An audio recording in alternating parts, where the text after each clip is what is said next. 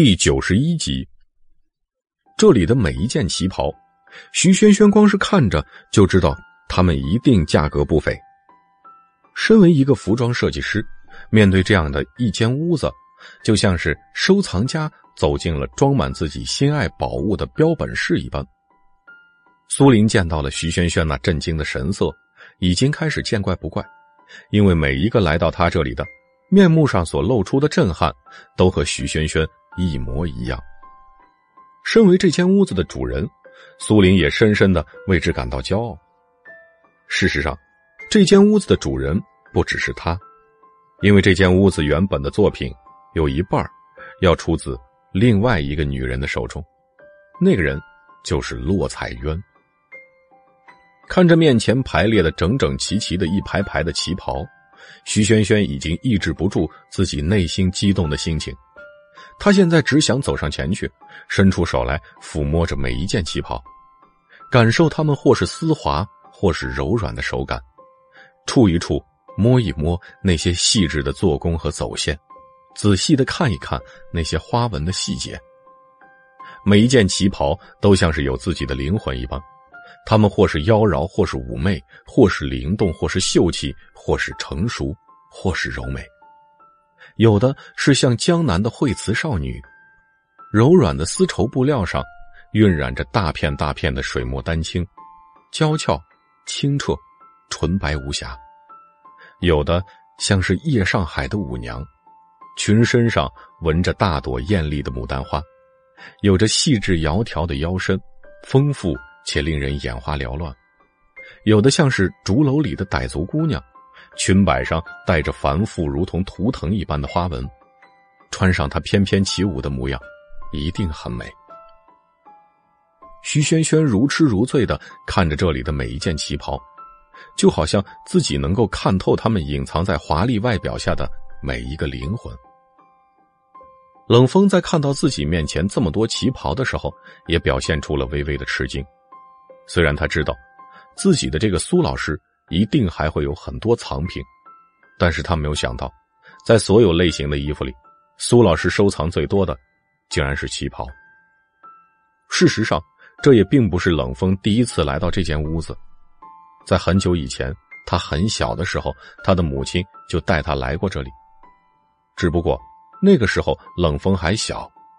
对于摆放这么多件旗袍的屋子，并没有感到特别的感觉，所以并没有什么印象。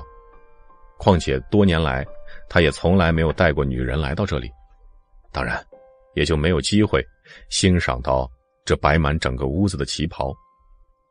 就在徐萱萱已经震惊到什么话都说不出的时候，苏老师终于发话了：“你来这里啊，可以选一件你自己最喜欢的试试看。”徐萱萱仿佛不敢相信自己的耳朵一样，像是在梦里似的问了一句：“您说的是真的吗？”“当然是真的，来，自己挑选一件吧。”自己面前的苏玲笑着说道。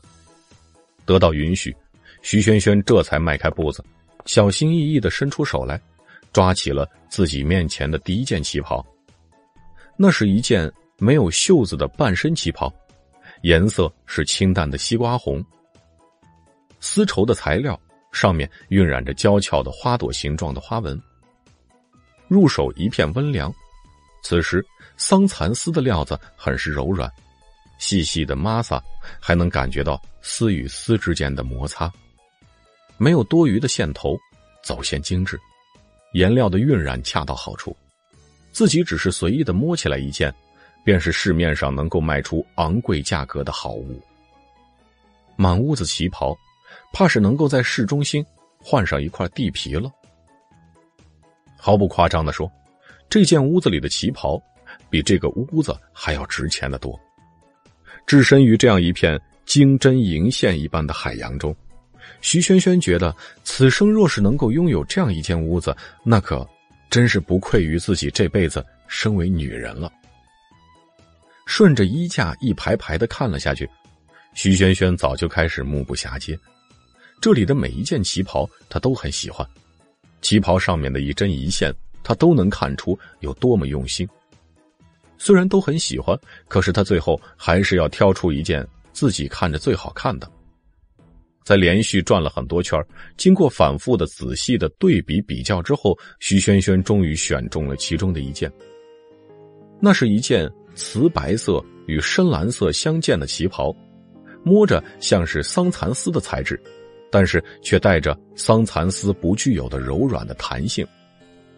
青蓝色与瓷白色相间，花纹看上去像是随意的泼墨一般，但实际上。花纹的形状与轮廓，一看就是经过了精心的设计，能够与整件旗袍裁剪的交相辉映。这件旗袍看似很简单，实际上制作它的时候，一定是颇费心机。苏玲在看到徐萱萱拿起这件旗袍时，目光中不由得闪现出惊叹的神色。她拿的这件，算是整间屋子里很顶尖的货色。最关键的是，这件旗袍的设计者不是他，而是骆彩渊。当初骆彩渊设计出这件旗袍时，自己便对他说：“这件作品非常非常好。”当然，当时也能看得出来，洛彩渊也很喜欢自己的这件设计。成品出来之后，他便爱不释手的捧着这件旗袍，而后的好几天，他一直穿在身上，舍不得脱下来。摸了摸胡子，苏林接过了徐萱萱手中的这件旗袍，对着徐萱萱露出了赞许的目光。嗯，小丫头，眼光不错啊。徐萱萱有点不好意思的笑了笑，毕竟是学过服装设计的人，他对于自己的眼光还是很有信心的。苏玲上下打量了徐萱萱一番，又举起了自己手中的这件旗袍，对比着徐萱萱比量了一下，道。你先拿去试一试吧。我觉得啊这件你穿着话，这大小应该是刚刚好。在苏玲的印象中，那个时候的洛彩渊也和徐萱萱一样，身材消瘦到令人心疼，纤细的腰肢盈盈一握，身上根本没有多余的脂肪，看着叫人觉得风一吹就会被吹走一般。自己说过他很多次要注意饮食。可是每次他都是那样，露出了柔美到令人不忍去训斥的笑容来看着自己。老师，我真的有很努力的去吃饭了，可就是长不胖，我又没有办法。唉，再次想起往事的苏玲，不由得轻轻的叹了一口气。徐萱萱接过了苏玲手中的这件旗袍，在周围侍者的指示下来到了试衣间。本集第九十二集，徐萱萱脱下了身上穿的衣服，将手中的旗袍展了开，拉下拉链，在旗袍上套在身上的那一刻，徐萱萱发现这件衣服稍微宽松了那么一点看来自己还是太瘦，似乎是太久没有人试过这件衣服的原因。虽然金属制的拉链保存的很好，但是还是有些涩涩的感觉。拉起来很是费劲。徐萱萱当然不敢对这件衣服过于粗暴用力，虽然不好拉，可她还是一点点的、轻轻的把拉链往上拉着。就在拉链快要拉上去时，徐萱萱发现了一件事情：拉链好像是被什么东西给卡住了，动不了了。由于拉链设计在背后，徐萱萱的胳膊没有那么长，转过头去也发现不了到底是出了什么问题。自己还不敢过于用力的拉，于是，现在就处在上下两难的境地。过了一会儿，徐萱萱终于放弃了，她从试衣间里探出了半个小脑袋，红着脸对于外面的侍者说道：“呃，这件衣服的拉链好像坏掉了。”侍者是一个二十多岁的小伙子，见状也是有些不知所措，脸都红了起来。“您别急，我现在去给您找人过来。”您稍等一下啊！徐轩轩轻轻的嗯了一声，便将小脑袋探了回来。哦，那可能是太久没人穿过的原因，拉链有点生锈了吧？苏林摸了摸胡子，我去把婉儿叫过来，给她拉一下。说着，苏林便想要让侍者去把刚刚的绿衣少女找来。不必了，我去帮她吧。冷漠到令人听不出情绪的声音响起来。苏林顿时将目光看向了冷风，眸子里的戏谑呼之欲出。七小子，不是说他只是你的一个员工吗？苏林摸了摸胡子，笑容透着一股顽皮劲儿。你看看，你看看，这种机会你都不放过。看着自己面前的老顽童，冷风只得扶了扶额头，便跟着侍者的脚步来到试衣间。等在试衣间里的徐萱萱终于听到了外面传来的两个脚步声，随后试衣间的门被打开，一个星长的身影出现在自己的面前。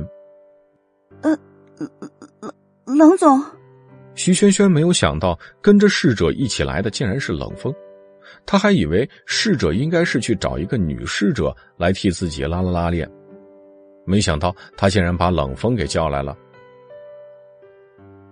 给我看看，拉链哪坏了？冷风没有理会他，不好意思，径直走到他背后，伸出手摆弄着拉链，试图上下拉了拉。冷风此时发现，这拉链好像真的被什么东西卡住了一样，怎么弄都没法动它。徐萱萱听到冷风在背后呲呲啦啦的滑弄拉链的声响，感觉到一阵的冷汗从后背冒出来。哎。你轻点儿，弄坏了我可赔不起。听闻此言，冷风感到有些失落。没事儿，弄不坏，弄坏了话，那就我赔啊。徐萱萱愣住了，还没明白过来冷风为什么要说这句话，冷风便又说道：“然后再从给你的钱里边扣就好了。”徐萱萱背对冷风，朝着天花板翻了一个巨大的白眼他就知道。冷风这种人才不会跟他做什么亏本买卖呢。就在徐萱萱对着空气翻白眼的时候，突然听到了背后哗啦一声，随后便是冷风淡淡的声音：“好了，拉上来了。”徐萱萱整理了一下自己的头发，伸出胳膊动了动，抚摸了一下自己身上衣服的褶皱，低下头看了看，除了腰的地方稍微有一些宽松之外，其余地方。都很合身，如果有一双白色的高跟鞋，那就更加完美了。此时，徐萱萱感到有一双手附上自己的肩膀，随即从这双手上传来了力道，猝然间让他转了个身直直的面对冷风站定。自己面前站的这个女孩，长长的发丝直达腰际，杏核一般的眼睛带着朦胧的水雾看着自己，皮肤细嫩白皙。嫩红的嘴唇微微翘起，能够隐隐约约看到里面珍珠一般的贝齿，而她身上穿着的这件旗袍，将她玲珑有致的身材完全凸显出来。原本平日里没胸没腰的徐萱萱，却在这样贴合身材的旗袍的衬托之下，显示出了玲珑有致的身段。黑发如瀑，明眸皓齿，美人一笑，惋惜倩兮。冷风从来没觉得有哪个女人能在自己面前展现出这样的美感。这是他第一次在心底由衷的觉得，自己面前站着的，是一个美丽的女人。以前的时候，无论面对着怎样的性感尤物，冷风都不会觉得他们多有吸引力。他们对于自己的吸引力，甚至还比不上一块白花花的肉。而这时候，冷风心底里那一根被称为感觉的筋。终于开始苏醒了。此时的徐萱萱并不知道，自己对于冷风产生了多么大的震撼。她只是换上了新的衣服，站在冷风的面前，感到有一些不好意思而已。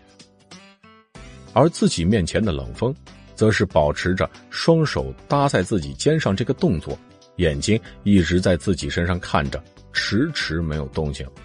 嗯，冷总，徐萱萱被他盯得有些发毛。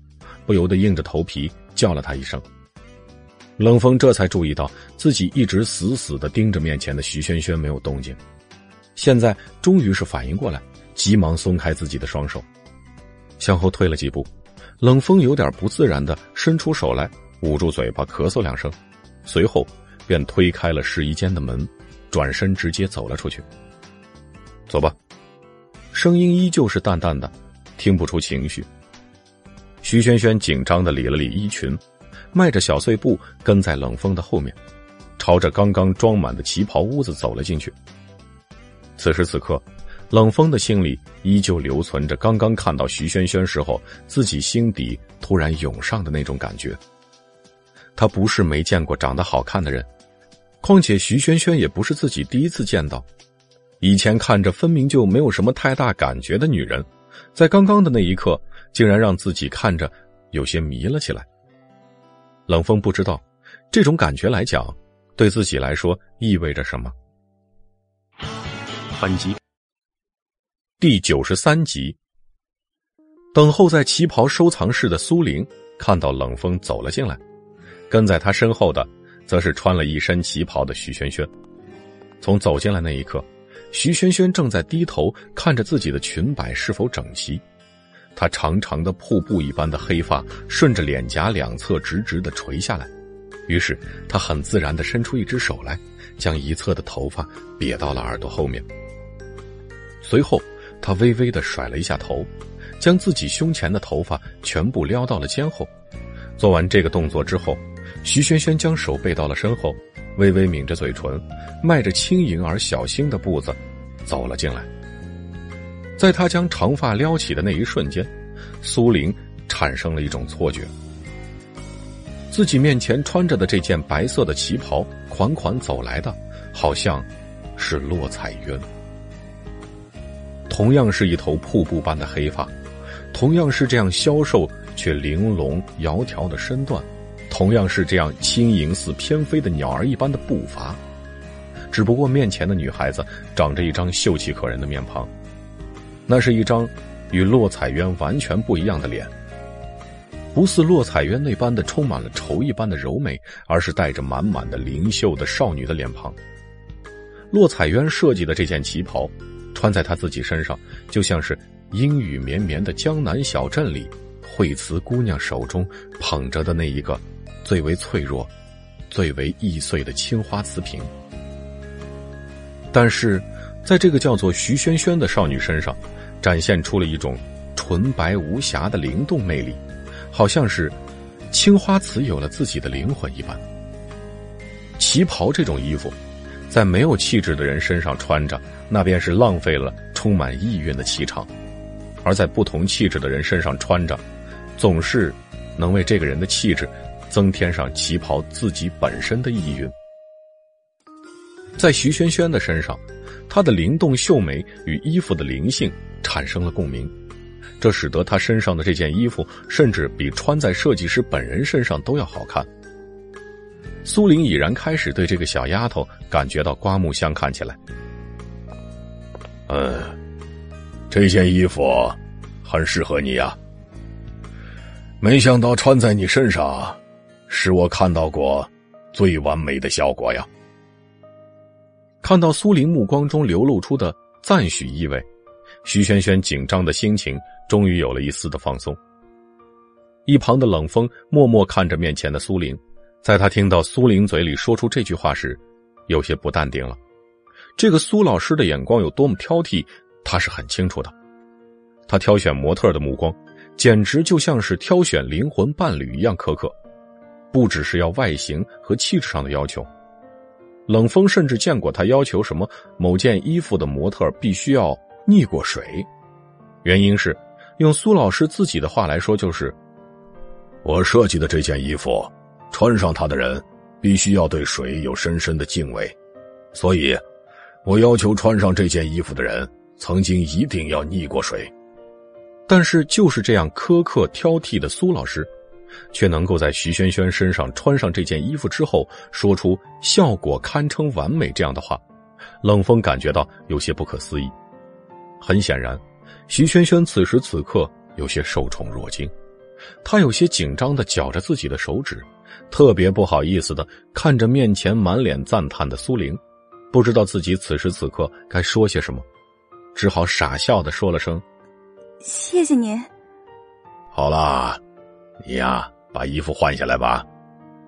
在左一圈右一圈的欣赏了一番徐萱萱身上穿着的旗袍之后，苏玲终于是发话了：“我会照着这件旗袍的样子，重新做一件更合身的。”徐萱萱忙不迭的说着谢谢，便跟着侍者再次返回了试衣间，将自己的衣服换了回来。苏林其实是想把这件衣服直接送给徐轩轩的，奈何这件衣服是一件孤品，当时的洛彩渊只设计了仅此一件，苏林只好照着原版的样子再做一个出来。哎呦哎呀，今天也累了，行啊，这样吧，一个星期以后呢，你再带他来吧，啊，哎呀，老了。接过了徐轩轩手中递来的旗袍，苏玲对冷风这样说道。见徐轩轩去了试衣间，苏玲把冷风拉到了屋子里没人的角落。好小子啊，不知道你从哪儿找来的这女孩，太合我胃口了。苏玲一边摆弄着自己手中的这件旗袍，一边对冷风说道：“你都不知道啊，他穿着这件旗袍走出来的时候。”嘿那样子，跟你母亲曾经，哎呀，真是太像了。虽然他们两个人看起来长得不一样，但是我能感觉到，这女孩将来的成就不会比你母亲差呀。如果我年轻一些的话，呵 呵我还挺想收他当徒弟呢。苏玲的脑海中浮现出了自己曾经最喜欢的那个学生。哎呀，只可惜呀。老了，折腾不动了。冷风看着自己面前这个摆弄着自己手中旗袍的老人，虽然他看上去依旧是精神矍铄，但是微微佝偻起的背和斑白的两鬓，还是呈现出了一种岁月不饶人的姿态。这个人，曾经是母亲最为敬爱的老师，也是带给母亲最多关怀和慰藉的人。连带着冷风也一直在享受着他的照顾，但是他果然也老了。好在现在自己也足够强大，再也不是以前那个爱哭鼻子、一脸懵的天真的小男孩了。而促使冷风拼命的努力变成现在这个样子的人，就是他的母亲。你母亲刚走的那段时间，我总是有一种感觉。觉得她还会随时推开这扇门，就像以前一样，穿着她刚刚设计出来的新旗袍走到我面前，问我好不好看。每次我看到他的时候，我都觉得，其实我这辈子最得意的作品，就是教出你母亲那样的学生啊。小峰啊，如果说不包括你的话。婉儿可以算是我收的最后一个徒弟了。苏玲定定的看着自己手里的这件旗袍，双手不停的在上面抹撒着，那样的姿态，好像是自己捧着一件绝世珍宝一般。苏老师，虽然我从来没有跟您学过什么，但是您和我母亲曾经有过约定的，我永远都是您的学生。冷风望着面前的老者，他在自己的话中沉默了。我的母亲，也永远是您的学生。本集第九十四集。从试衣间里走出来，徐轩轩在休息室等了一会儿，终于见到了冷风和苏老师两人走了过来。苏林看到了徐轩轩，眼神里不由自主的流露出了慈爱一般的眼神。嗯，走吧，走吧，一个星期以后再来这儿试衣服啊！苏玲笑着对徐轩轩说道：“你呀，很有天赋，以后一定会成为一名非常优秀的设计师。”徐轩轩有些微微呆滞在原地，自己面前站着的这位老人是一名大师级别的人物。而自己竟然得到了这位大人物的肯定和赞赏，徐轩轩此时此刻的心情可以说是极为受宠若惊。他急急忙忙的从座位上站起身来，对着身边这位老人鞠了一躬：“谢谢你。”随即，他站起身子，对着苏玲展开了一个灿烂无比的笑容：“我一定会好好努力的。”看着自己面前的这个女孩充满活力的样子，苏玲感到很是欣慰。随后，他便目送着冷风带着这个女孩走出了自己的院子。一旁的绿衣少女凑过一个小脑袋，好奇的问着自己的老师：“刚刚来的那个小姐姐是冷风师兄的女朋友吗？”苏玲笑着敲了一下绿衣少女的脑袋：“ 哪儿都有你，赶紧去看你的书去。”看着绿衣少女捂着小脑袋、嘟着嘴巴的样子，苏玲笑骂：“人家小姐姐都考上名牌大学了啊，学习服装设计了，你还在这天天跟我啊插科打诨。”哼名牌大学教的再好，也没有我师傅教的好。哎呦，好你个小丫头片子啊！啥时候学的这么油嘴滑舌了？苏玲听到绿衣少女这话，顿时哈哈大笑起来。你还别说啊，这话我还真爱听。但是这也不是你不好好学习文化课的理由。去，给我看书去。知道啦，知道啦，师傅。车子疾驶在城市的马路上，两人相对无言。徐轩轩完全沉浸在刚才苏玲对自己说的那句话中，喜悦之情溢于言表，直到现在还在痴痴的笑着。得到了大师级别人物的肯定，换做是谁，都不会毫无波澜吧。坐在驾驶座上开车的冷风，抬起眼，透过后视镜看到了后座上徐轩轩，发现他一直在傻乐。像是中了邪一般，有这么开心吗？冷风露出了嫌弃的表情。当然了，我今天要开心死了。徐萱萱看起来心情真的很好，语气里的神态上都没有平时面对冷风时那种逃避和躲闪，而是一副如沐春风的样子，甚至还打开了自己的话匣子。我刚刚到那的时候，就觉得那片建筑物设计的真是太棒了。徐萱萱看起来一副兴致勃勃的样子。从外面看，我还以为它只是一些庭院式的建筑，走进去之后才发现，哇，原来是一片园林。还有今天看到的那些旗袍，真是让我太开心了。徐萱萱手舞足蹈的样子，像是考试得到了一百分的小孩。我真的这辈子从来没有见过那么多好看的旗袍，能够看一看他们，我就已经觉得很幸福了。我没想到。自己还能有机会，能够一件一件的看着他们，摸着他们，而且其中还有一件旗袍，我一个星期以后就能穿上了，啊！真是想想就觉得太幸福了。看上去正在专注开车的冷风，其实一直在注意着徐萱萱说的话。当看到她像是一个得到了新礼物的小女孩一样手舞足蹈、兴奋的说着话时，冷风竟然感觉到自己的心情似乎也被她影响了，虽然满是嫌弃，可是自己的嘴角勾起了一抹不易察觉的弧度。开心吗？冷风淡淡的声音在车厢里响起，徐萱萱这才意识到，自己似乎是有些兴奋过头，终于稍微冷静了一点。嗯，我今天真的很开心。徐萱萱有些不太好意思的看向正在开车的冷风。谢谢你带我去的那个地方。没有什么好谢的，冷风淡淡的说道。你要感谢的是苏老师，他看起来还挺喜欢你的，否则他对你的态度就不会像今天这样了。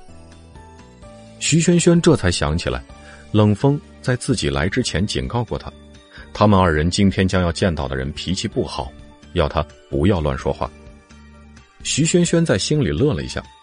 冷风直接将车子开回了冷宅。刚一推门进去，王姨就迎了上来。徐萱萱看了一眼客厅上墙壁上的表，已经是七点多了。怎么样，还顺利吗？看着王姨关切的眼神，徐萱萱嘿嘿傻笑着点了点头。王姨对冷风今天要带徐萱萱去见的那个人略有耳闻，只知道那人脾气古怪，便担心置办礼服这件事情。会有什么岔子？听闻一切顺利之后，便赶紧招呼两人去餐厅吃饭。吃完饭，徐萱萱照例来到浴室进行沐浴，而冷风直接走到了自己的书房。关上房门，冷风没有开灯，径直走到了桌子面前，在办公椅上坐了下来。半晌，他拿出手机拨通了一个电话。冷总，一听便是江南。这么晚了，您给我打电话有事吗？电话那头的声音虽然说不像冷风这样冰冷，但却是带着公式化的，没有人情味儿。没有什么事情，我就是来告诉你，这个月底你要跟我一起回到老宅。冷风的声音听起来淡漠且没有情绪。回到老宅，江南有些摸不住冷风的意思。还有徐轩轩，也和我一起。江南大概知道冷风说这话的意义了。啊，我知道了。他应冷子墨的要求。已经给他报告了冷风最近和徐萱萱走得比较近这个情况，看来冷风是要报复自己。江南不由得抹了一把汗。他只不过是一个提供情报的人，却感觉自己是在做间谍一般，时时刻刻提心吊胆。一想到冷风要求他去参加那个聚会，江南就感到十分头疼。可是他也没有办法，只能自己闷着声忍着。像他这种小人物，时时刻刻在夹缝里求生存，早就练就了一身圆滑的处事本领。还有，我劝你最好少打这个女人的主意。冷风的声音听起来满是硬邦邦的冰碴子。该做的，我都已经做到了。若是那个老头还有什么不满意的，让他直截了当的跟我说，别在背后做些鬼鬼祟祟的事情。冷风当然知道，这次冷子墨要他把徐萱萱带回去，肯定是江南在背后推波助澜。自己这次不给他一些颜色看看，还真是把自己当做了家里人。本集第九十五集，月光透过了巨大的窗口倾泻而下，在地上映出了窗棂的影子。窗外已经开始传来微微的虫鸣声。晚风刚刚褪去阳光炙烤之后的燥热，带着丝丝的凉意，钻进了窗口。脑海中挥之不去的，却是一个穿着白色旗袍的窈窕身影。冷风不知道那是一种什么样的感觉，因为他从来没有生出过这种感觉，也无从描述，无法定义，不能控制。他只知道，自己看到那个身影的时候。内心里满满的都是视觉上带来的触动，那种感觉骚动着他的神经，在他心里埋下了蠢蠢欲动的种子。刚刚沐浴完的徐萱萱从浴室里面走出来，回到了自己的房间，坐在小小的梳妆台面前，徐萱萱呆呆的看着镜子里的女孩，不知道从什么时候起，大概是进入了冷宅之后，徐萱萱开始爱上了发呆。以前的时候，被生活逼迫的团团转的徐萱萱，很少有时间能够像现在这样静静的发一会儿呆。不用去想今天的课程有多么的晦涩难懂，不用去想明天坐什么样的公交车才会不再兼职，到时候迟到，也不用去担心爷爷的病什么时候能好起来。放空自己，什么都不用想，没有人来打扰。然而，这样的放空状态并没有持续多久，徐萱萱就被房门门锁被打开时的吧嗒声拉回了现实。他没有扭头，也知道，在这个冷宅里，除了冷风，没有人会不敲门进他的房间。只不过让他感到稀奇的是，冷少爷很少在晚饭过后走进他的房间，因为他们心知肚明，再晚一些，两个人就会在里屋碰面。一般这时候，冷少爷就在自己的书房中处理着自己公司的事务，怎么今天有闲心来他的房间呢？在开门声传来之后，便响起了拖鞋踏在地板上的嗒啦声，随后吧嗒一声，房间的门被锁上了。这时候的徐萱萱感到一丝略微的不对劲，她从梳妆台面前站起身来，转过身，将目光移向了房间门。一个修长的身影，安静的伫立在那里，久久没有动静。房间里只开了一盏台灯，柔和而略显虚弱的光线在即将倾斜到冷风周身时，像是被黑洞吞噬一般，空留下暗淡的轮廓。冷风穿着暗黑色的睡袍，与身后的黑夜融为一体，唯一能够看清的，只有他那张完美的脸庞，如同是孤傲的王一般冰冷，高高在上，没有任何表情的脸庞。徐萱萱觉得今天冷风有一些不太对劲，但又说不上哪里不对劲。冷风就这样静静的伫立着，没有动作，没有声音，没有表情，宛若是一尊雕像。有事吗？徐萱萱被冷风盯得发毛，忍不住周身的寒气弥漫，终于颤颤巍巍的开口发问：“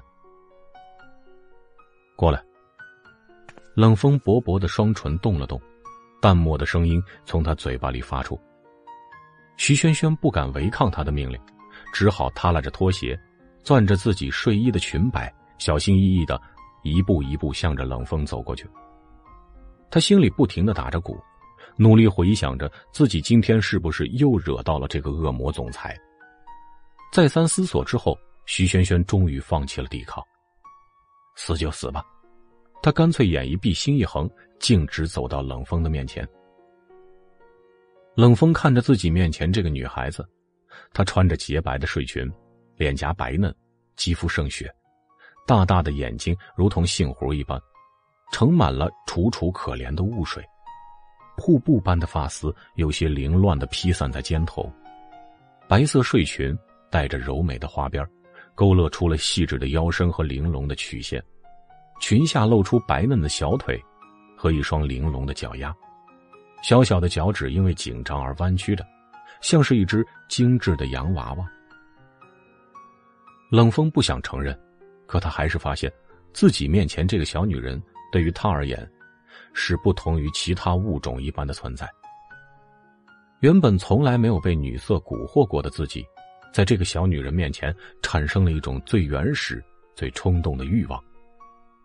冷风暗色的眸子里。朦胧的水汽渐渐侵染了清明。徐萱萱站在冷风面前，却不敢抬头看他，只能低下头，攥着裙摆，看着脚尖，不敢轻举妄动。突然间，他感觉到自己下巴被冷风用力的捏住，不大不小的力道强迫的他抬起头，冷风那张天神一般完美的脸庞便映入他的眼帘。他眸色深邃，仿佛是藏进了整个宇宙。如同黑洞一般深邃的吸引力，使他的目光变成了一滩泥沼，而徐萱萱则是不小心踏入泥沼的旅人，不能动弹，无法自拔。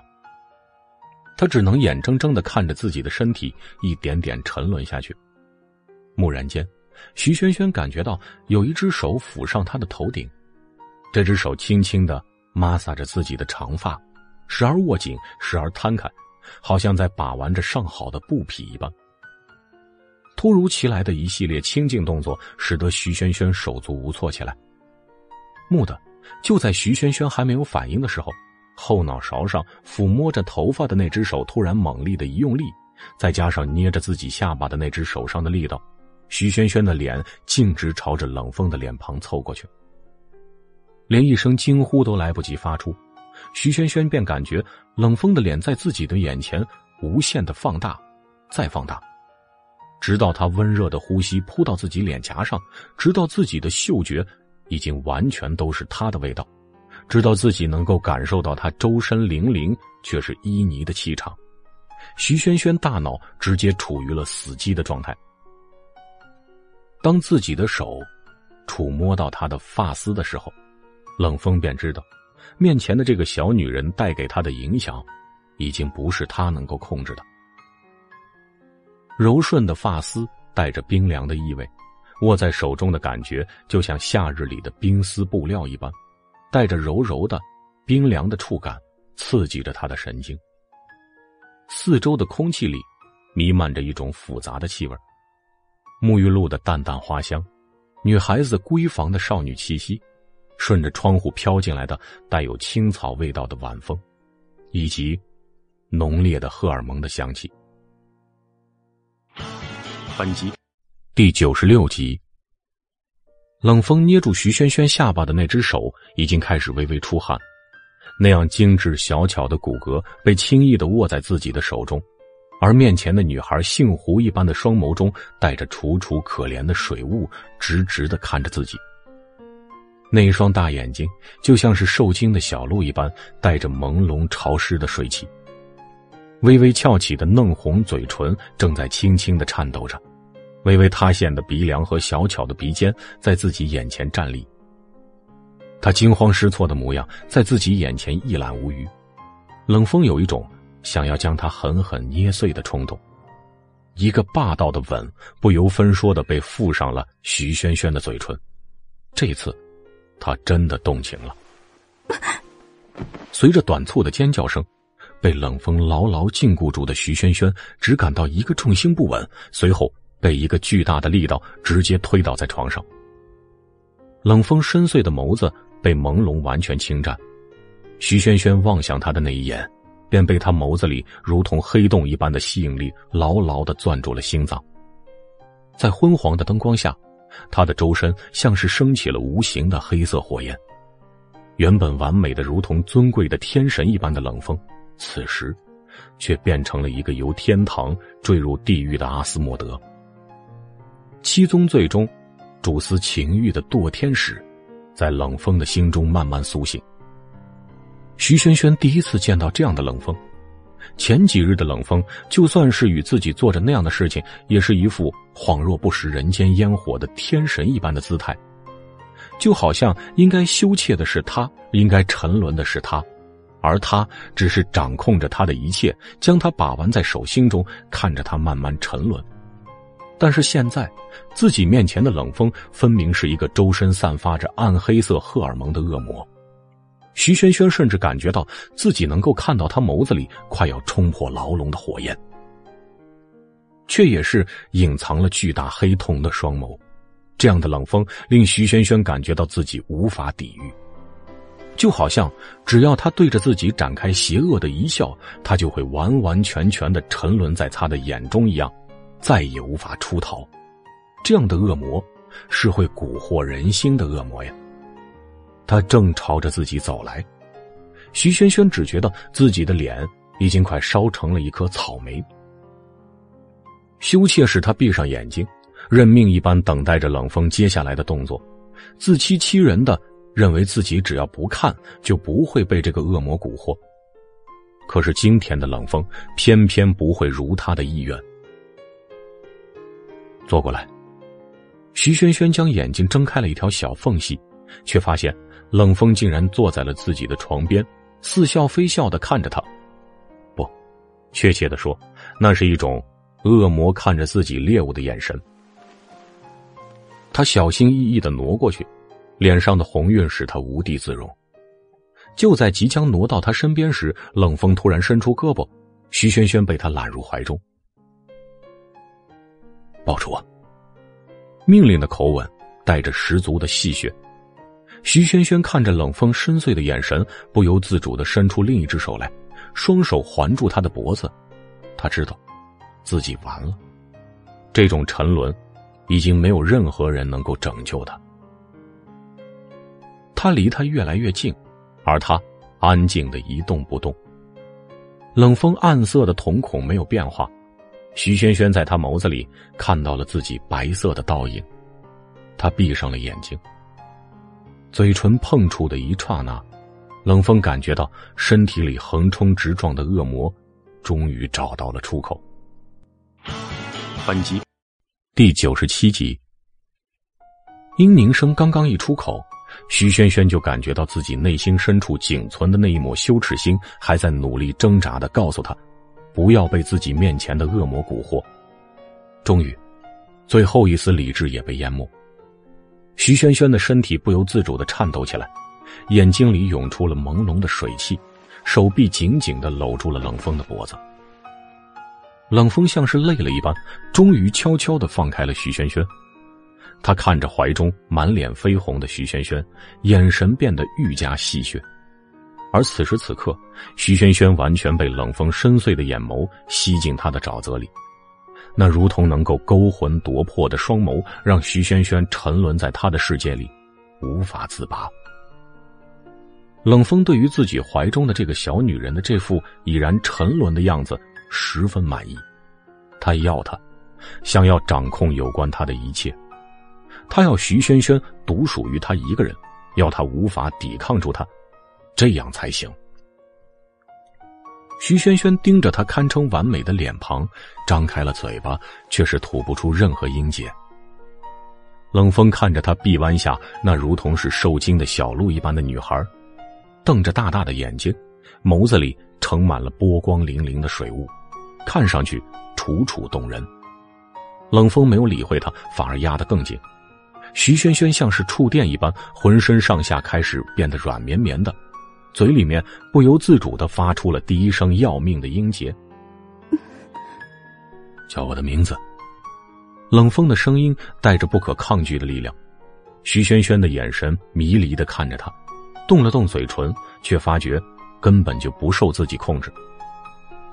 叫我名字，命令一般的语气不容置疑。此时此刻，自己面前这个高高在上俯视着自己的男人，俨然成了他的主宰。他无力抗拒，冷风，冷风的嘴角勾起了一抹满意的弧度，他像是得到了什么召唤一般，俯下身子，狠狠的吻上了徐萱萱的嘴唇。徐萱萱大脑一片空白，但他很清楚接下来将会发生什么事情。眼眸带着旖旎的水雾，徐萱萱深深的看了一眼面前这张找不到任何瑕疵的脸庞，就这样吧。在签订合约的那一刻起，他就不再属于自己，他属于冷风，属于面前的这个男人，他的一切由他发落，由他处置。他总是会成为最后的胜利者，以前是，现在是，将来也是。本集第九十八集，至少童话故事里，他们两个人。还有着懵懵懂懂的爱和感觉，但是现实中，徐萱萱和冷风之间却只有交易。清晨的闹钟如同是魔音贯耳一般，钻进徐萱萱的耳朵里，顺着中枢神经直达大脑。尤其是这个闹钟还是周末早晨的闹钟。徐萱萱懒洋洋的从被子里伸出了一只胳膊，在枕头边四处的摸索着，终于一把捏住了正在不停呼唤的手机。睁开了迷茫的双眼，徐萱萱看到手机上显示的时间，清晨七点。一个翻身，徐萱萱将手机直接扔到被子上，看来是自己忘记了关掉闹钟。此时此刻，她正在一个人躺在自己柔软的大床上，软绵绵的被子凌乱的堆在身边。昨晚的一幕幕顿时涌上了徐萱萱的脑海。天哪！徐萱萱一个翻身，趴到床上，将自己发烫的脸颊直接埋进了枕头里。昨晚的冷风像是完全变了一个人，平日里的冰冷淡漠完全不见，取而代之的是一个看起来像是恶魔一样的男子。这个冷风，除了那个时候冷风变成引诱自己的恶魔，事情一结束，他又恢复了前几日冷冰冰的样子。而徐萱萱像是一个被用过的破旧玩具一样。浑身瘫软，孤零零的一个人躺在自己的小屋里。自己昨晚像是被冷风下了什么，下了什么迷魂汤一般，完全无法控制自己的身体，只感觉到自己被冷风尽情的掌握在手中。房门开了，徐小姐，少爷说，如果你醒了的话，就赶快下去吃饭吧。徐萱萱将脑袋闷在枕头里，闷闷的应了一声。果然，他不过就是冷风的一个玩具。冷风是一个受尽宠爱的小孩子，从来不会珍惜自己的玩具。他拉着拖鞋打开了房间门，站在房间门口的女佣注意到徐萱萱手中拎着的脏衣服，忙不迭的从他手中接过。徐小姐，您快去餐厅吃饭吧。徐萱萱有些不好意思的说了声谢谢，便踏着拖鞋朝着楼下餐厅走去。那件睡衣原本就是自己刚刚换上的新衣服，徐萱萱想着反正也不脏，拿去泡一下，再到阳台上晾干，晚上就可以穿。在这个冷宅里，自己过的还是寄人篱下的生活，他不想给别人带去过多的麻烦。但是徐萱萱也知道，这也是女佣的本职工作，所以既然被发现了，那他也没有过多坚持，就让女佣把衣服拿去洗了。走到楼下的餐厅里，徐萱萱赫然看见了已经穿戴整齐的冷风坐在椅子上。正一只手拿着一片吐司面包往嘴里边送着，另一只手不停的滑动着桌面上摆放的平板电脑。他今天穿的是白色衬衣，纽扣一丝不苟的系到最上面那颗，发丝乌黑，乖巧服帖的立在他头上。见徐萱萱走进了餐厅，冷风抬起眼睛看了他一眼，没有多余的动作，也没有多余的表情。今天的冷风。还是如同往常一样的冷风，还是那个淡漠、冰冷，好像对什么都不感兴趣的男人。徐萱萱不由得开始敬佩起了这个人遗忘的功底。看他的样子，似乎是完全忘记了自己昨天晚上是一副怎样的霸道、诱人犯罪的面孔。冷风看起来就像完全不知道自己昨晚做了些什么一样。在平平淡淡的看到了徐萱萱一眼之后，又低下头，目光紧紧的盯着他手中的平板电脑，再也没有多余的动作。而坐在他面前的徐萱萱却完全不是这么回事他看着自己面前坐着的冷风，昨晚的一幕幕不时的涌上脑海。所以，这顿饭，徐萱萱吃的异常艰难。好不容易挨到了冷风吃完。谁知道吃完了早餐的冷风却是一直坐在椅子上，翻动着自己的平板电脑，看起来丝毫没有准备走的打算。徐萱萱则是一口一口的啃着自己手中的吐司面包，看着冷风稳如泰山的坐在自己对面的椅子上，徐萱萱却觉得自己好像坐在了针尖上一样，浑身难受。终于，徐萱萱实在是忍不住了。他放下了手中的面包，抬起头，小心翼翼的看着冷风。那个，你是不是上班要迟到了？坐在对面的冷风淡淡的抬起头。我今天不打算去公司了。本集第九十九集。徐萱萱只感觉到自己刚刚塞进嗓子里的吐司面包，差点被他噎得吐了出来。他竟然不去上班。那为什么还要起这么早呢？为什么还要穿戴整齐坐在这儿吃早餐呢？难道他平时在家里面也是衬衣、西服、小皮鞋吗？徐萱萱只敢在心里边默默的吐槽了一下，表面上却只能装出乖巧的样子，应了一声，随后便愤愤的开始重新啃起了自己的面包。这边的徐萱萱笼罩在冷风的阴影之下，那边的齐乐却还在床上呼呼大睡着。这个周末，许久没有回家的齐乐，终于是回了一次家。虽然在穆以贤的再三挽留之下，齐乐还是义无反顾的投入了家中的怀抱。昨天下午，摄影协会的办公室里，所有人都已经走光，只剩下社长和副社长两人还在艰苦的奋斗着。乐乐，你真打算就这样抛弃我了吗？穆以贤用一副可怜巴巴的样子看着齐乐。哎，你真的要周末留我一个人孤零零的在学校里面弄咱们的宣传片吗？看着平日里在别人面前成熟风趣的社长大人，此时在自己面前却是这样一副鬼样子，齐乐感觉到一阵恶寒传来，背后的汗毛都要全部竖立起来了。啪，一大叠子的宣传资料毫不留情，全部砸在穆以贤脑袋上。你以为昨天晚上光你熬夜了？我昨天晚上也熬夜赶工，连你的那一份都一块做完了。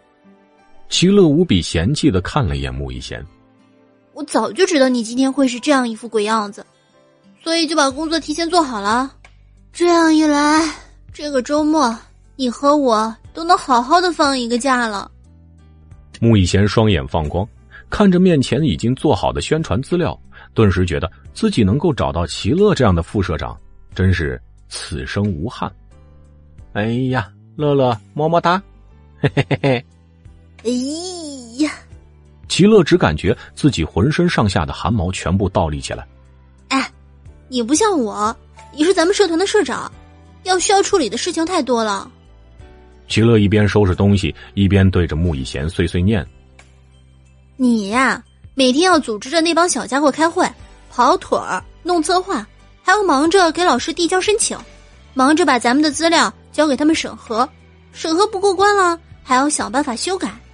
我呢，基本上什么都不用负责，你也不用给我派些什么活干，那我当然就得多分担一些你的责任了。”齐乐念叨着，却发现穆以贤那边。已经没有了声音，扭过头来，发现穆以贤竟然已经趴在电脑上睡着了。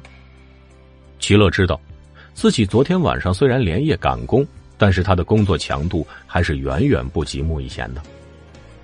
就像他所说，穆以贤是一个社团的社长，肩上担负着的责任比任何人都要多。更何况，齐乐很了解他，他是一个特别心软的人，而且也很护短。社员们都是他的大一小孩子，他舍不得让他们多受一点累，所以这次活动他独自一人揽下了大包大裹，也承担了太多的责任和义务，而自己作为一个副社长，没有办法替他承担更多的责任。齐乐觉得有愧于他。此时正值下午四五点钟的光景，太阳已经不再是中午时那般的炙热的圆盘。而是变成了一个带着柔和光晕的轮廓，正好悬挂在窗外。齐乐此时正对着窗户，而在他面前这个巨大的窗框下，穆以贤趴在桌子上，安静的睡着了。太阳从他的背后窗外投射下柔和的光线，温柔的倾泻在他身上，将他整个人全部笼罩在温暖的光线里。齐乐不由自主的停下了手中的动作。像是生怕吵醒了面前这个熟睡的男孩子一般，静静的趴在桌子上。齐乐忽然想起了自己和穆以贤第一次认识的时候，那是大一刚开学不久的某一天。轩轩在寝室里突然间给自己递了一张宣传单，说：“呐，乐乐，你不是喜欢摄影吗？我正好认识一个摄影协会的学长。”他说：“摄影协会社团最近正在纳新呢。”当时正躺在床上刷剧的齐乐顿时就来了精神，一个鲤鱼打挺从床上坐起来，伸手接过徐轩轩手中的宣传单。哇，看起来不错的样子呢。正好纳新在今天下午，要不我陪你一起去吧？齐乐欣然同意了徐轩轩的建议。一切收拾妥当之后，他们二人便来到了社团纳新的地方。隔了老远，两人就看到了“摄影协会”四个大字。还没有走近，便听到了一个清朗的男声叫着徐萱萱的名字。扭头一看，齐乐赫然发现，正是开学第一天带着徐萱萱拎着他的行李送去新生报道处的那个男生。只不过上次他走得很匆忙。自己并没有注意到他长什么样子。你好，我叫穆以贤。面前的男生身材修长高挑，穿着简单的 T 恤和运动裤，一顶白色的棒球帽，一双白色的板鞋，看上去干净清爽。最重要的是，他长得真的很好看。齐乐自己都没有注意到，他脸上浮上了一层淡淡的红晕。对于齐乐来说，自己从小到大，身边的男生都长着一副歪瓜裂枣的样子，像这样有着干净眉眼的男孩子，他真的是很少见到。学长你好，这是我的好朋友，他对摄影社团很有兴趣，所以我就带他来参加你们的面试了。站在自己身边的徐轩轩，礼貌并且井井有条的对他说着话。学长你好，一向咋咋呼呼的齐乐，此时却是显得拘谨起来。我叫齐乐。穆以贤对着齐乐点点头，然后，这个男生的目光中，则是一直停留在徐萱萱的身上。那天的面试，齐乐不知道自己是怎么回答的问题，他只知道自己的目光停留在这个叫做穆以贤的学长身上。面试结束完毕之后，穆以贤把他留了下来。齐乐对吧？他的笑容温暖和煦。像是那一年的夏天里最为灿烂的阳光。欢迎你加入我们。本集，第一百集。向来大大咧咧的齐乐第一次红了眼睛，在穆以贤温柔的目光下，尴尬的手都不知道往哪放，就连说话舌头都打了结似的，半天蹦不出一个字来。自从加入了摄影协会，齐乐也就有事没事喜欢往社团跑，还拉着徐萱萱跟他一起去。向来跟文艺不沾边的女汉子，突然间对摄影很感兴趣，就连徐萱萱都诧异了好久。不过，齐乐从来都没有多想过。作为脑袋里只有一根筋的人来说，他把自己对穆以贤那种微妙的感觉，只是单纯的归结为自己对于学长的崇拜，还帮着穆以贤给徐萱萱表白，撮合他俩。好不容易周末回一趟家，齐乐觉得，不睡个昏天黑地，怎么对得起自己呢？于是，在闹钟响了三次之后，他直接。把手机从被窝里摸出来，关了机。直到换好衣服、洗漱完，坐在餐桌上吃着自家老妈给热的牛奶和面包时，齐乐这才被记起自己遗忘关机的手机。避免有什么重要的电话漏掉，赶紧冲进房间里，从一团糟的被窝里扒拉出了手机，开了机。连续响了几声，果然，屏幕上显示有好几个未接来电。还都是穆以贤打来的，又看了看消息，红点儿显示有好多条未读，都是穆以贤发来的。懒猪，起床了没有啊？懒猪，有事情需要你帮忙呢，戳一戳，戳一戳。乐乐大美女，太阳晒屁股啦。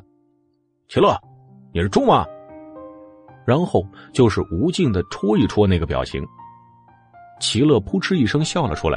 喷了一桌子的面包渣喝了一口牛奶咽下去，然后把电话回过去。那边只是半秒钟就被接听了。喂，齐乐，你是猪吧？你不会这会儿才醒吧？声音中带着一丝戏谑的笑意传来，可能是刚刚睡醒比较敏感。齐乐觉得半边耳朵都有些麻酥酥的痒。他咬下了一口面包，含糊不清的回了一句嘴，嘴角微微上翘。怎么，咱们日理万机的穆会长，连我在家睡懒觉都要管？哪能啊！我只是关心我们本来就比较胖又比较丑的副会长，可别真睡成猪了。齐乐撇了撇嘴，自己虽然是个女汉子，可还是个美人坯子一个，跟素有学霸女神之称的徐萱萱站在一起，也是毫不逊色。你不是说有事要找我帮忙吗？穆会长，小心你的社员。一不高兴，直接罢工。好，好，好，好，好，我错了，我错了，我错了。穆以贤发出了一串悦耳的笑声，终于言归正传，不去打趣了。是这样的，咱们社团不是要制作一个宣传片吗？这马上也要社团招新了，一切工作准备就绪，材料呢我都已经整理出来了。不过现在就缺一组能够代表我们社团水平的摄影作品。只是关于这个摄影题材方面，我实在是想不出来有什么新鲜的好点子，所以还是要麻烦乐乐女神动动你的脑子啦。要是可以的话，周末这两天把方案设计出来啊，周一来学校以后就可以着手开拍了。嗯，齐乐将最后一块面包塞进了嘴里，喝了一口牛奶，连同咽下。你这个社长都想不出好点子，我还能有什么好办法？我也只能尽力，然后。找轩轩商量商量了。不过说起轩轩这个妮子，最近一段时间也不知道在弄什么神神秘秘的，一到周末连人也不见了。好，穆以贤也赞同，毕竟徐萱萱的能力有目共睹，虽然没有加入摄影协会，但也帮过不少忙。哎，那就麻烦你了啊！你和萱萱两个人好好商量商量，这次社团能不能发扬光大，就看你俩了。挂了电话。齐乐也顾不上许多，又立马给徐萱萱打了电话，可是电话好久没有人接。这个小妮子，齐乐自顾自的嘀咕了一句。而此刻冷宅里，徐萱萱简直是如坐针毡，好不容易顶着时刻往外冒冷气的冷风，巨大的压力，磨磨蹭蹭的吃完了早餐。本来以为被摧残了这么久，好不容易有个可以放松的周末，以为一身正装加锃光瓦亮的小皮鞋的某人终于要去上班了，结果还没等他心头的欢喜冒出来，就被某个无情的话语扼杀在萌芽中。徐轩轩简直是欲哭无泪，捧着杯子的手开始忍不住发抖，将最后一口牛奶灌进胃里。站起身的时候，下身的酸爽令他结结实实的倒吸了一口凉气，腿一歪，差点就要栽到地上。还好一旁伺候的王姨眼疾手快，扶了他一把。小姐，你没事吧？徐萱萱强挤出一个苦瓜似的笑，在王姨那隐晦不明的目光下，不争气的红了脸。那边的冷风也注意到了，抬起头，略带疑惑的目光往这边扫了一眼，正好和徐萱萱的目光撞在一起。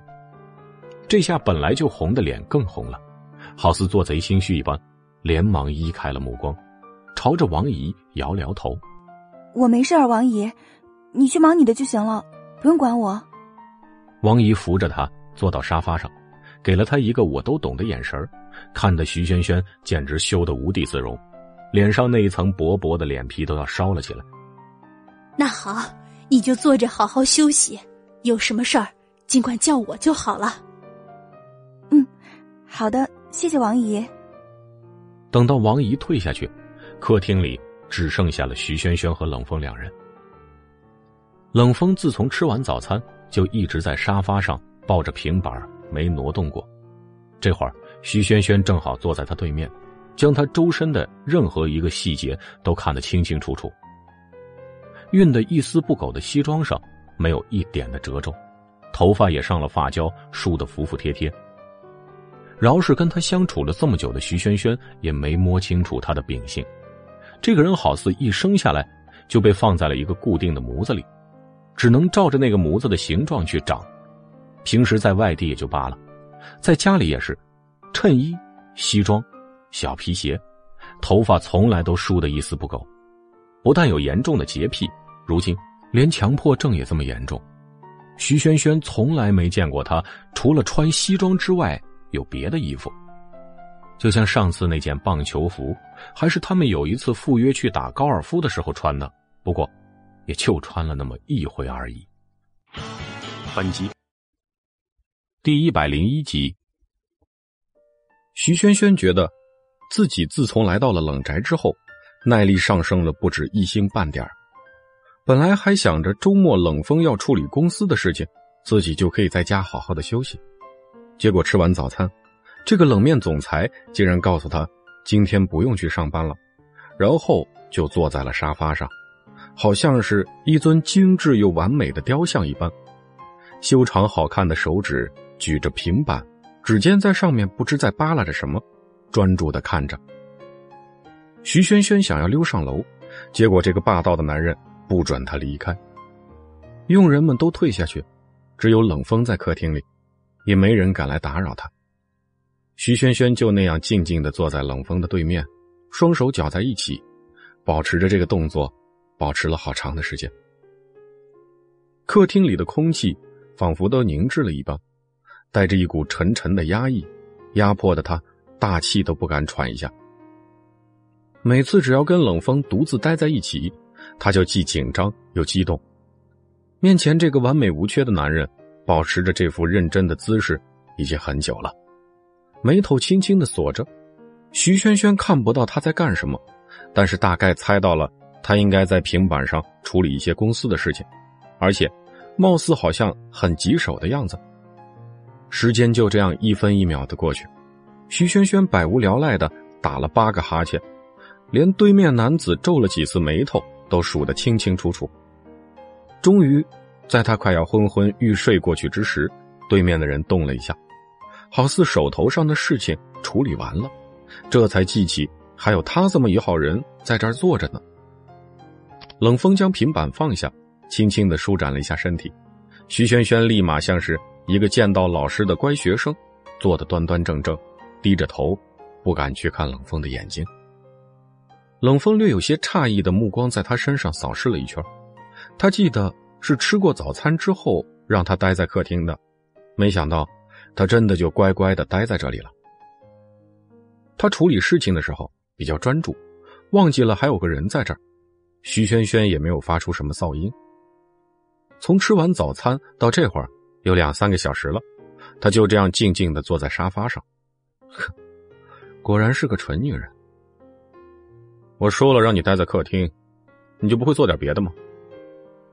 清冷的嗓音在安静的空气里蓦地炸开，带着一丝丝的慵懒，将徐轩轩的小心脏震得颤抖了一下。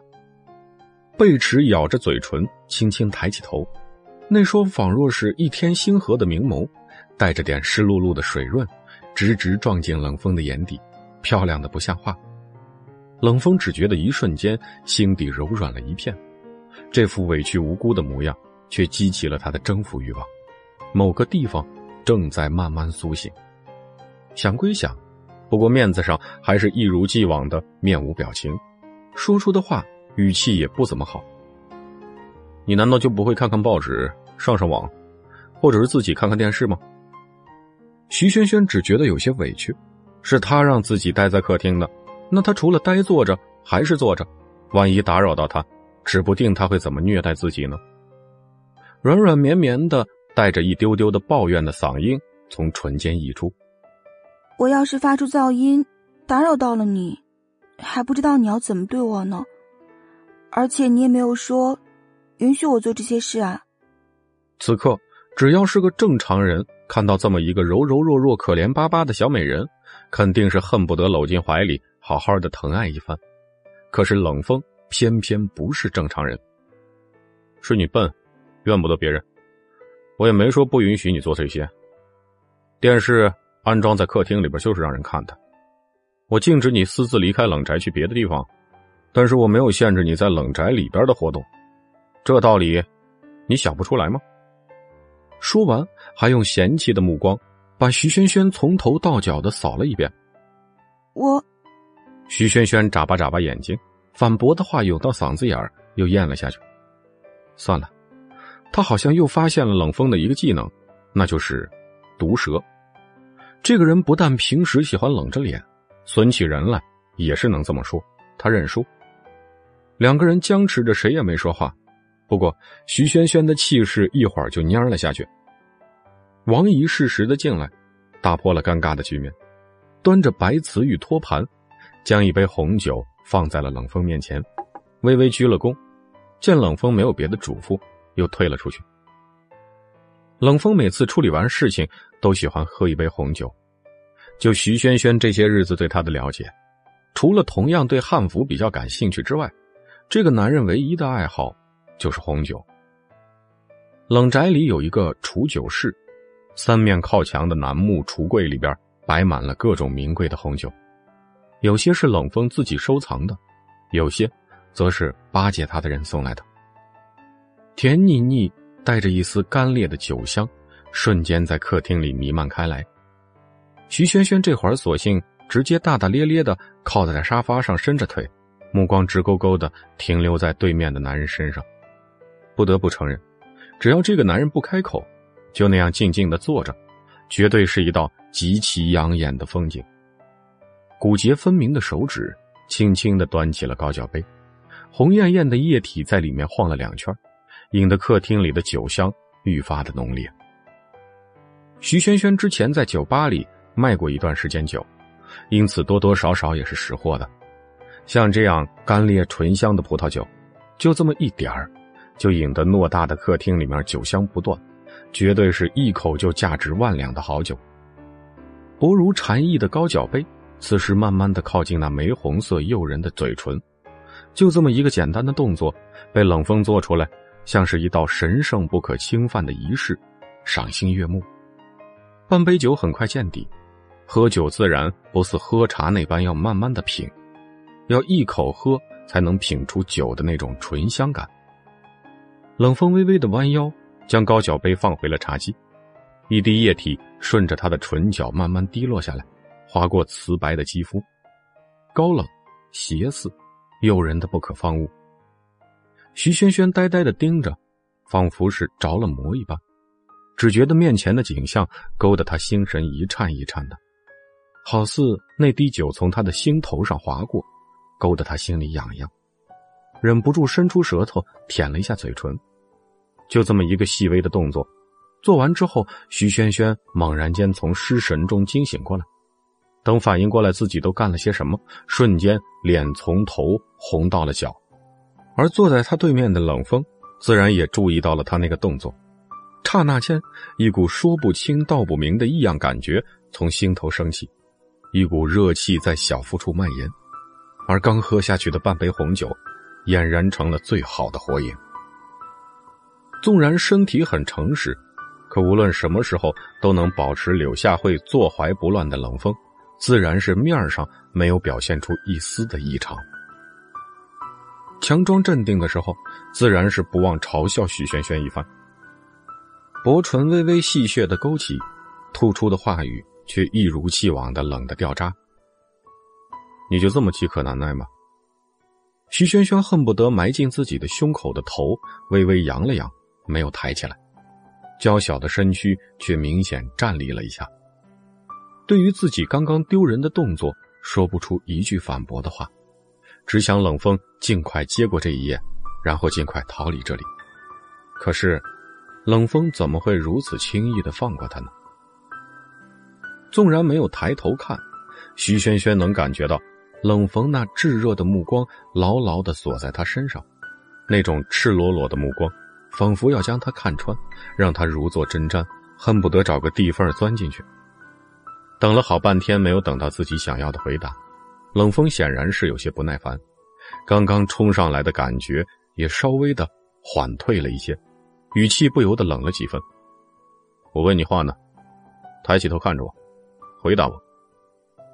冰冷的、严厉的、命令的口吻，让徐萱萱不得不乖乖的抬起头，迎上那些有些冷冽的目光，却并没有浇灭他心头那一把火，反而脸上的灼热感越来越强烈。聂诺的开口，却不知道要作何解释的他自己都不清楚那个时候是怎么了，竟然控制不了诱惑。虽然自己平时也犯花痴，但是没到这种饥渴的程度啊。可是身体上的诚实以及心底里最深层次的欲望是骗不了自己的。徐萱萱没有想到，自己这段时间竟然会敏感到这个程度。冷风稍微一个不经意的撩拨。就让他心猿意马。本集第一百零二集。我，我我没有，我只是有些口渴罢了。顶着那饱含压力的目光，徐萱萱很违心的，硬生生的掰出了一个连他自己都说服不了的拗口理由。果然，对面的人发出了一声冷笑，微微的弯着腰。一只手支着膝盖撑着下巴，另一条修长的腿伸开，一只手在茶几的边缘轻轻的点着。口渴吗？口渴了，我又没限制你的自由。茶几上有水，你怎么不喝呀？还是说……他微微的拖长了声音，富有磁性的嗓音，如果放在平时，对徐萱萱这种典型的声控，那是没有半点抵抗力的。可是此刻听在他耳中，就像是来自地狱的魔鬼在召唤。还是说，你对我存在着一些不可描述的想法呀？徐萱萱骤然间睁大了眼睛，像是被针扎了一下，缩手反应一般，不可思议的看着冷风。后者泰然自若的盯着他，丝毫没有觉得自己的话有什么不对。你，你，徐萱萱结巴了两下。准备要好好反驳的话，瞬间忘得一干二净。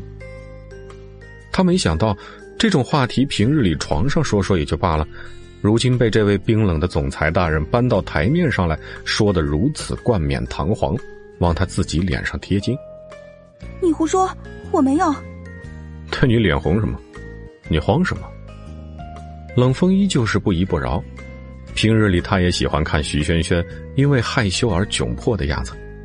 可是今日不知怎么了，他就是想逗逗她，看她的反应，他莫名的觉得很有趣。徐萱萱也发现了冷风今日的不对劲，平时这个惜字如金的冰冷男人也会戏谑他、取笑他，但今日话里这么多，完全没完没了的，像是抓住了别人的小辫子就要不停整他一般。徐萱萱有些气愤，难道是这个男人平日里的日子太过清心寡欲吗？如今自己沦为了他的生育工具还不满足，还想在他身上找点别的乐子吗？这样一想，徐萱萱本来的那点羞耻心也被压了下去，脸上的燥热也逐渐消退。在气愤的驱使下，不经大脑思考，一句顶撞的话脱口而出：“总裁，难道这句话不应该是我反过来问你吗？”只是话一出口，瞬间他就后悔了。如果惹怒了这个男人，那受罪的还是他自己。冷风也没有想到，平日里这个看起来唯唯诺诺的小女人，如今竟然也敢顶撞他了。微微的愣怔了一下，却是没有生气，内心反而升起了一股新鲜感。徐萱萱沉默的等待着，好久了，他已经豁出去了，然而并没有他预料中的惩罚，连一句责罚的话都没有说。抬起头来，小心翼翼的瞄了一眼，发现冷风已经端端正正的坐好，正在出神的想些什么。徐萱萱动了动自己僵硬的身体，挪了挪腿，看冷风并没有什么反应，于是撑着沙发站起来，轻手轻脚的朝着楼上走去。冷风从细微的响动中回过神儿，往楼梯的方向看了一眼，收回了目光。他似乎意识到。自己今天说的话太多了，不过不得不承认，这种感觉好像还蛮好的。等到慢腾腾的挪过了楼梯拐角，再也看不到客厅，徐萱萱这才如释重负的松了口气，三两步逃似的迈上楼，把自己关进了房间。那个男人今天也不知道是怎么回事，一会儿话多的要死，一会儿又什么都不说，弄得他心情七上八下的。巨大的落地窗朝着向阳的一面，正午的阳光刚刚好洒下来，落在铺着柔软的蚕丝被的大床上，白的有些刺眼。徐萱萱在楼下刚经过了一场惊心动魄，这会儿整个人有些脱力，一个猛子扎进了柔软的被窝里，把头深深的埋进被子。一早上百无聊赖，本来有些困意，而且。这几天晚上，面对冷风那表里不一的禽兽大混蛋的所求无度，也没怎么好好休息。此时被太阳一晒，睡意瞬间就涌了上来。上眼皮沉重的好似有千斤重，也懒得脱鞋什么的，就那样趴着睡着了。冷风上楼的时候，楼上静悄悄的，一丝响动都没有。他本来要拐去书房的腿，硬生生转了个弯。迈向了徐萱萱卧室的方向，不由得有些好奇，那个小女人这会儿在做什么。脚步伫立在门外，停顿了一会儿，确定房间里没有一丝一毫的声音，这才伸出手，缓缓的拧开门把手，推门进去。在书房待了一下午，等到把公司的事情处理好，天色已经泛黑，只余下了一抹暖暖的斜阳，映照在玻璃窗上。拉长了一片的光影。冷风合上了面前的笔记本，将一沓厚厚的资料整理好，夹进文件夹，然后才松了一口气，靠在椅子上活动了一下筋骨，伸出修长的手指在眼角处缓缓按压，眼眶酸涩的难受。对了一下午电脑屏幕，好不容易把那些繁琐的杂事处理好，这会儿那些字眼却是充满了脑子。怎么都挥之不去。站起身望了一眼窗外，天气已经转暖了，被阳光照射了大半的房间，此时仍然留有一丝暖洋洋的感觉。冷风将西装外套脱下来挂在书柜旁边的书架上，又解下了领带挂了上去。他下楼的时候，一眼就看见徐萱萱正坐在小餐厅那儿，蔫儿唧唧的半趴在那里。一只手撑着下巴，若有所思的出神。粉色的真丝裙松松垮垮的穿在身上，由于太过瘦弱，像是个小孩子偷穿了大人的衣服一般。头发有些乱糟糟的披散着，柔软的发丝在灯光下显得有些毛茸茸的感觉。估计这小女人睡着了，或者是睡醒了就直接下楼，头发都没有梳，一小缕刚好戳在鼻尖那儿，大概是戳的有些发痒，这才把失神中的人思绪拉回来，伸出另一只手揉了揉鼻尖。冷风停下了脚步，就站在楼梯的拐角处，静静的看着，也没有出声，就这样安静的光景在冷宅里每天都在上演，只不过那种压抑的。让人很不自在的安静，现在好像不是了。而此刻这样，却让冷风无端的觉得美的让人有些移不开眼睛。本来处理了一天的公务，满脑子都是快要爆炸的数据信息，却在目光碰上徐萱萱的刹那，把所有事情忘得干干净净，脑子里只无端的剩下了四个字：岁月静好。只是这四个字。只在脑海中闪了一下，就被无情的拍碎。想什么呢？他只是自己花钱买来的一个稍有点姿色的代孕工具而已，他连凯爵会所那里的花魁都比不上。他已经在长期的成长环境中养成了不动声色的习惯，任何有一点不对的苗头冒出，就会被他立刻压下去。他给自己上了一层枷锁。他在逼迫自己，去长成那个固定的样子。只要有一点他从来没有想过的念头出现，他都觉得自己是疯了。那边，徐萱萱趴在那里等着王姨给她弄吃的，丝毫没有注意到这边楼梯上还站着个人。王姨端着托盘和小瓷碗出来，盛好了炖汤放在他面前，手还在碗壁上试了试温度，笑得一脸慈祥。往他面前推了推，徐小姐，赶紧吃吧，不然一会儿凉了就不好吃了。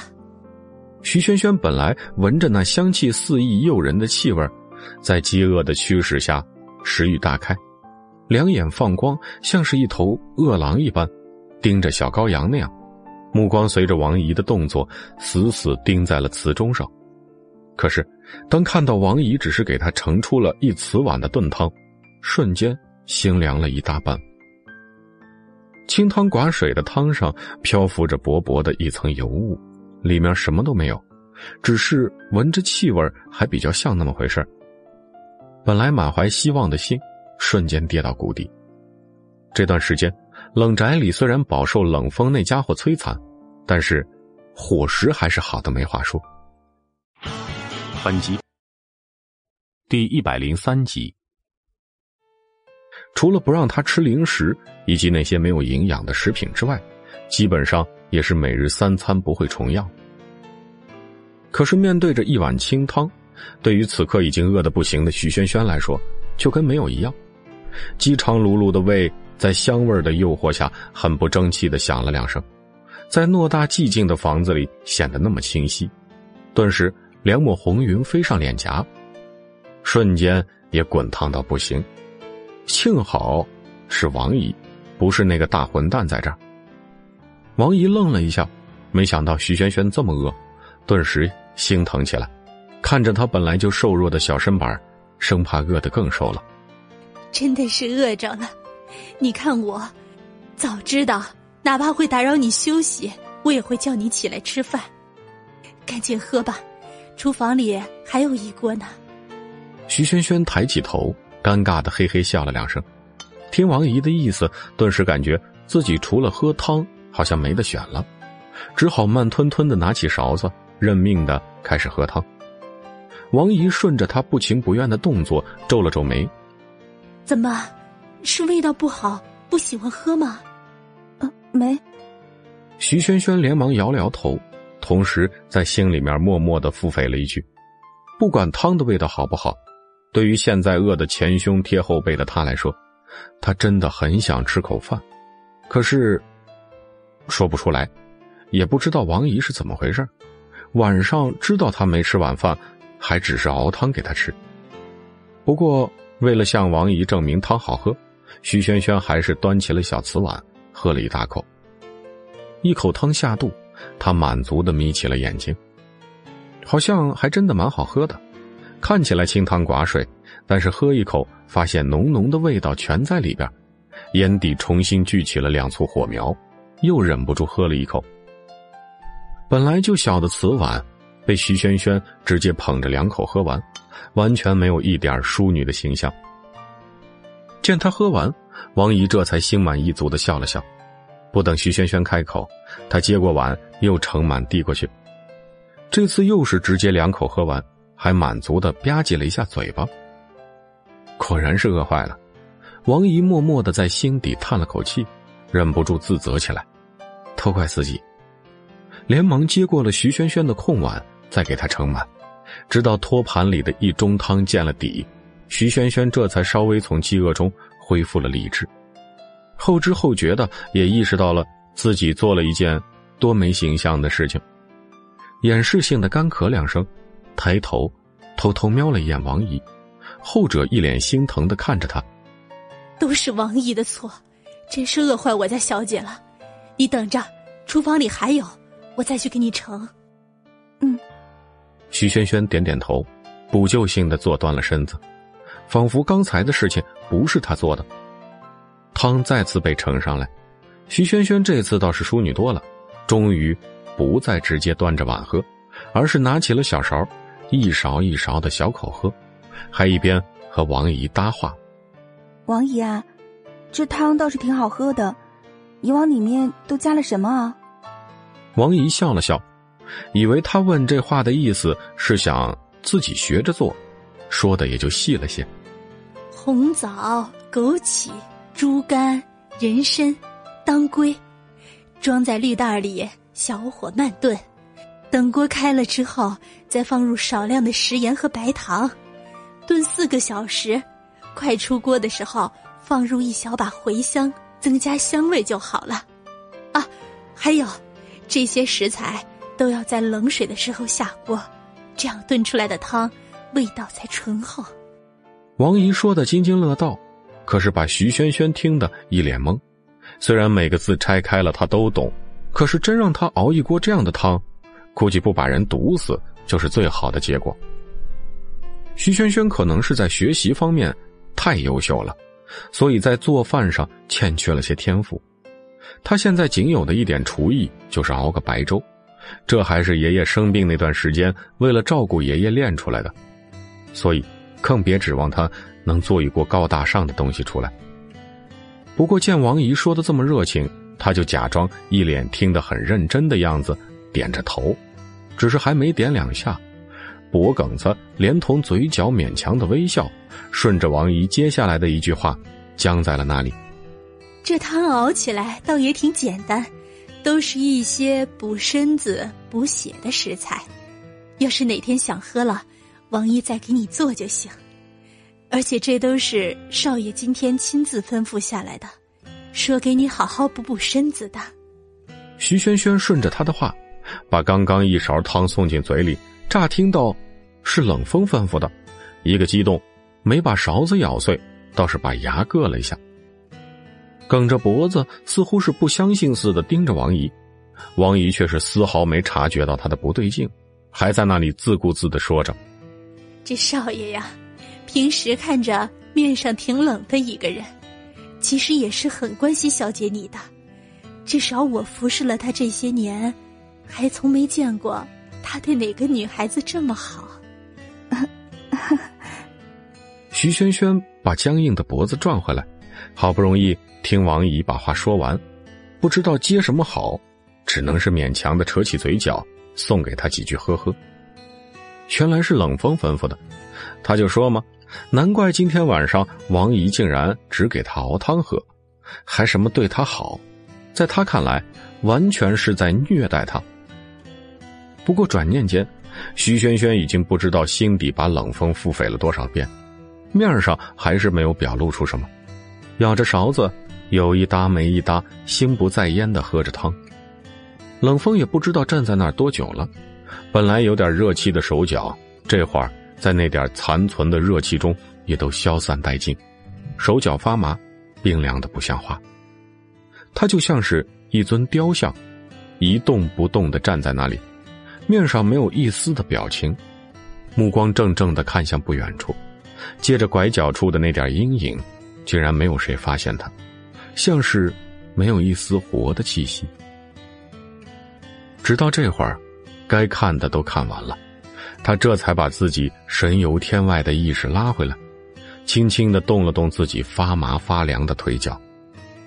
这轻微的响动似乎是惊动了那边的王姨。王姨抬起头往这边看了一下，略有些诧异的张了张嘴。他这一声打破了这一世的静谧，把同样心不在焉的两个人都拉了回来。徐萱萱还在边喝汤边想着别的事情，听到身边的王姨突然来了这么一声，吓得差点没把碗摔在地上。旋即马上明白过来，王姨说的是什么。像是被针扎了一般，缩手反应，嗖的一下抬起头，往楼梯口这边看了过来。上身只穿了一件白衬衣的冷风，就静静的站在那里。平时走到哪儿都是万众瞩目的人，此刻却是没有引起一丝一毫的注意力。冷风的目光在徐萱萱目光扫来之前就收了回来，然后若无其事的迈开了稍微缓和了一点的腿下楼。迈下去的时候，还趔趄了一下，伸手扶了一下楼梯的扶手，看得王姨心一揪，恨不得冲过来挽着他。在两人各有所思的灼灼目光注视下，冷风依旧是泰然自若的一步一步慢悠悠晃下楼梯，那张脸上好像生不起一丝的表情，然后晃步走过来，在餐桌旁随意坐下。伸手很随意的拂去了衬衣上的褶皱，一句话也没有说。王姨很是纳闷不知道冷风想要干什么。冷风一般吃完下午饭，要么就是坐在客厅里看会儿新闻，要么就是直接上楼或者上书房，从来没有吃夜宵的习惯。过了那个点儿，只要送一杯甜牛奶上去给他就可以了。这会儿却坐在这儿，也不知道要干什么。送牛奶的时间还没有到呢。徐萱萱看着气氛有一点凝固，也是很不自在。他不知道冷风站在那儿多久了，看到了多少，听到了多少，也不知道他此刻坐在这儿是要干什么。看了一眼旁边的王姨，看了一眼不明情绪的冷风，实在不好意思再继续喝汤，只好放下勺子，把碗往旁边推了推。打了个哈哈，想要缓解一下尴尬的气氛。你怎么这会儿下来了？是想吃宵夜吗？真巧，王姨给我炖的汤可香了呢，给你盛一点儿。他好像是丝毫不记得，就在前不久，王姨才说过这汤是冷风专门为他熬的。这会儿倒像是这汤是王姨给他熬来补身子的，跟冷风没有半点关系那样，反过来招呼人家喝汤。本集第一百零四集，冷风终于把目光聚集到他脸上，这人真是的，淡淡的瞥了一眼，就又移开了。徐萱萱则是一阵咬牙切齿，切，比大爷还难伺候，脾气阴晴不定。中午那会儿还好着呢，他只是睡了一下午，这起来这一会儿功夫，一句话也不说，也看不出到底是生气还是高兴。又开始给他甩脸子了。本来想起个头，开个话题缓解一下气氛，结果反倒是徐萱萱自己的一个巴掌拍不响，没人接他下去。气氛越发的凝固，弄得他大气都不敢喘一下。就在他以为这个尴尬的局面要僵持一会儿，冷风终于开了口，好像意识到了自己造成了这个僵局，主动打破了屋子的寂静。清冷的嗓音，在静谧的空气中缓缓炸开，仿佛带起了一股电流，连空气都在微微颤动。这是王姨给你端来补身子的，我又不是你。他说着，微微顿了顿，目光在徐萱萱笼罩在真丝裙里根本看不出身材的身上扫视了半圈，眼光中颇有些嫌弃的味道。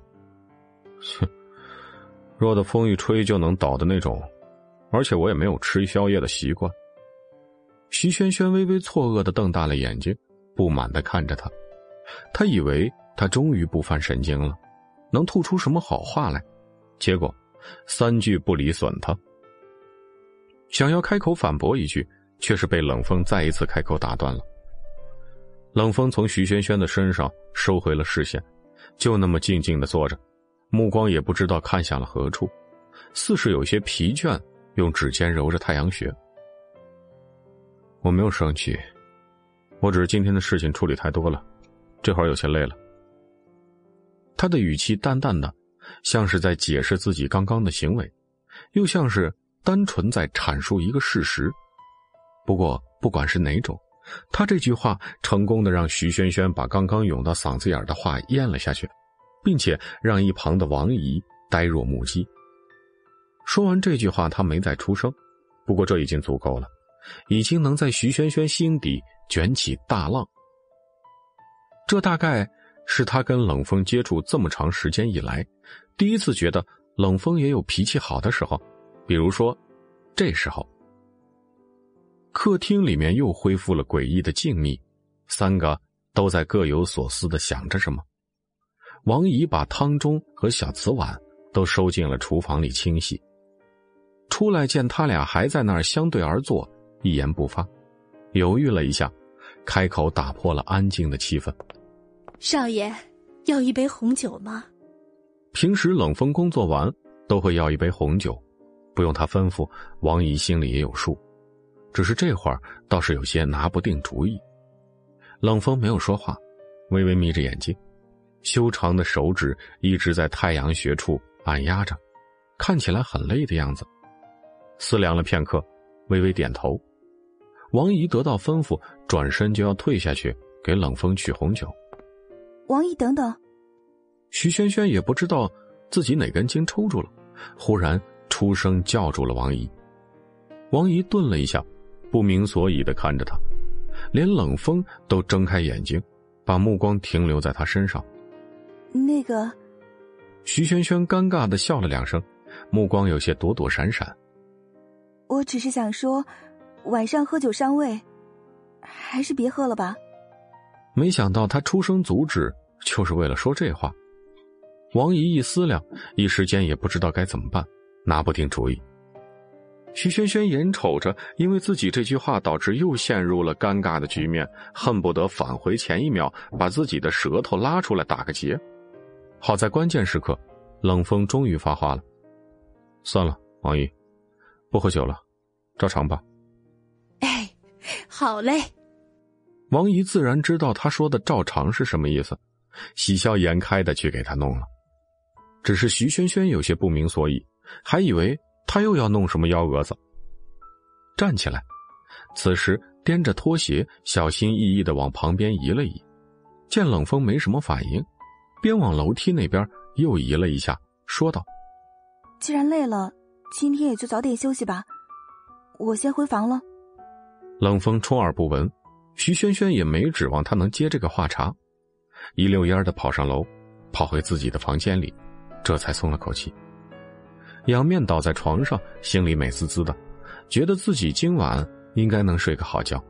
毕竟看冷风刚才那个状态，估计他今天是没精力了。哎，想什么呢？也不臊得慌。徐萱萱只觉得自己越发的没脸没皮了。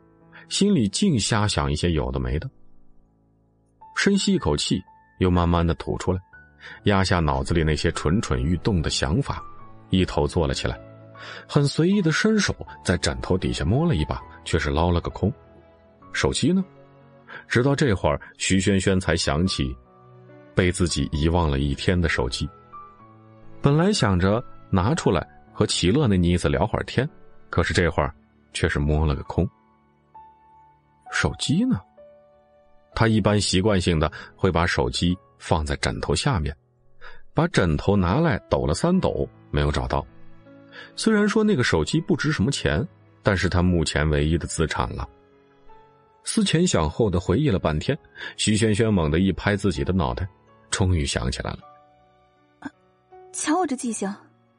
一边嘀咕着，一边站起来往外走。他终于记起来了。自己昨天晚上是去冷风的卧室里睡的，手机自然会在他那儿。站在卧室门外犹豫了一下，不知道冷风这会儿是在楼下呢，还是上楼了。心里一横，算了，不管三七二十一，不就是拿个手机吗？就算他在，又能怎么样啊？徐萱萱也不知道自己到底是在想什么，进去拿个手机也能被他想出一堆严重的后果。就在他犹豫着要不要进去的时候，背后传来了响动。哎，小姐，你站在这儿干什么呀？怎么不进去啊？王姨端个托盘上来，里边是一个精致的陶瓷杯，盛着牛奶一样的东西，正一脸不明所以的看着他。哦，啊 是王姨啊，我我没事，我就是来取点东西。王姨，你这是要做什么？徐萱萱打了个哈哈，显得有些做贼心虚一般，把脑子里那些乱七八糟的想法全都压了下去。是这样，我来给少爷送甜牛奶。那小姐，赶紧进去吧，别站着了。甜牛奶，冷风他喜欢喝甜牛奶吗？徐萱萱听到王姨说这东西是甜牛奶的时候，略微有些诧异的瞪大了眼睛。王姨摇了摇头。也不知道想起了什么，脸上闪过了一丝怜惜。也不是说喜欢，只是少爷习惯了在睡前喝一杯甜牛奶。以前夫人还在的时候啊，经常逼着少爷喝，少爷都不喝。倒是这会儿人不在了，少爷每晚都要喝一杯甜牛奶。哦，是这样啊。徐萱萱有些愣。沉默的点点头，他跟冷风相处了这么久，不知道他睡前有喝牛奶的习惯，而且听了缘由，说不上来心里是什么滋味。他自己要是不说，外人很难从他那万年不变的脸上看出点什么。一时间，竟然觉得冷风也没那么坏了。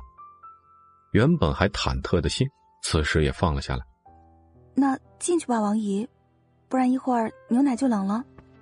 说完，便主动推开门，先走了进去。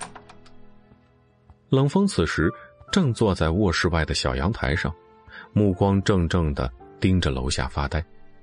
从这儿看下去，可以看到冷宅的整个院子。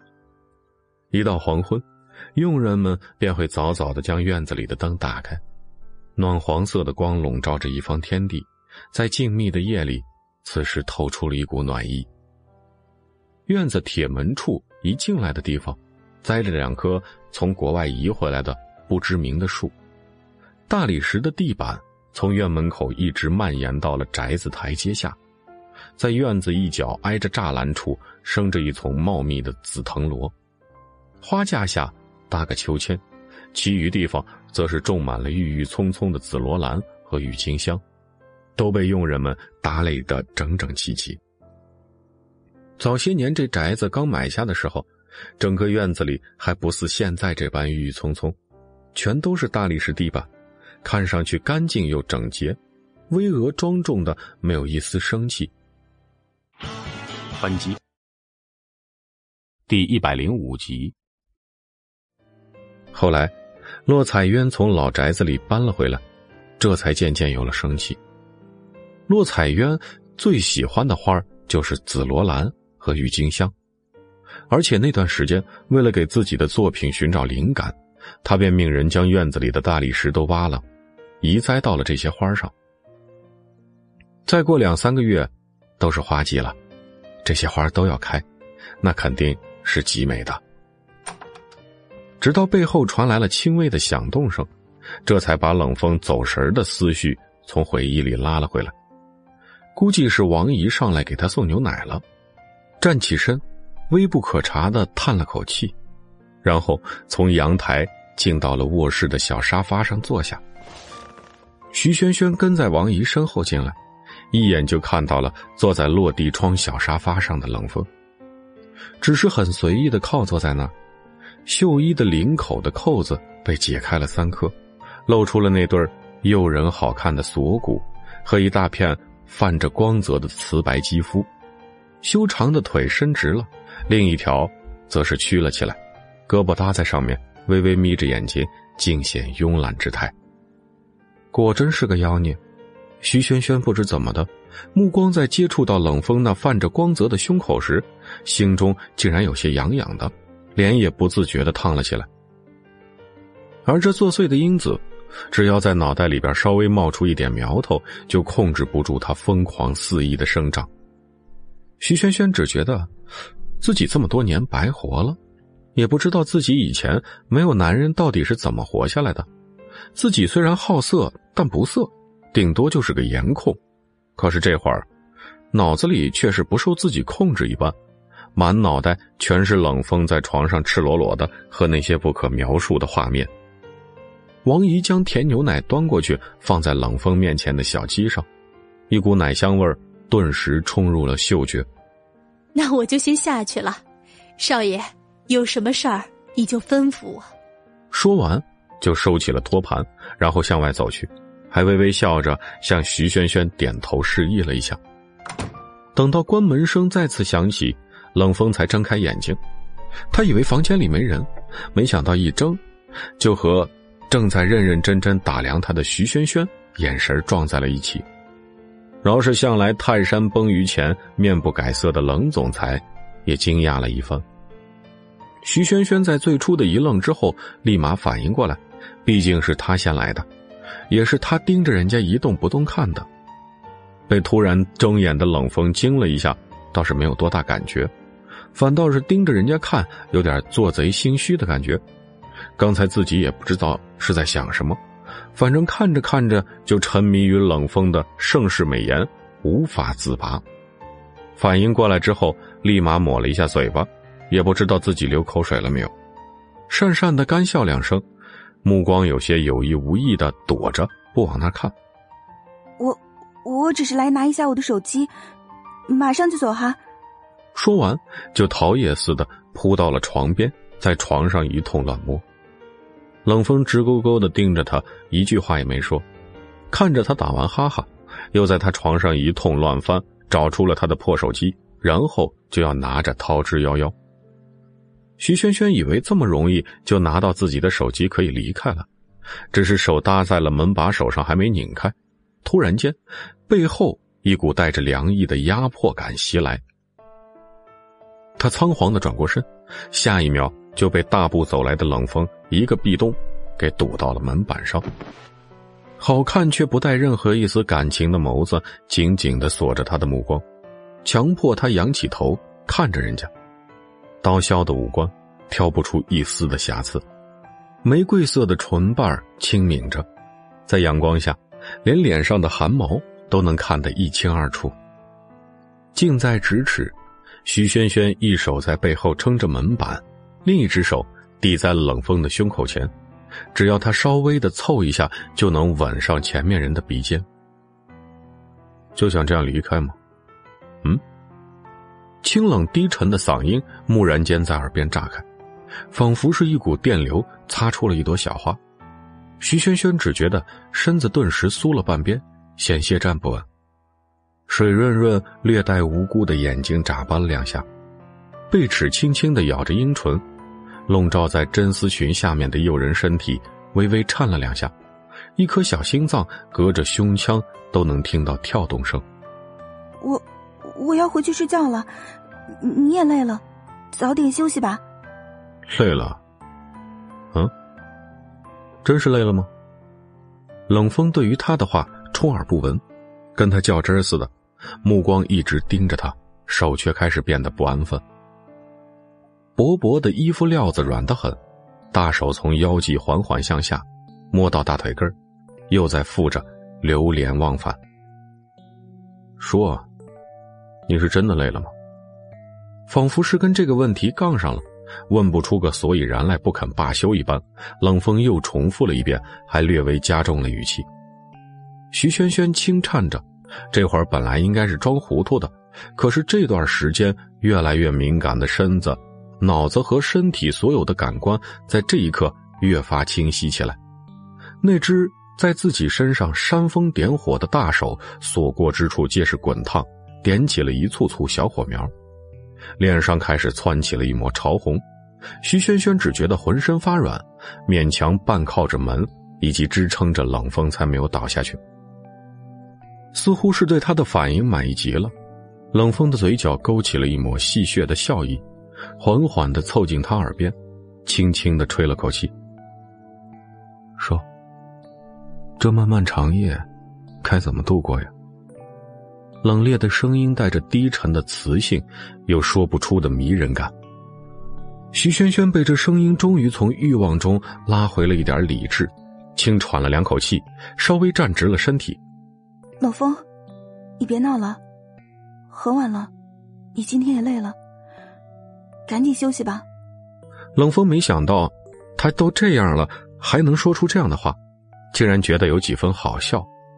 嘴角的弧度稍微增大了一些，若非不是时机不对，差点没看直徐萱萱的眼睛。此时，就像是他在调戏一个良家妇女的登徒浪子。若不是他那满身的冷气，徐萱萱还以为他换了个人。强撑着理智，挣扎了几下，想从冷风的身下挣脱出来，却是没能如愿。冷风。带着一丝丝委屈撒娇的声音从唇齿间溢出，徐萱萱努力的让自己站直了身体，双手抵在胸前，才隔出了那么一小点的空隙。别这样，我我想回去休息了。他殊不知自己的语气和动作以及那表情，对于此刻同样惹火上身的冷风来说，无疑是最致命的药。冷风本来只是想纯属逗逗他。莫名觉得这个小女人可爱的很，可是这一撩拨，就把自己也撩拨上火了。感受着手掌下那曼妙的身材，不堪盈盈一握的细腰，那层层薄薄的真丝裙就像是一层禁锢。冷风此时勉强控制着理智，才没有把它撕碎。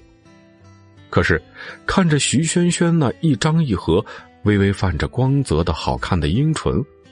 他忍不住了，猛地逼近，空出一只手托起她的下巴，强迫面前的小女人抬起头，然后吻了下去。徐萱萱睁大了眼睛，看着突然进攻的冷风，脑子一时没转过来。可是冷风不给他一丝一毫缓冲的时间，直接攻城略地，霸道的敲开了他的背齿，吸引着他的小蛇与他共舞，粗鲁，野蛮。平日里的吻技被抛得一干二净，此时只有最原始的欲望。徐萱萱被吻得七荤八素，身子发软，瘫在冷风怀里，才没有掉下去。那只捏着他下巴的手很用力，仿佛要把他头骨都捏碎了一般。明明疼得很，舌根也被吻得酸麻，带着一丝丝痛感，没有丝毫的快感可言。可就是这样。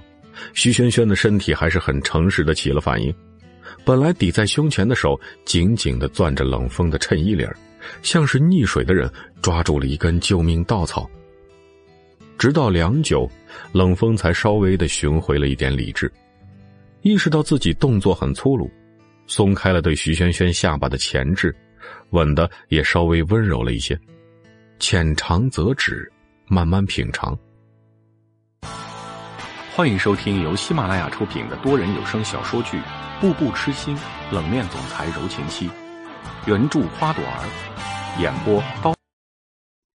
第一百零六集。如果刚刚的吻是狂风暴雨，那么这会儿就是毛毛细雨。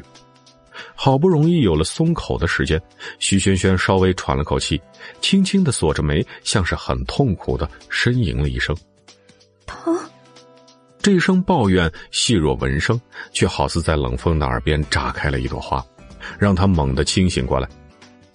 唇齿慢慢分离，粗重的喘息声在两人之间清晰可闻。冷风此时禁锢着徐萱萱的腰，那只手也稍微松了一点，却是没有放开。两人之间微妙的气氛上升到了一个极点。明明都把对方撩拨上火了，却还是要装作自己是个正人君子。徐萱萱的嘴也被冷风的刚才一通狂吻，此刻显得有些红肿。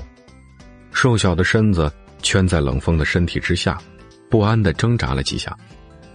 冷风闭上了眼睛，狠狠的吸了口气，压在徐萱萱的身上一动不动，艰难的平息着被这个小女人撩拨起的欲望。他起初也不想的，自己今天处理了这么多的事情，心力交瘁，而且明天也要回公司处理一些棘手的事情，所以晚上没有想那档子事。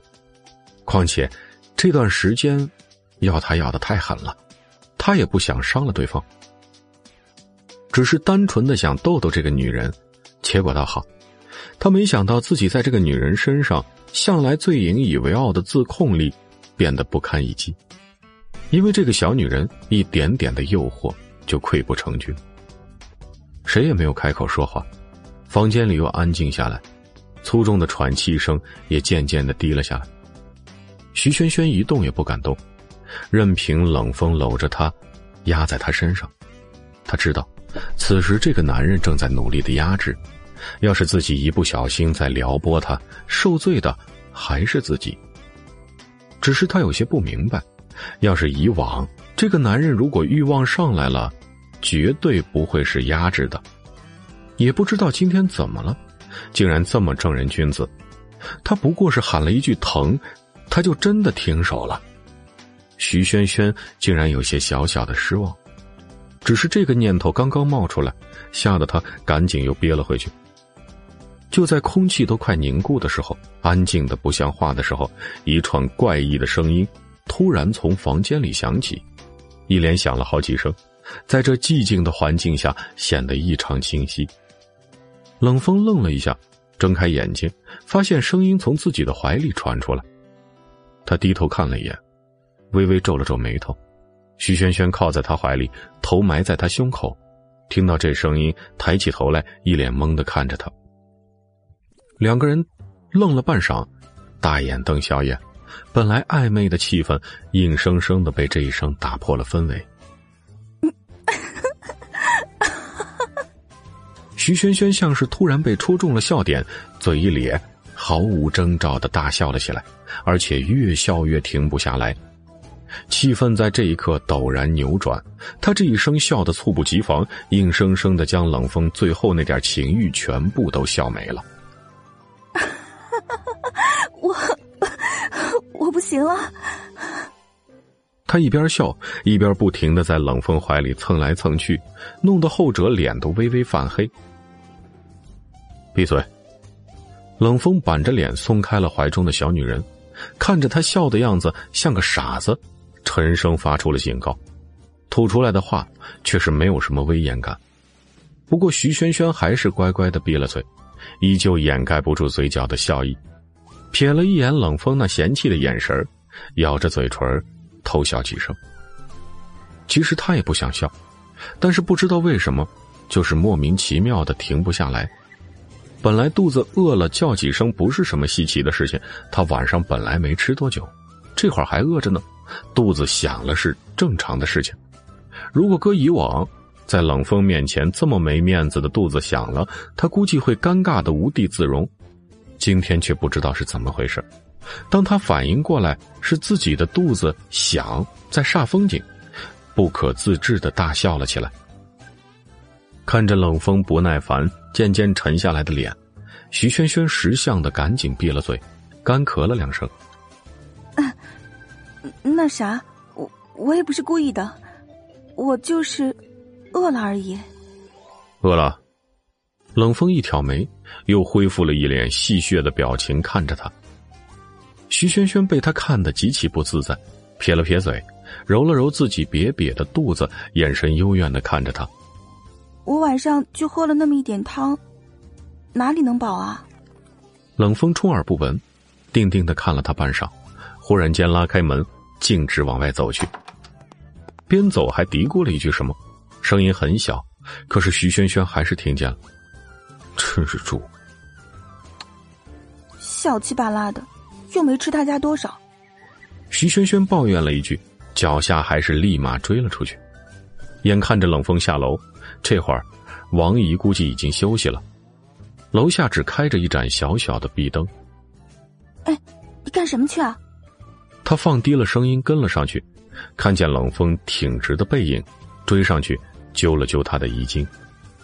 果不其然，冷风停下了脚步，回过头，目光晦涩不清的看着他，然后又下移转到他手上。徐萱萱一愣，立马反应过来，好像是。火烧般，手刷一下松开。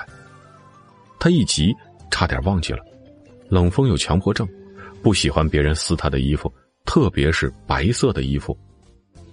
目光瑟缩了一下，往他的手刚刚抓过的地方飘了一下，一个淡淡的手印儿，果然已经印在那儿了。他刚刚手心出了点汗，没想到一抓手印就抓出来了。被冷风的目光看得有些发毛。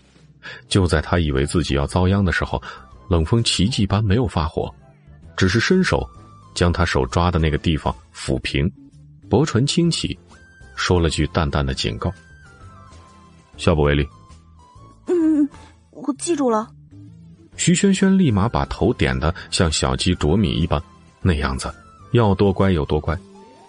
冷风这才抛开了这件事情，下楼径直奔厨房。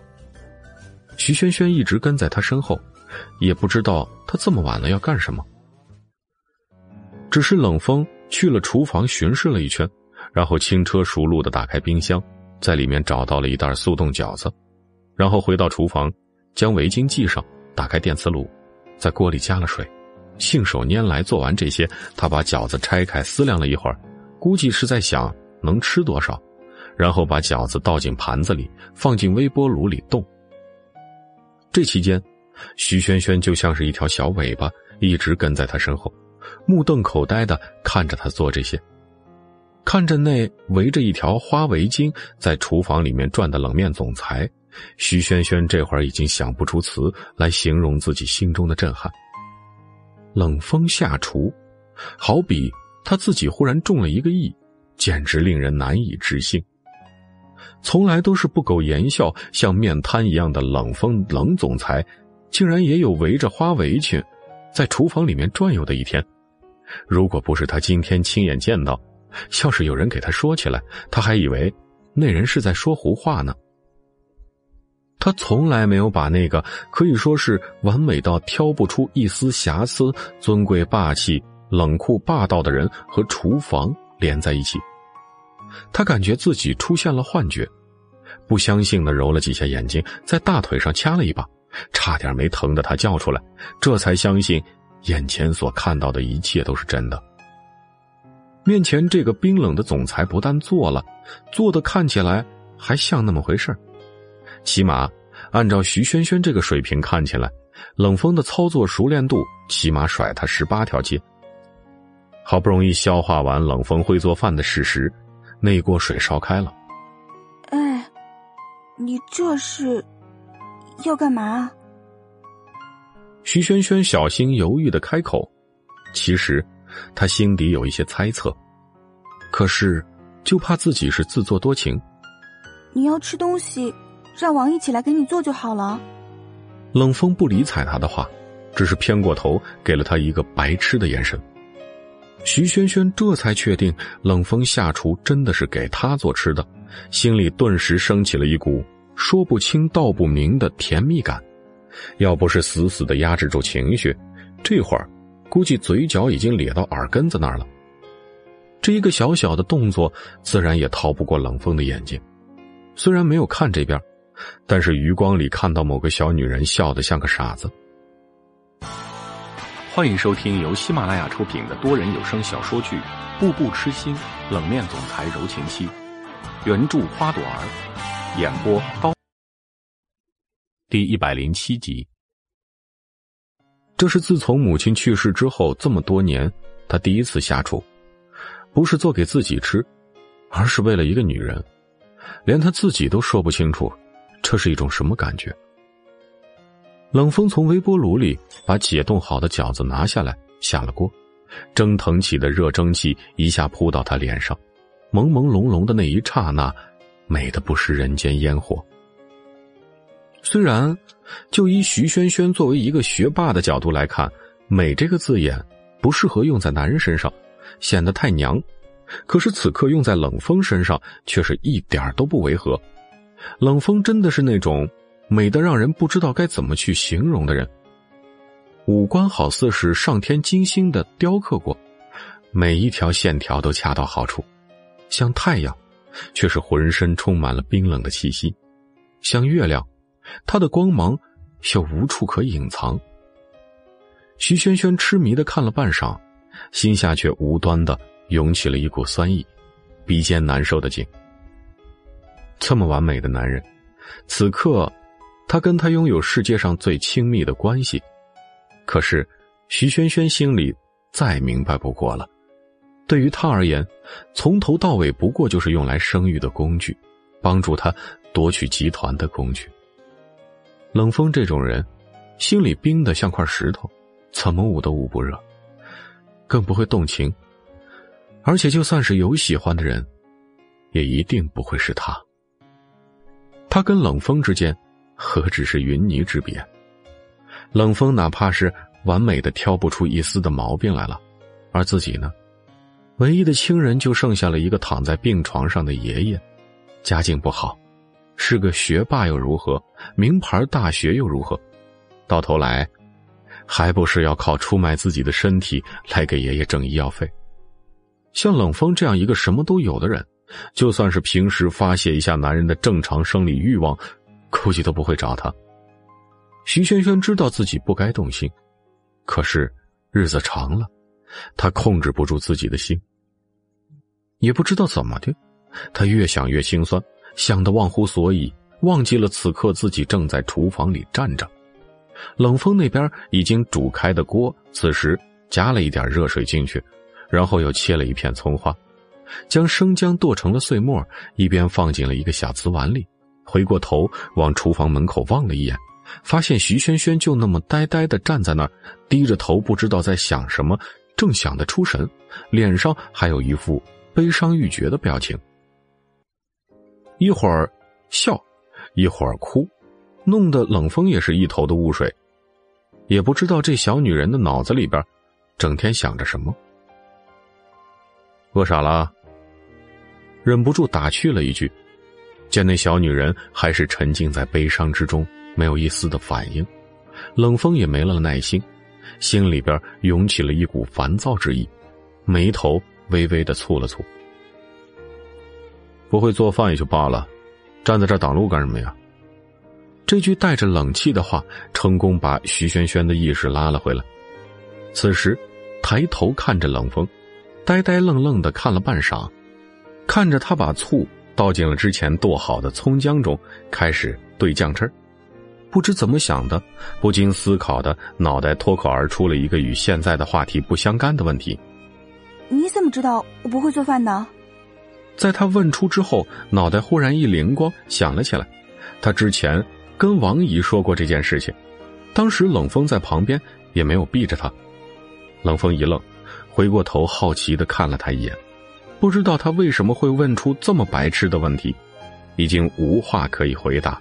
只是给他一个看似白痴的眼神继续弄着自己手上的活徐萱萱也被自己蠢哭了，这个智商简直要成为负数了。他觉得自己如果继续站在这儿，指不定还会说出什么话呢。而且自己又不会做饭，索性还不如出去在餐厅里等着。连个饺子都不会煮，基本上是个废物。直到他出去了以后，冷风弄完了手中的活直起腰来。这才无奈的叹了口气，想起徐萱萱刚才那个白痴的样子，突然有点怀疑自己是不是找错人了。不用怀疑，你就是找错人了，这就是个傻子。就像那个小女人一样，要是以后生出来的孩子也是个营养不良的还好说，最怕的是没智商。不过想归想，他还是没忘某个还在饿着肚子的小女人。徐萱萱坐在餐桌旁边。闻着厨房里渐渐起来的浓郁的香气，差点没把他肚子里的馋虫都勾出来。一只手支着下巴，眼巴巴的望着厨房门口。冷风端着饺子出来，撞上了他那泛着绿油油的眼睛，脚下的步子一顿一顿，好像，好像是心理素质极强的人，也就是愣了半秒钟而已。将一大碗的饺子放在他面前。在上面还淋了刚刚弄的那些看起来很香的葱花酱汁。徐萱萱看了他一眼，后者没什么反应，解下围巾搭在了一旁，拉了一把椅子，也很随意的坐了下来。徐萱萱看着那冒着热气诱人的饺子，不争气的咽了口唾沫，将碗揽过来，拿起筷子，本想招呼一下冷风，毕竟人家做了这么长时间，可是，一转念还是觉得算了。夹起一块饺子，心急的塞进了嘴里，烫的差点没背过气去。但是对于一个饿了太久、美食又在前的人来说，这都不算什么。抡起巴掌对着嘴扇了两下，囫囵咽了下去。你为什么不对着脸扇两下？这会儿也就顾不得什么形象了。徐萱萱只觉得这饺子简直是人间天上美味，她从来都没有吃过这么好吃的饺子。满足的眯了眯眼睛，幸福的叹了口气，又夹起了一块，两口塞进肚子里。冷风时不时的朝他瞟一眼，看着他的吃相，简直不忍看。忍不住说出了声：“慢点吃，没人跟你抢。饿了就说，王姨会给你做饭的。在冷宅里，只要不是多么过分的事情，你就是这儿的女主人，有权让他们去做事情。”徐萱萱扒拉着碗里的饺子，嘴里含混不清的应了一声。冷风的话，他都听进去了。但是没怎么细想，他眼里只有面前的饺子。冷风无语的叹了口气，再也没有说话，看着徐萱萱特别没形象的吃完了那一碗饺子，背靠在椅背上，此时特别没形象的打了个饱嗝，站起身，认命的将碗筷收拾进了厨房里，泡在了洗碗池中。他不喜欢洗碗什么的，确切的说，他不喜欢厨房这个地方，油腻腻的。徐萱萱还靠在那儿，满足的眯着眼睛，一碗饺子下肚，吃的还有点撑了，像一头猪。看着冷风出来，他坐直了身体，一脸笑容的看着他，简直像在看国宝一样，看得冷风鸡皮疙瘩起了一层，面无表情的瞥了他一眼，将手上的水珠擦干，嘴角一勾，没有一丝的温度。怎么，这就感动了？别想太多，我只是担心你这小身板。生不出孩子不健康。徐萱萱像是没听见，胳膊肘撑到了桌面的下巴上，自顾自的说了一句无关痛痒的话：“没看出来，你的手艺还挺好的。”听到他夸自己的手艺好，冷风虽然板着脸，内心还是被取悦了一下，只是这点愉悦还没有维持几秒，就被徐萱萱的又一句话给打破了。就是我不爱吃姜，你放了这么多姜，影响了饺子的味道。冷风差点被噎了一下，面无表情的刮了徐萱萱一眼，后者就像是得了便宜还卖乖的小孩子，笑嘻嘻的朝他吐了吐舌头。吃的时候，活得像饿死鬼投胎，连一碗饺子都吃完了，再来句他不喜欢吃姜，那他刚才怎么把汤都喝了，把碗底都舔得干干净净，连一点姜末都没留下，像一只狗。真是个难伺候的女人。吃也吃了，还坐在这干什么？不睡觉了吗？冷风说了一句，不等徐萱萱作答，自己先迈开腿朝楼上走去。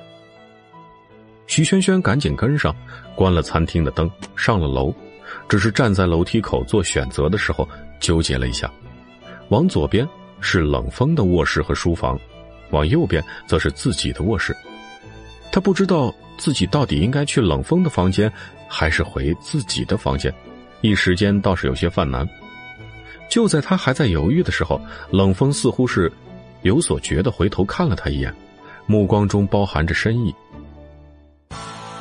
欢迎收听由喜马拉雅出品的多人有声小说剧《步步痴心冷面总裁柔情妻》，原著花朵儿，演播刀，第一百零八集。你别忘了你自己该做什么就行。说罢，转过身，头也不回，打开房门，进了卧室，独留下徐萱萱有些呆愣的站在那儿。这意思再明显不过了，还有什么好想的？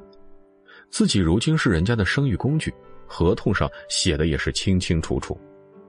深吸了一口气，压下了心中涌上来的那股烦躁，向冷风的卧室走去。房间里已经没有了冷风的身影，里边的浴室中隐隐传来了哗哗作响的水声。在浴室与卧室中间隔着一扇屏风，是极为复古典雅的那种，上面绣着一大片的紫罗兰和郁金香。徐萱萱走过去，在屏风旁边坐下，小心翼翼的从屏风边上探出了一点头，向里边的浴室张望着。可是水汽弥漫在玻璃门上，什么都看不清，只能隐隐的看见一个大致的轮廓，脸又不自觉的烫了起来，像是做了什么做贼心虚的事情一般。想起等会儿他跟冷风之间又要发生一些不可描述的画面。他的脸就越发的红，越发的烫，简直能够烧起来那种。等了半个小时，好不容易挨到冷风洗完出来，身上只裹了一件浴巾，堪堪遮住了隐秘部位。修长挺直的腿，裸露的上身，那既不纤瘦也不精壮的身材，瓷白的肌肤微微的泛着光泽，八块腹肌，诱人的锁骨，人鱼线，蝴蝶骨，该有的一样不缺。简直是上帝赐予他的完美的黄金比例。徐萱萱睁大了眼睛，目光一眨不眨的盯着，脸上红的都能烧起来。虽然也不是第一次看了，但是每次看到都忍不住被惊艳一下。冷风穿了一双拖鞋，走过来，在他面前站定，看着他的反应，似乎是取悦到了他，嘴角勾起了一抹不明意味的笑。眼珠子都快掉出来了，想看，待会儿让你看个够。低沉迷人的嗓音从唇齿间溢出，划过徐萱萱的心口，勾得她心口仿佛是有条虫子在爬一般，痒痒的。徐萱萱尴尬的移开了目光，站起身，目光躲躲闪闪的看向了一旁。你先去休息吧，我洗完就来。说完，逃也似的奔进了浴室。冷风洗完之后，把浴缸里的水给他放好了，蒸腾着热气的水，在房间里形成了一层水雾。吸一口满满的水气。徐轩轩退了退衣服，缓缓步入水中躺下，直至温暖包裹了全身，舒服的忍不住眯着眼睛叹了口气。他这一泡，就泡了差不多快一个小时才出来。第一，自然是这样泡着挺舒服；第二是拖延时间，估计这么长时间了，冷风应该也没耐心等着了，估计早就已经睡着了。擦干水珠，穿上雨衣，此时他拉着小拖鞋，轻手轻脚的从浴室里出来，绕过了屏风，偷偷的趴在边上，瞄了一眼床上，冷风静静的平躺着，闭着眼睛，看上去像是睡着了。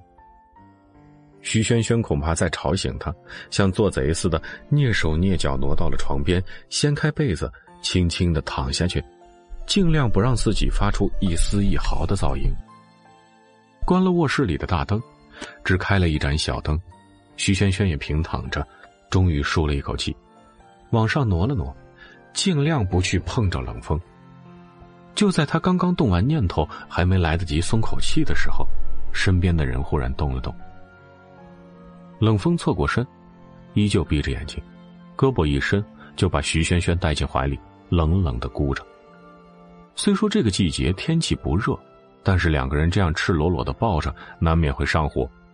徐萱萱挣扎了一下，差点就要惊呼出声，幸好及时把那声压抑在了喉咙里，错愕的瞪大眼睛，困难的仰起头，想看上方冷风的脸，好奇他到底睡着了没有。后者把他紧紧的搂进怀里之后，没有了动作，看上去真跟睡着了一般。徐萱萱把眼睛瞪得老大，看着近在咫尺冷风的脸，安静了下来。可是，一静下来就忍不住想入非非。毕竟两个人还以这样的姿势抱在一起，身体上的感官清晰的不得了，皮肤相接触的那些地方，此刻就像是起了火一般灼热。徐萱萱不舒服的扭动了两下，可是冷风的胳膊就像是铁箍一样，箍得她无法动弹。而且，徐萱萱还清楚的感受到，因为她的扭动，冷风的某个地方起了反应，吓得她赶紧乖乖不敢动了。冷风这才满意，又把徐萱萱的头往自己怀里挪了挪，下巴抵着。这样子，徐萱萱反而更睡不着了。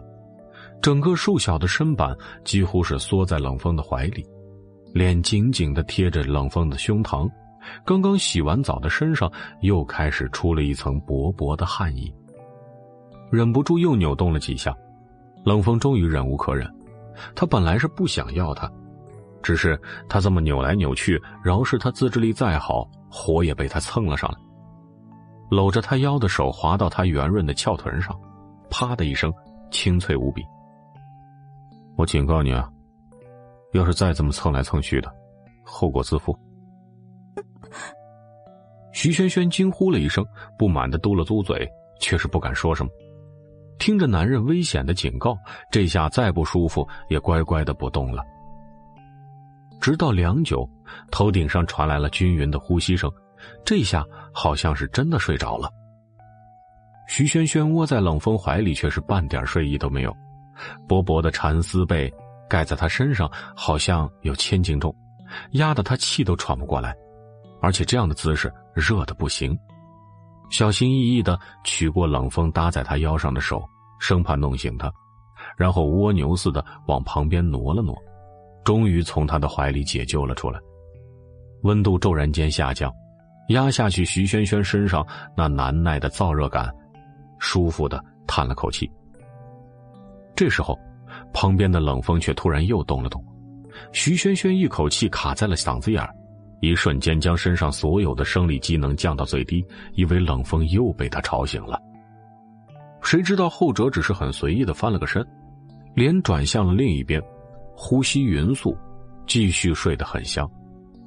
徐萱萱被这一惊一乍的惊得额头上又是出了一层薄薄的细汗，冷冷的吐出了一口气。他觉得自己要是再这样下去，没被冷风折磨死，自己也会被吓死。静下来，原来高度绷紧的神经也松了下来，轻轻的合上眼睛。没一会儿，困意袭来，眼皮沉重的好似有千斤重。呼吸声渐渐平息了下来。等到徐萱萱睡熟，旁边的某个人好像是突然动了动。冷风在昏黄的卧室里乍然睁开了眼睛，轻轻的偏过头，看了一眼某个睡得很香的小女人。嘴角勾起了一抹不明意味的笑意，不过，他也没有多余的动作。这个天气虽然不热，但是两个人抱在一起，温度还是很高。关键某个小女人一直不安分，撩拨的他差点起火，被小女人枕着的胳膊也有些发麻。他睡眠向来很浅，而且自从母亲去世之后，他每晚都要靠喝一杯甜牛奶来助眠。晚上没喝甜牛奶，睡意更薄，只是闭着眼睛假寐而已。徐萱萱几次在他怀里不安的扭动，他早就醒了，只是没睁眼而已。一夜无梦，徐萱萱头一次跟冷风睡在一张床上，还能睡这么舒服，那个家伙也就规矩了，没有动手动脚。徐萱萱醒来的时候，睁开眼睛，下意识往旁边摸了一把，摸了个空。而且枕头有点凉，看起来人已经起来很久了。落地窗外明媚的朝阳透过树影斑驳的光芒洒了进来，在地板上落下了星星点点的光圈。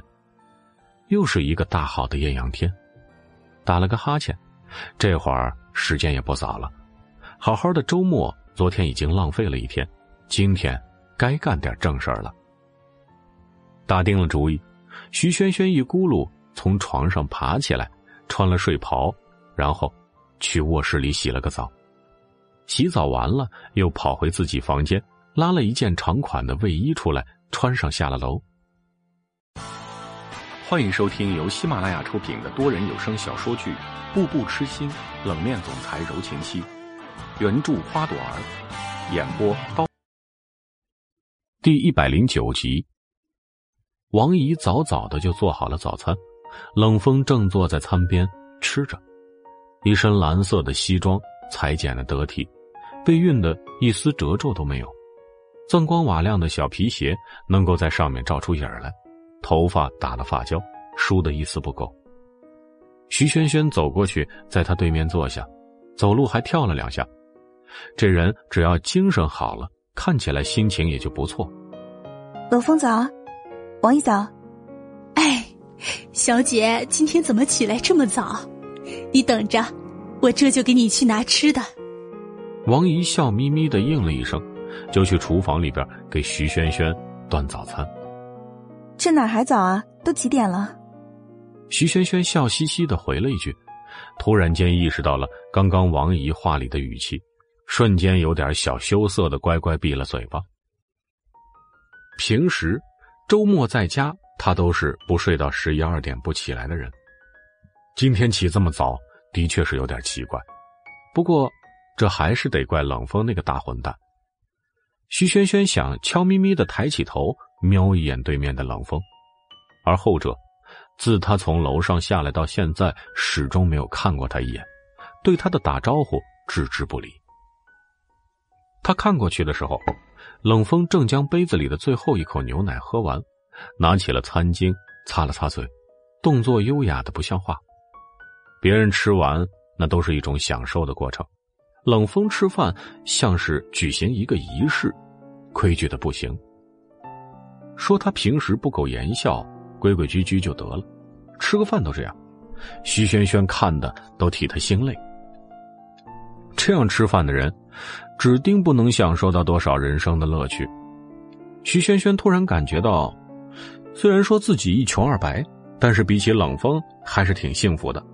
像他这种人，一生下来就注定了尊贵的身份以及以后要走的路。在这种豪门大宅里边，多的是规矩。估计冷风有这么一天，也就是从小被那些规矩给束缚的。王姨在厨房里边，已经把冷掉的甜牛奶热了一遍，重新端出来放在他面前，又在盘子里给他摆好了刚出炉的寿司。知道他喜欢吃草莓。王姨特地给他多放了些草莓酱。那小姐赶快吃吧，不然一会儿就又凉了。嗯，谢谢王姨。拿起沾了最多草莓酱的那一块，徐萱萱咬了一大口，草莓的香甜瞬间充满了整个口腔。他满足的眯了眯眼睛，吃的腮帮子鼓鼓的。那边，冷风已经收拾好了一切，看样子是要去上班。徐萱萱心里别提多高兴，嘴上还是很客套的问了一句：“今天周末你还要去上班啊？”嗯。冷风将一沓资料整理好，递给司机兼助理，简单的回应了一声之后，回头看了他一眼。沾了草莓酱的寿司将徐萱萱的嘴塞得满满当当的，有一部分酱都粘到了嘴唇边上，说起话来含糊不清。他想了想，不知道怎么回事。又想逗逗那个傻女人，将领口的领子扣到了最上面那一刻，边整理领带边随口说道：“不过去公司也没有多少事情，让司机把这些资料送过去也是可以的。”徐萱萱一听，一口寿司差点卡在了嗓子眼儿，连忙喝了一口牛奶顺了下去。这还了得！冷风今天如果还在家，那他就没有好日子。早知道就不多嘴问了。冷风也是，明知道他只是客套一句，还真就顺坡下了。他以前怎么就没发现他还有这个毛病呢？被呛了两声，尴尬的笑了笑。毕竟还是公司的事情重要，手底下的人再怎么着也没有你能力高，万一出点差错呢？说完，又赶紧喝了两口牛奶，顺了顺气。冷风没再搭话。目光晦涩不明的看了他一眼，跟着司机出了门。接下，早就停好了车，佣人替他打开了车门。本来也就是想逗逗他而已，今天再怎么着也是得去公司的。昨天一天没去，江南电话早就不知道给他打了多少了，明里暗里的各种事情，都要求让他去公司。如今到这个时候，正是最关键的。江南是冷子墨安排过来在他身边的，他的一举一动自然都会被江南报告给冷子墨。如今徐萱萱还没怀上孩子，他除了先稳住他们之外，也没什么筹码。直到听到外面的车子发动离开的声音越来越远，徐萱萱这才松了一口气。感觉冷风只要一走，自己就像是笼中的鸟儿得到了解放，虽然还出不了冷宅。但是起码自己做什么也不会有冷风在那儿嫌东嫌西。三两下将最后一块寿司解决完，喝干了杯中的最后一口牛奶，徐轩轩草草的擦了两下嘴巴，然后在王姨一脸的疑惑中奔上楼。昨天一天没有联系齐乐，最关键的是徐轩轩托齐乐周末去看爷爷，还不知道是什么情况呢。去冷风的房间拿了手机，飞快跑回自己房间给手机充上电，这才开了机。刚一开机，一阵叮咚叮咚的直响，消息铺天盖地砸了过来。徐轩轩大概看了一下，多数是齐乐打来的电话以及齐乐发来的消息。这么多电话和消息，肯定是很着急了，也不知道那个小妮子究竟出了什么事情，难不成是爷爷出事情了？心里咯噔的一下，这个想法一出来，吓得徐轩轩瞬间冒起了一身的冷汗。连忙把电话拨了过去，那边很快接了。还没等他开口，电话另一头先是一阵连珠炮一般轰了过来。齐乐那尖锐的嗓音刺得徐萱萱的耳膜隐隐的发疼。徐萱萱，你个混蛋！昨天一天死哪儿去了？电话也不接，消息也不回，也不让别人知道你在哪儿，玩失踪是吧？哎，你还有没有良心？你知不知道我有多担心？我还以为你被人拐卖了呢。巴拉巴拉的一口气，给徐萱萱数落了好几分钟，都不带思考一下，这才平静的平复了一下，喘了口粗气。你说你呀，你周末去哪儿？弄得神神秘秘的，不告诉我们不说，现在连电话都不接了。你说我说你什么好？徐萱萱此时稍微的把手机拿开了一点耳朵，但是没有反驳，一直静静的听着齐洛数落他。此时。心里刚刚吊起的石头也落了下去，齐乐能这么精神的吼他一通，证明爷爷那儿没有出什么事齐乐虽然大大咧咧的，但是也能分得清楚主次，知道徐萱萱现在唯一放心不下的就是他的爷爷。要是爷爷出了什么事情，电话打通再担心也不会说那些话，会先告诉他爷爷的情况。徐轩轩，你要是再这样，你对得起我们这么多年的革命友谊吗？我这老人家的小心脏，迟早有一天被你吓骤停了。徐萱萱无声的笑了笑，能被这样一个人惦记着，很好。好，好，好，我错了，乐乐大美女，我不是故意的。昨天手机没电了，所以才没接到你电话。不要生气了吗？这样会容易老的。你不要给我这种借口，徐轩轩，你都多大人了，还这样让人不省心？不行。明天到了学校，你非得给我交代清楚，你这阵子都在干什么？是不是和那个冷风有关系？他是不是又在强迫你干什么？嗯。徐轩轩委屈巴巴的咬了咬手指。好，乐乐，别生气了吗？我真的没事啊。他没有顺着齐乐的话说下去，他知道自己在这儿给冷风代孕的事儿不能让齐乐知道，不然的话非跟他急不可。于是很明显的转移了话题。好了，乐乐，不要老是说我了。你去看我爷爷了吗？他怎么样？吃的好吗？睡得好吗？身子骨有没有硬朗起来？徐萱萱一口气抛出了这么多问题，只要提起爷爷，他就有说不完的担心。齐乐也被他这一通问话带偏了话题，知道徐萱萱最担心的就是自己的爷爷，也没有多说废话。萱萱，你别着急，你爷爷都好着呢。我昨天去看了，现在你爷爷的身体正在逐渐恢复中，做完手术之后已经不用吃流食了。你找的那个保姆，我看着照顾的也挺好的。昨天去，你爷爷还和我说了好一会儿话，问你现在在哪儿，就说是想你了，有些担心你而已。徐萱萱眉头一酸，眼眶酸涩的难受，差点落下泪来。这段时间在学校比较忙，周末冷风又把他禁锢在冷宅里，不许他出去，也的确好久没有看爷爷了。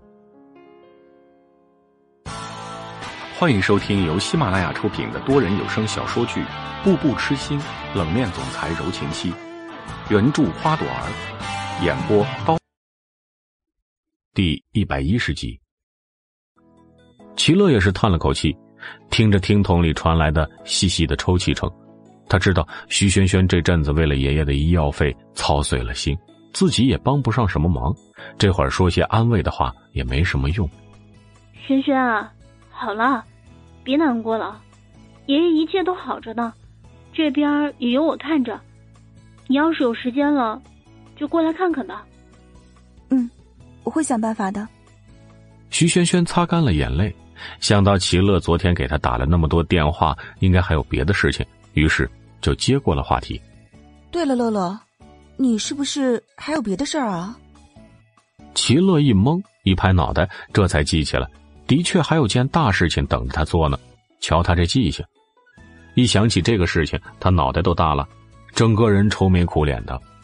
轩轩，现在的确是有件大事需要你帮忙呢。嗯，你说吧，只要我能帮得上，我一定帮。齐乐咳了咳两声，然后清了清嗓子，这才把事情细细道来。嗯嗯，所以啊，现在我们就是需要一个好的摄影题材。穆以贤那混蛋自己想不出来，就把事情扔给我。我这脑袋瓜子哪是想那种文艺事情的料啊？所以，这不就只有找你了吗？你可一定要帮帮我。徐萱萱也有些发愁，连穆以贤这次都想不出点子来，他能想出什么来？好嘛好嘛，萱萱你就帮帮我吧。你是学霸，脑袋瓜子那么好使，一定有好点子的。徐轩轩觉得齐乐这会儿要是在他身边的话，肯定摇着他的胳膊，睁大眼睛，委屈巴巴的看着他。经不住这个小妮子软磨硬泡，徐轩轩只能无奈的答应了这事。好吧，好吧，我答应就是了。真的，耶！还是谢谢你最爱我了，哇！那边齐乐立马发出了一声震天的欢呼，就差手舞足蹈了。萱萱，说好了，可不许反悔。我这就给穆以贤说一下，估计他也很高兴。徐萱萱无奈的叹了口气，这事儿还真是有些难办。可是。要是不答应，这小妮子没准嘴皮子都要磨破了，也会求他。嗯嗯嗯，知道了。不过到时候想出来的点子不好，你可不要怪我。毕竟这次连以贤学长都没有想出来什么好办法。这次可是事关重大的社团招新活动，以前学长马上也要去考研离任了，而你这个副社长，到时候就会升任成正会长。所以呀，乐乐，有些事情。还是要靠你自己的。嗯，知道了。齐乐吐了吐舌头，笑嘻嘻的应了一声：“那我先挂了啊，我还要去忙呢。”嗯，好的，拜拜。挂了电话，徐轩轩吐出了一口气，仰面倒在床上。一下涌来了这么多事情，一时之间竟然让他不知道先从哪儿下手，感觉本来已经很宽裕的时间，这会儿有些不够用了。呼出了一口气，想想还有那么多事儿，徐萱萱觉得还是先赶紧做了的好，而且他还想抽个时间去看看爷爷呢。但是冷风那个家伙又不让他出门，哎，真是愁啊！日光正好，早晨的太阳还没有多晒，从落地窗照进来，洒在人身上，暖洋洋的，很舒服。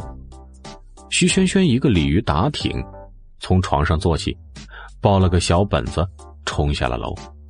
王姨正在客厅里给花盆的水浇花，顺便把花叶上的灰尘擦一下。看到徐萱萱风风火火的从楼上冲下来，生怕她摔一下。怎么了，小姐？慢点跑，当心摔了。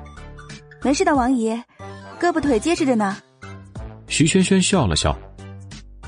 对了，王姨，家里有没有什么躺椅之类的？小姐要用吗？王姨把手里的活干完，放下了抹布，用手擦了擦，一脸好奇的看着他。嗯，今天天气正好，我就是想在院子里晒晒太阳。徐萱萱边说着边往外走，一手拿着手机，一手揣着一个小本子。要是有台笔记本就好了，但是当时为了给爷爷凑医药费，徐萱萱已经把能卖的全部都卖了，现在只剩下这么一部不怎么灵敏的手机。有的，有的，小姐稍等，我这就吩咐人给你搬出去。王姨说了一声，急急忙忙的就去杂物间，然后给徐萱萱找那张控制了很久的躺椅。那张躺椅还是洛彩渊在的时候找人专门定做的。自从洛彩渊去世之后，躺椅没有人用过。平时这个宅子里就住冷风和一帮下人。冷风要是晒太阳，也是在他卧室外的小阳台那晒。况且，他也没有晒太阳的闲心。徐轩轩在院子里边站了一会儿，王姨指挥着人把那张上好的梨木躺椅给抬了出来。王姨还特地擦得干干净净的。光看那分量，徐轩轩能够看出这张梨木躺椅肯定很贵，而且躺椅边上还有许多的繁复的雕刻，很复古的那种。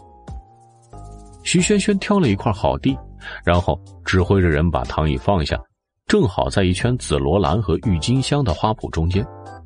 这个季节还不是开花的时候，但是一丛丛郁郁葱葱的花叶看起来很是养眼。徐萱萱美滋滋的眯了眯眼睛，躺了上去，感叹了一声：“有钱人的生活。”从这儿看过去，刚好对着冷风的卧室。此时，卧室外的小阳台上摆放着一个摇椅，旁边挂着一株吊兰，随风摇曳。在冷风的卧室和书房之间，还长着一棵红叶梨，已经过了花期。但上面还是可以看到一些零星的小白花，红色的叶子细细密密的。此时树下的花坛，也是落了一地的枯了的花苞。徐萱萱将小本子盖在了眼睛上，静静的沐浴着阳光，心里想着齐乐让他帮忙办的事情，可是想了好半天，一点点子都没想出来，反而。是被太阳晒的睡意都快上来了，发出了一声感叹，将眼睛上的小本子取下来，眯着眼睛看着并不怎么蓝的天，随口嘟囔道：“天暖和了呀，又可以开始穿着汉服浪了。”徐萱萱本来只是随口的一说，毕竟对于一个汉服控来说，这个天气正是穿汉服的好时机。可是等他说完，下一秒。眼睛一亮，像诈尸一样，腾的坐了起来。对呀，我怎么就没想到呢？他们可以穿着汉服来拍一组摄影，毕竟汉服现在已经渐渐走进大众的眼里，但是都还不太了解。这样一来的话，不但宣传了摄影协会，同时也是当宣传了我们汉服社团。毕竟我身为汉服社团的社长，这马上就要招新了。也没有准备好宣传工作呢。其次，也可以给大家普及一下汉服的知识，真是一箭三雕的好主意。徐萱萱美滋滋的眯了一下眼睛，为自己突然一亮的脑袋瓜点了个赞。可是，主意想出来了，徐萱萱又开始犯愁。摄影协会以前也不是没有拍过汉服作品，所以这也不能说是多么新鲜的题材。而且，在服饰、妆容以及采景上都需要下一大番功夫。就徐萱萱的了解，虽然 Z 市是一个经济发展区，但是符合拍汉服摄影采景地点的可不多，要么就是景区里边进去的门票太高。这附近只要是稍微好一点的采景地点，都被摄影协会的人拍过。本来以为是柳暗花明又一村，结果进去发现还是死胡同。徐萱萱别提有多泄气了。本来想不出来也没什么事情，徐萱萱干脆就不想了，指不定啥时候脑袋一发热就有了新鲜的点子呢。只觉得自己这么干坐着也不是个事情，不能浪费了大好的光阴，不禁又想起了齐乐刚才打电话时所说的。一想起来，徐萱萱控制不住鼻子发酸，她好想。去看看爷爷。正独自伤感着，王姨给他端了一盘刚刚切好的新鲜水果出来，在躺椅旁边给他放了一张小鸡，还放上了一些饮料。看着他有些不高兴的样子，王姨的心里也被揪了一下，忍不住心疼。怎么了，小姐？刚才还好好的，是哪儿不舒服吗？没。徐萱萱蔫蔫的吸了吸鼻子。只是有些想我爷爷了，我想去看看他。欢迎收听由喜马拉雅出品的多人有声小说剧《步步痴心冷面总裁柔情妻》，原著花朵儿，演播刀。第一百一十一集。唉，王姨叹了口气，心疼的摸了摸徐萱萱的头。徐萱萱来了有一段时间了，王姨自然也知道她爷爷的事情，只是别的忙他能帮，唯独这件事情，他帮不了。真是好孩子呀！可惜王姨帮不了你什么。徐萱萱抬起头，眼泪汪汪的看着王姨。王姨，你就帮帮我行不行？让我出去看看爷爷，我保证要不了多长时间就回来。王姨也很为难，看着徐萱萱的样子，她简直不忍心拒绝。可是他的确帮不了。小姐啊，不是王姨不帮你。就算我让你出去了，这宅子里的其他下人也会等少爷回来告诉他的。王姨都这个岁数了，无牵无挂的，倒是没什么可顾忌的。倒是小姐你，要是被少爷知道了，还指不定要发多大的火。而且冷宅这是在郊区，从这儿出去根本打不到车，这儿都是别墅区。都是有钱人住的地方，人家司机都不会来这里拉客，没有府里的司机送你，你这走下山还要花多长时间呢？王姨一番的苦口婆心的劝说，徐萱萱一阵失望，她没想到出个冷府都这么难，也怪自己上次自作主张出去受了伤，冷风这才不让他周末到处乱跑。要不，小姐。你再给少爷打个电话商量商量吧。我看少爷这段时间脾气好了很多，指不定你开口，他就会同意呢。徐萱萱看了一眼在旁边给他帮忙出点子的王姨，想了想，觉得也是。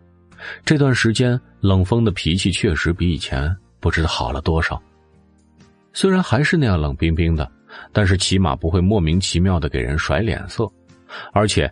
他想起了昨天晚上他饿的时候，冷风还亲自下厨给他做饭吃。也许冷风并没有他想的那么坏。嗯，好。徐萱萱用力的点了点头，打定了主意，就拿出了手机，把冷风的号码拨了过去。打出去之后，徐萱萱又有点小懊恼了。虽然他没有事先发问问人家忙不忙什么的，就这么打过去，可能有些唐突。电话一直响了好久，徐萱萱觉得八成不会被接了。电话那头，Z 市最高的一栋商贸大厦楼顶，冷氏集团办公室内，冷风正坐在干净整洁的简约办公室内，身后是巨大的落地窗，望出去能够看到很远很远的地方，密密麻麻的建筑，车水马龙的大道，这儿的天永远都是灰色的。即便是这种艳阳天，沉沉的压下来，仿佛一伸手就能碰触得到。江南正拿着一份合同给他看，询问他要不要签字。此时放在他手边的电话响起来，两人皆是一愣。冷风最先反应过来，看了一眼屏幕，微微的皱起了眉头，似乎是没想到徐萱萱在这种时候打电话，自己才走了没几个小时，难道是出了什么事情吗？江南站的比较远，而且手机的屏幕反光，但他还是看到了来电人名，眼睛不动声色的眯了一下，脑海里立刻闪现过了一个小女人的模样。他还保持着把合同递过去的模样，想了想，又将手收了回来。总裁，不接吗？冷风抬起头看了他一眼，眼睛眯了一下，闪过了一道危险的光芒。似乎是嫌他管的太宽了，怎么？他派你来监视我，连这种私事都要跟他上报吗？江南笑了笑，没有说话。自从冷风将他来的目的挑明了之后，他就再也没有什么好隐藏的。但是冷风并没有开除他，两个人就这样不清不楚的关系打着太极。都知道眼下这种时候，把事情挑开了说破。并不是什么明智之举。江南跟冷风是同学，两个人知根知底。江南却抛却他的目的不说，第一，他的能力摆在那里，的确是给冷风帮了不少忙，而且哪怕江南做的有多少的过分，不会影响到公司的利益。要是冷风这种时候换了人，冷子墨到时候肯定还会想尽办法在他身边安插人。不知道对方底细的话，肯定不能轻举妄动，所以还不如留着江南，把他放在眼皮子底下，也好放心。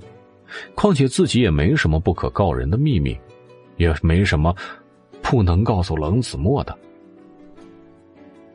桌上的电话一直响到自动挂机，没隔两秒。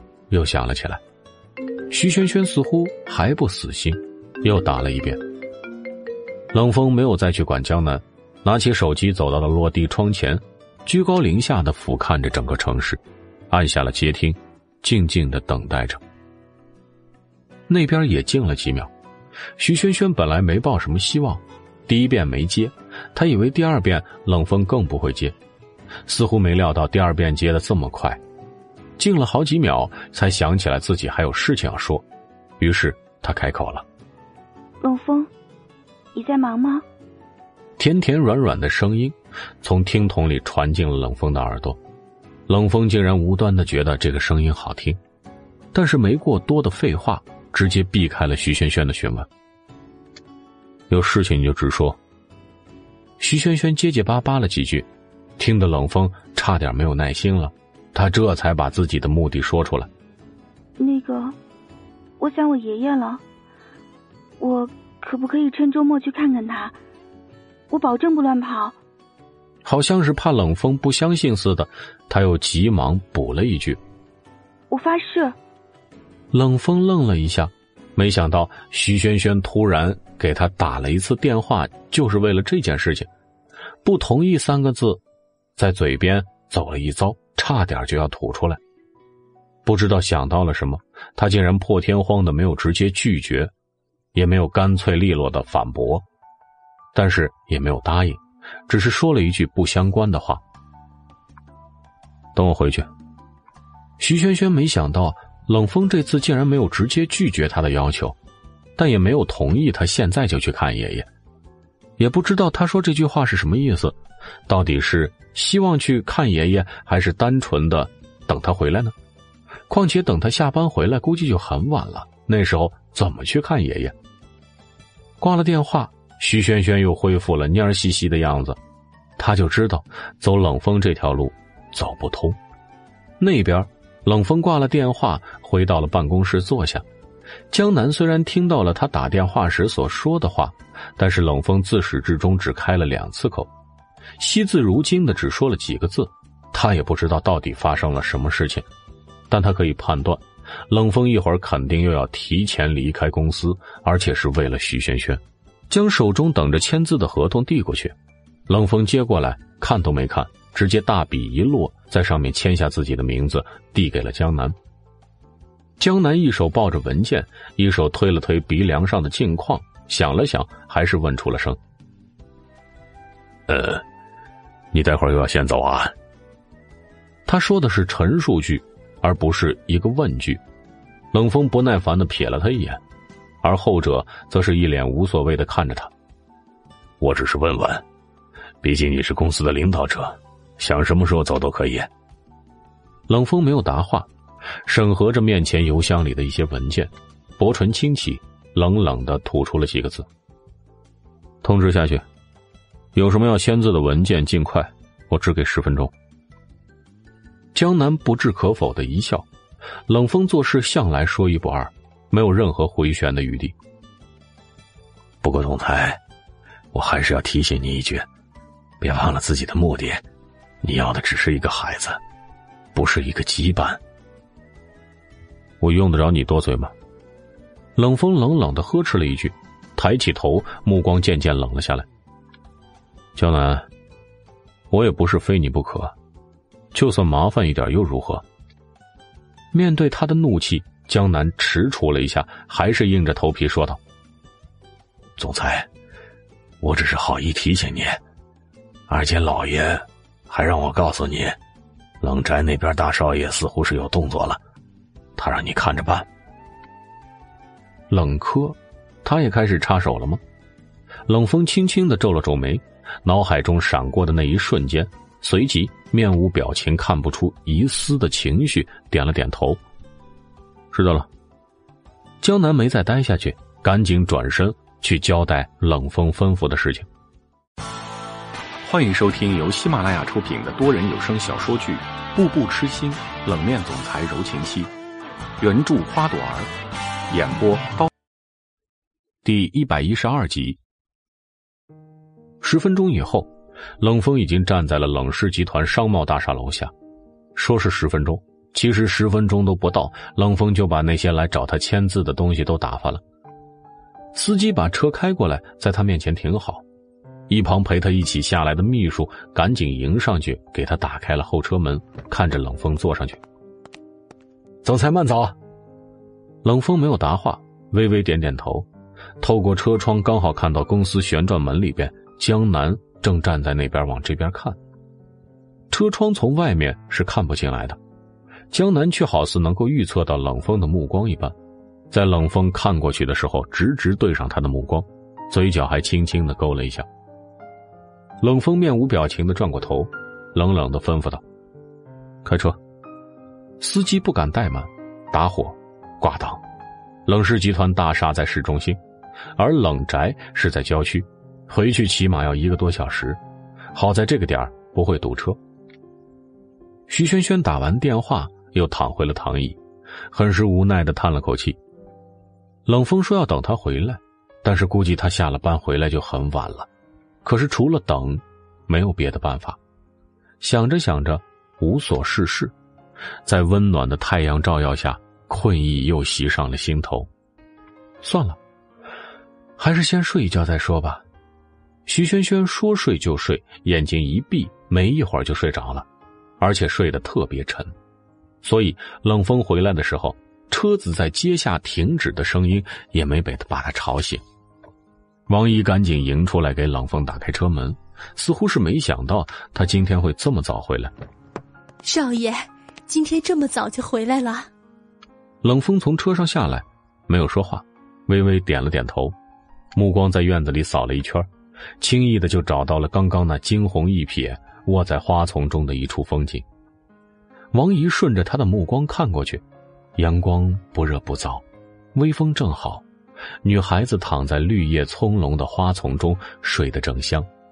从这个角度看不到脸，只能看到一个侧影。少爷，要不我去叫醒小姐？冷风做了一个手势，制止住了王姨的动作。隔着不远的距离，隔着一丛绿叶，他就那样静静的看着，不言不语，也没有动作。渐渐的。躺椅上睡着的女孩便和记忆中某一处身影重叠在一起，好像那也是多年前的这个季节，院子里同样的位置摆了同样的一把躺椅，上面卧着一个妙龄的女子。好似就在刹那之间，冷风突然间出现了一种幻觉，时间倒转回到从前，这一切并没有变，还是多年前那样，她也没有长大。他像是突然魔怔了一般，在一众下人不解的眼光中，朝着花圃中间走去。静了，更静了。他此时轻手轻脚的走到躺椅旁站着，然后缓缓的向榻上的人伸出了手，然后时光和记忆重叠在一起。榻上的女子笑着睁开眼睛，一把抓住他的手，将他半拉在怀中。冷风。做事躺进了女子带着紫罗兰香气的怀中，伸手揽住了消瘦的腰。女子娇笑的在他额头点了一下：“风儿，你怎么这么淘气？”耀眼的阳光在女子眼中折射出了好看的颜色。冷风痴痴的想要伸出手去触摸，滴滴的一声惊呼忽然响起，时光在这一刻定格，幻境被打碎。徐萱萱睡着睡着，感觉面前突然出现了一片阴影，挡住了她的太阳。她在睡梦中不开心的皱了皱眉，然后把脸转了过来。也就在这一瞬间，冷风就快要触摸上去的手，硬生生停在了距离徐萱萱的脸不足五厘米的地方。他好像是陷入了层层叠叠的回忆中，然后被突然拉回到现实中，还没反应过来，他看清了面前这张脸，却不是他记忆中的那张脸。恐慌感在这一刻铺天盖地的向他压来，他伸出手定格在那儿，有些微微颤抖。他突然发现，他记不清那张脸长什么样子，他只记得那双眼睛很美。可是他怎么都记不起来那张脸的五官，明明近在咫尺，好像就在眼前，可是生了一层薄雾，挡住了他的视线，令他看不清楚。徐萱萱明明睡得很香，也突然间意识到什么，被噩梦吓醒一般，唰一下睁开了眼睛，然后瞳孔猛地放大，呆呆的盯着他上方遮住太阳的冷风，以及那只离他的脸很近的手。徐萱萱在这一刻被惊醒了，冷风在这一刻也被惊醒了，看着女孩错愕的眼神，像是被针扎了一般，手猛地缩回来。两个人大眼瞪小眼儿，一个居高临下看着，一个躺在躺椅上抬头仰望着。时间就这样定格了十几秒，冷风最先反应过来，眉头狠狠的锁了几下，先移开了自己的目光，似乎。为自己刚刚的行为有些懊恼。徐萱萱后知后觉，此时反应过来，经历了从梦境回到现实的过程，脑袋却是有些转不过弯来。此时此刻，如果说，如果说前一秒还正在睡着正香的做梦呢，下一秒被眼前突然的一个人影吓一跳的话，无论是谁，都会被吓个半死。徐萱萱觉得，多亏自己心理素质还不错，换成别人，恐怕肯定是会被吓着的。缓了几口气，徐轩轩缺氧的脑袋这才渐渐清明起来，撑着扶手，从躺椅上坐起，不解的看了看站在边上的冷风，这才确定他不是看花眼，也不是做梦，而是活生生的冷风站在他面前。可是，他刚刚到底想干什么呢？你，你，结巴了两下，徐轩轩发现自己被冷风这么一下，舌头都打结了，懊恼的低咒了一句：“自己怎么这么没出息？”又缓了好半天，这才找到了自己的声音：“你怎么了？”冷风还在为自己刚刚无意识的行为感到懊恼，那一刻，他的思想真的是不受大脑控制，这会儿脑子里完全乱成了一锅粥。记忆里的某些东西和现实纠缠在一起，虚虚实实，真真假假。此时，连徐萱萱问他话都没有听到，扭过头就怔怔的站在那儿，陷入了沉思。徐萱萱也不知道他到底是怎么了，难不成是自己反应太大被惊着了？不可能啊，自己都没被吓着，何况冷风这种心理素质强大到可怕的人呢？从躺椅上站了起来。绕到了冷风对面，小心翼翼的伸出手戳了戳他的胳膊，又问了一遍：“你怎么了？”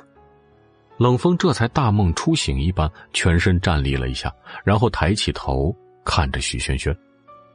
徐萱萱看着他的眼睛，在他抬头的一瞬间，里面充斥着一种迷茫，好像有什么东西破碎了，那种孤独和无助感，脆弱又心疼。只不过是一秒钟的时间。冷风那没有聚焦的瞳孔恢复了正常，依旧是冷冷的，仿佛刚才徐萱萱看到的，一切都是幻象。他瞳孔颜色本来就深，一眼望过去，像是望进了无尽的深渊，要把人尽数吞掉。徐萱萱被盯得头皮有些发麻，急忙移开了视线，找了个话题转移了注意力。你今天。怎么这么早回来？公司的事情都处理完了吗？冷风也不愿意再提及刚才的话题，所以徐萱萱问起他之后，就找了个台阶下，接过去了刚才那一页。你不是说想去看你爷爷吗？Z 市医院离这儿挺远的，要早点去。徐萱萱顿时眼睛一亮，里边好像有小星星一样，抬起头，欣喜的看着冷风。这么说，你是同意我去看爷爷了？嗯，冷风不置可否，给了他一个简短的回答，然后迈开腿向屋内走去。他控制情绪的能力非常强，只是转瞬间，他就能够隐藏好自己不想被人所知的那一面，哪怕是一个可以被别人看出来的异常的动作或者是眼神。而对于徐萱萱这种智商超群、情商却堪忧的人来说，早已因为冷风的这句话，把刚才的异样忘得一干二净。徐萱萱只觉得，刚才受到的惊吓，比起此时内心的愉悦，简直没法比。心情非常好，一蹦一跳，跟在冷风的后面，连说话都不禁多了起来。欢迎收听由喜马拉雅出品的多人有声小说剧《步步痴心冷面总裁柔情妻》，原著花朵儿，演播刀。第一百一十三集。冷风，真是太谢谢你了，没想到你今天这么好。冷风没有回答。进了屋，在玄关处将鞋换了，趁着空隙，这才抬头看了他一眼，目光中带着丝丝的戏谑。照你的意思，这么说，我平时对你不好？嗯。徐萱萱眨巴了一下眼睛，有些呆萌的愣了几秒，没想到冷风竟然也会这么说。他也就是一时口快，再加上心情好，才夸他一句，没想到被他抓到把柄了。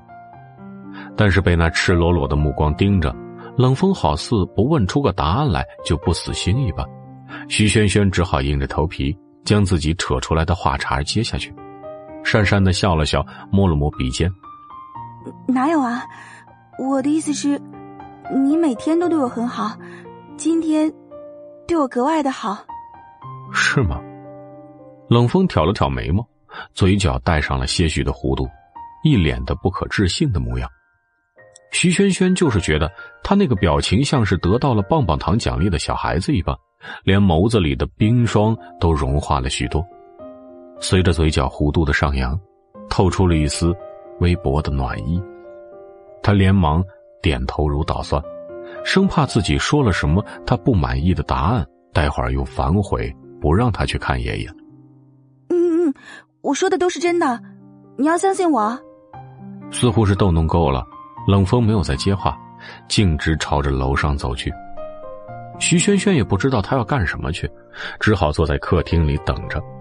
没一会儿，楼梯上便传来了响动。冷风换了一身衣服，出现在楼梯的拐角。藏青色的西装，依旧是熨得没有一丝的褶皱，外加锃光瓦亮的小皮鞋，只是头发这次梳的比较随意一些。徐萱萱差点看直了眼睛，连忙摇了摇头，站起来向前迎了几步，看着从楼梯上一步步走下的冷风：“你这是去看你爷爷？我跟你一起。”冷风淡淡的说道，想了想，又补充了一句：“你现在至关重要，所以不能出一点差错。”徐萱萱听到他前半句话，还觉得挺顺耳的。只是还没翘起来的嘴角就被他接下来的一句话给压了下去。果然，他就说嘛：“这个混蛋怎么可能这么好心呢？同意了去看他爷爷，已经很难得了，现在又要陪他一起去，弄得他差点以为这混蛋突然间性子变好了呢。”他自然知道冷风说的那至关重要是什么意思，不就是给他生孩子吗？所以说，不管怎么着，冷风就算是对他好。那也只是冲着他能给他生孩子来的。这么一想，就连能去看爷爷的兴头都被一盆凉水浇了个透心凉，心底不知道怎么的一抽一抽的疼。撇了撇嘴，心不甘情不愿的说道：“能有什么事儿啊？你让保镖送我去就行了，何必亲自跑一趟这么麻烦呢？”冷风敏锐的察觉到他的情绪在一瞬间低落下去，不过没有细究。自顾自的往外走，直接用行动告诉他这事儿没商量。徐萱萱咬着嘴唇，恨恨的跺了跺脚，有些委屈。厨房里的王姨听到了响动，出来看了他们一眼。少爷、小姐，这午饭马上就好了，你们有事儿吃了再走吧。不用了。冷风头也没回，脚下步子不停，一句是说给王毅听的，另一句是说给徐轩轩听的。如果站那儿再不走，也别去看你爷爷了。哦，来了来了。徐轩轩纵然是再不满，此时也只能是憋着。这个阴晴不定的男人，他还是少惹的为好。徐轩轩送他走到了门口，接下司机已经把车开过来停在那儿，恭恭敬敬的替冷风打开了车门。徐轩轩本来还想坐在后面，奈何王姨的手比较快，替他先打开了副驾驶的门，一脸慈祥的看着他，等着他上去。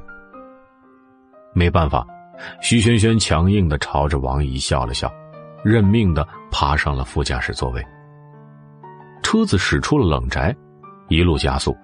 徐萱萱系好安全带之后，就靠在座位上，把头一偏，一直盯着窗外一晃而过的景色发呆。这个季节，介于春夏之间，花都谢了，果实也没有长出来。一眼望去，到处都是郁郁葱葱的绿色，因为车速的加快，在车窗外连成了一片。车里不知道什么时候放了几首比较舒缓的英文歌，徐萱萱稍微将车窗降下来一些，任由有些发凉的风疯狂的涌进来打在脸上。他偶尔会偷偷的转过去，悄咪咪的偷眼看一眼冷风，看着他好看的侧脸以及那握着方向盘有些消瘦修长的手指上突出的骨节微微泛白。一车寂静，一路无言。徐成红治疗的 Z 市医院也在市中心那边，不过比冷氏集团还要远一些。去的时候，太阳已经向西斜了好多。冷风停好了车，出来，站在台阶上等着徐萱萱跟他一起进医院。医院大厅前台有服务的护士，看到徐萱萱和冷风进来，瞬间两眼放光，一副花痴的样子，目光直直的粘在冷风身上。徐萱萱走过去，甜甜的叫了一声“小姐姐”，这才把护士的目光勉强拉了回来。护士有些不好意思的娇羞的笑了笑：“啊，那个有什么能为你服务的吗？我想去探望一个叫徐成红的病人，听说他转病房了，请问他在哪个病房啊？”“好的，请稍等。”护士在电脑上查了一下，再抬起头，随口问道：“他是你什么人？”我爷爷，嗯，好的，他在住院部二十三层，幺幺六病房。好的，谢谢。徐萱萱礼貌的道了声谢，然后转过身去看冷风，用眼神询问他是在这儿等着，还是和他一起上去。冷风直接迈开长腿朝着电梯走去，这意思不言而喻。一路上，无论是路人还是医院值班的护士，都用一种惊艳的目光把冷风上下打量个遍。电梯在二十三层停下，徐萱萱很顺利的找到了幺幺六病房。越靠近病房，他就越是按耐不住心头的激动，步子越走越快，最后小跑起来。冷风一直不急不缓的跟在他身后，无论他快慢，都跟得上。直到到了病房外面，徐萱萱这才放慢了脚步，缓缓的舒了几口气，然后拧开了门把手，轻轻的推开门，轻手轻脚的走进去。窗明几净的病床内，光线充足，在靠近门口的地方放着一盆文竹，房间里充斥着一股淡淡的药水的味道。徐萱萱一眼望过去，看到了躺在病床上那个瘦弱的老人。病魔将他折磨的整个人都消瘦不堪。看到爷爷这个样子，徐萱萱鼻头一酸，眼泪再也控制不住的涌了出来。冷风在他身后关上门，脸上的表情淡淡的，目光不留一丝的痕迹，将病房内扫了一圈。相比于他第一次来到病房，可能是因为徐萱萱交的那笔钱，医院便给他爷爷这次换了个环境好一点的。独立病房，守护在徐洪成床边的保姆听到了响动声，回过头看了一眼，立马笑意盈盈的站起来，朝门口走了过去。目光触及他身后的冷风时，眼里闪过了一丝惊艳。不过他好歹也是人家当妈的年纪了，自然不至于像那些小姑娘一样犯花痴。徐小姐来了，老爷子最近身体好多了呢，你看这会儿睡得正香。徐萱萱勉强笑着点点头，擦了擦眼泪。这几天多谢刘姨对我爷爷的照顾了。哎，没事没事，那你去看看吧，我就先出去，不打扰你了。说完，刘姨就笑着打开了病房门，走了出去。徐轩轩抽了抽鼻子，转过头看了一眼冷风：“你自己找个地方坐会儿，我找爷爷说会儿话。”冷风没有言语，径直走过去，拉了一把椅子，果真就安安分分的坐在了那里。徐萱萱来到了病床前，看着躺在床上的爷爷，泪水又渐渐朦胧了眼眶，心一揪一揪的，疼得厉害。欢迎收听由喜马拉雅出品的多人有声小说剧《步步痴心冷面总裁柔情妻》，原著花朵儿，演播刀。第一百一十四集，病床上的徐成红好似心有所觉般，睁开了眼睛。当看到站在病床边的是他的孙女，老人那双浑浊的眼睛里边透过了一丝光亮。是萱萱来了，快，快让爷爷好好看看。老人嘴角轻轻蠕动，说话的声音细若蚊蝇，但是。徐萱萱听得一清二楚，眼眶里的眼泪更加汹涌澎湃的涌了出来。看到孙女哭得这么伤心，徐成红颤颤巍巍伸出手要去帮她擦眼泪。徐轩轩握住那只瘦的只剩下皮包骨的、满是皱纹的手，哽咽的勉强挤出了一个笑，不想让自己的爷爷伤心。爷爷，对不起，不孝孙女。过了这么长时间才来看你，徐成红那双饱经沧桑的眼睛里，满是愧疚和自责。说什么傻话呢？爷爷怎么会怪你呢？都是爷爷害得你这么命苦。徐萱萱因为这句话，再也哽咽的泣不成声了。没有爷爷。都是我不好，才让爷爷受这种罪。萱萱在这个世界上就只剩下你一个亲人了，所以爷爷一定要好好的。爷孙俩抱头痛哭，一时间病房里充满了低低的哽咽声，笼罩着一股悲伤的氛围。冷风一直静静的坐在一旁，冷眼观看着这一切，内心说不上是什么感觉，确切来说，是毫无波澜。亲情这两个字，在他的认知里，已经记不清是多久之前的事情了。哪怕是亲眼看着这么感人的一幕，就好像往深不可测的湖里边丢一颗小石子，荡不起一丝的涟漪。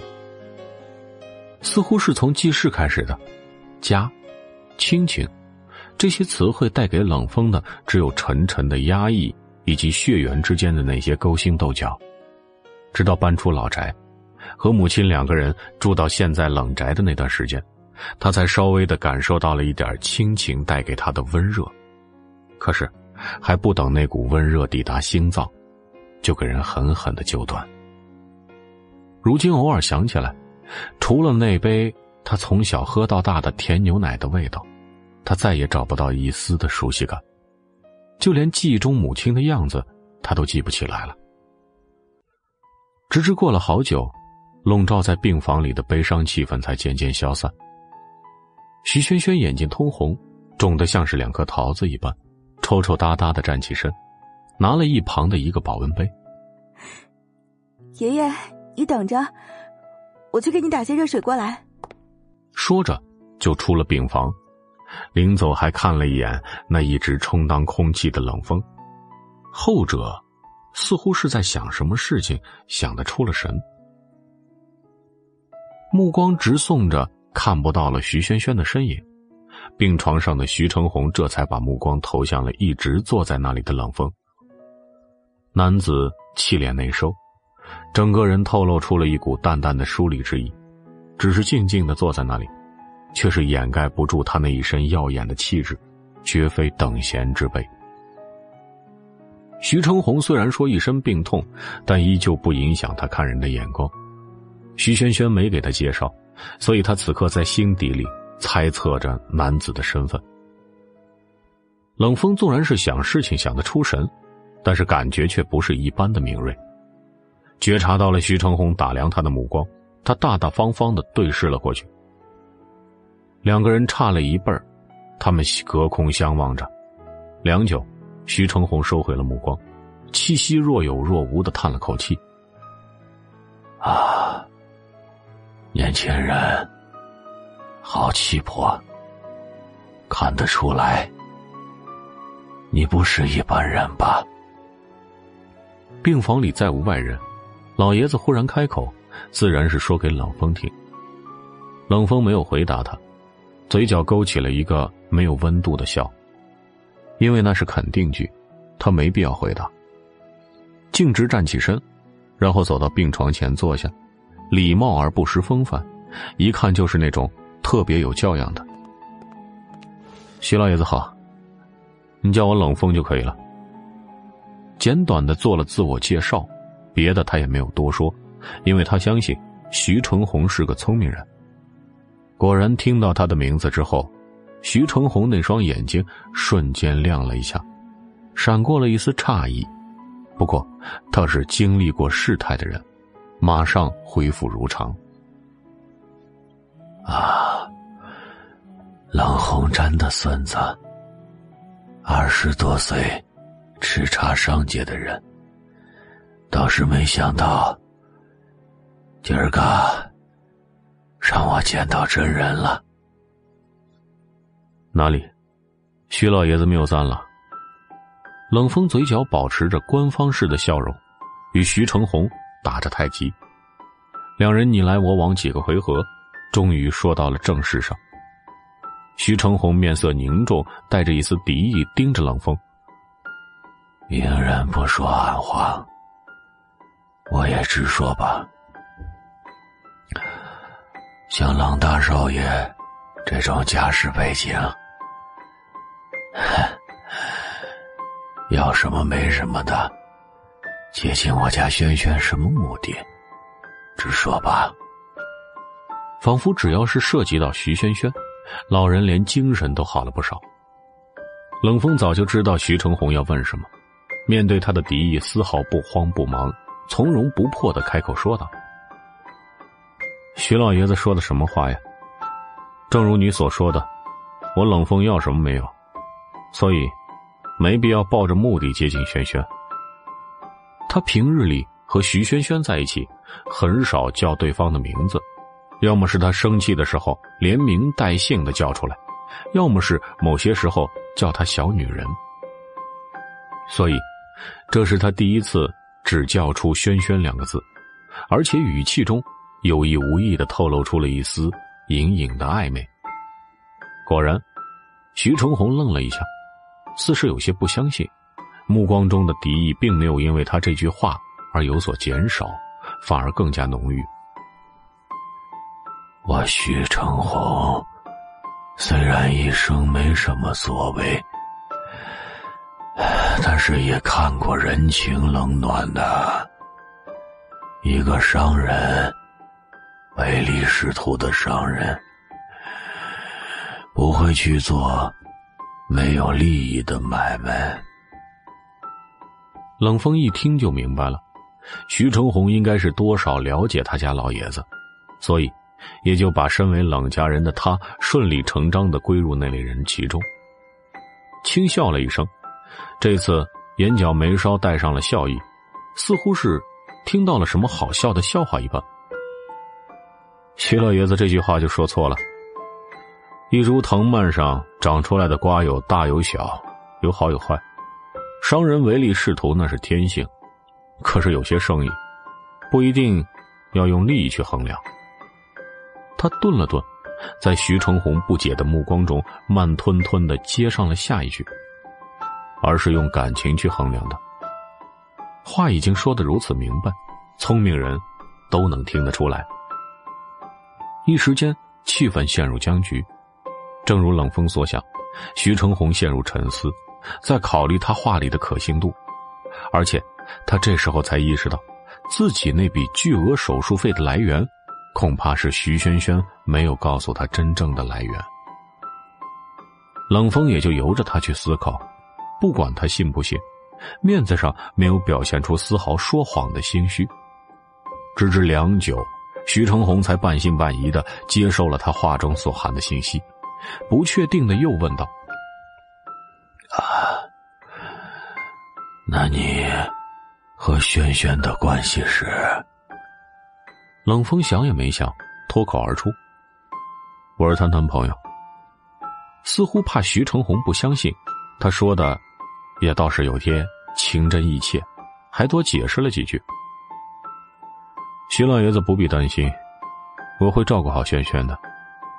你也不必有所顾虑。我虽然是一个商人，跟他们却不一样。我也不想步老一辈联姻的后路。正所谓萝卜白菜各有所爱。轩轩虽然不是我认识的女孩里最好的。但是我跟她在一起，不是因为任何外界因素。欢迎收听由喜马拉雅出品的多人有声小说剧《步步痴心冷面总裁柔情妻》，原著花朵儿，演播刀。第一百一十五集，徐成红看得出来，抛却冷风是冷家的后人不说，单凭他的品性，他其实也是愿意把自己唯一的孙女交给他的。但是豪门里的恩恩怨怨，哪怕冷风嘴上说着不在乎徐萱萱的身世，徐成红还是不想让自己的孙女去趟这趟浑水。重重的叹了口气，病床上的徐成红在一瞬间泄了精神，透露出了深深的无奈。萱萱这个丫头啊，命苦啊，父母走得早。这么多年，我们一直相依为命。可自从我得了这个病啊，我是处处在拖累他。如果不是因为我，这丫头也不至于走到走到这一步。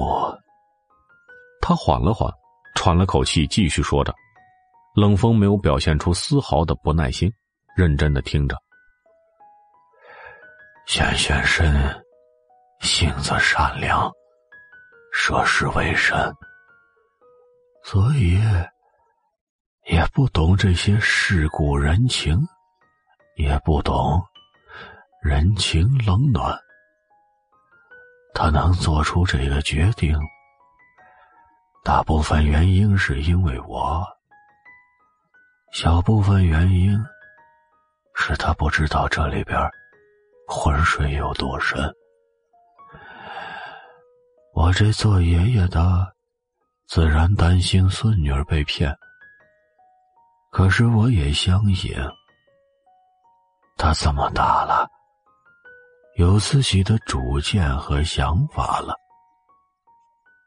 所以，我不会去过多阻止。但是。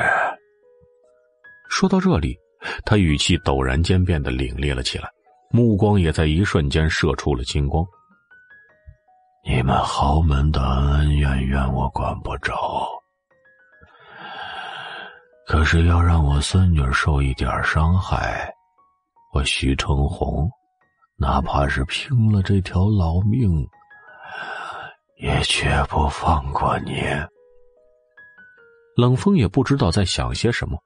收起了脸上的笑意，表情也变得凝重了起来。嗯，你就放心吧。我虽然不是什么好人，但是答应别人的事情，我说到做到。我会照顾好轩轩的。他脸上的表情很认真，说话的语气也很认真。但是这一刻，如果徐轩轩在这儿，准会骂他是个戏精。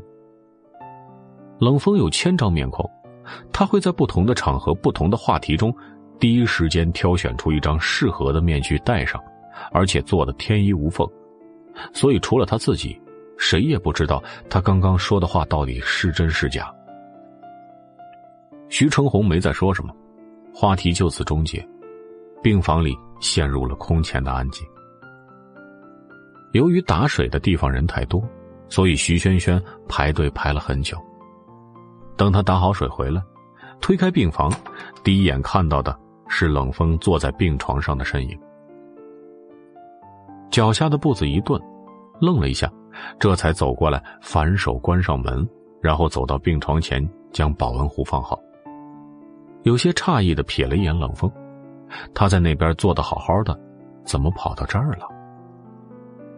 也不知道他和爷爷说了些什么，不过当着徐成红的面，徐轩轩也没有多问。看到他回来，冷风抬起了头看了他一眼，表情依旧是淡淡的。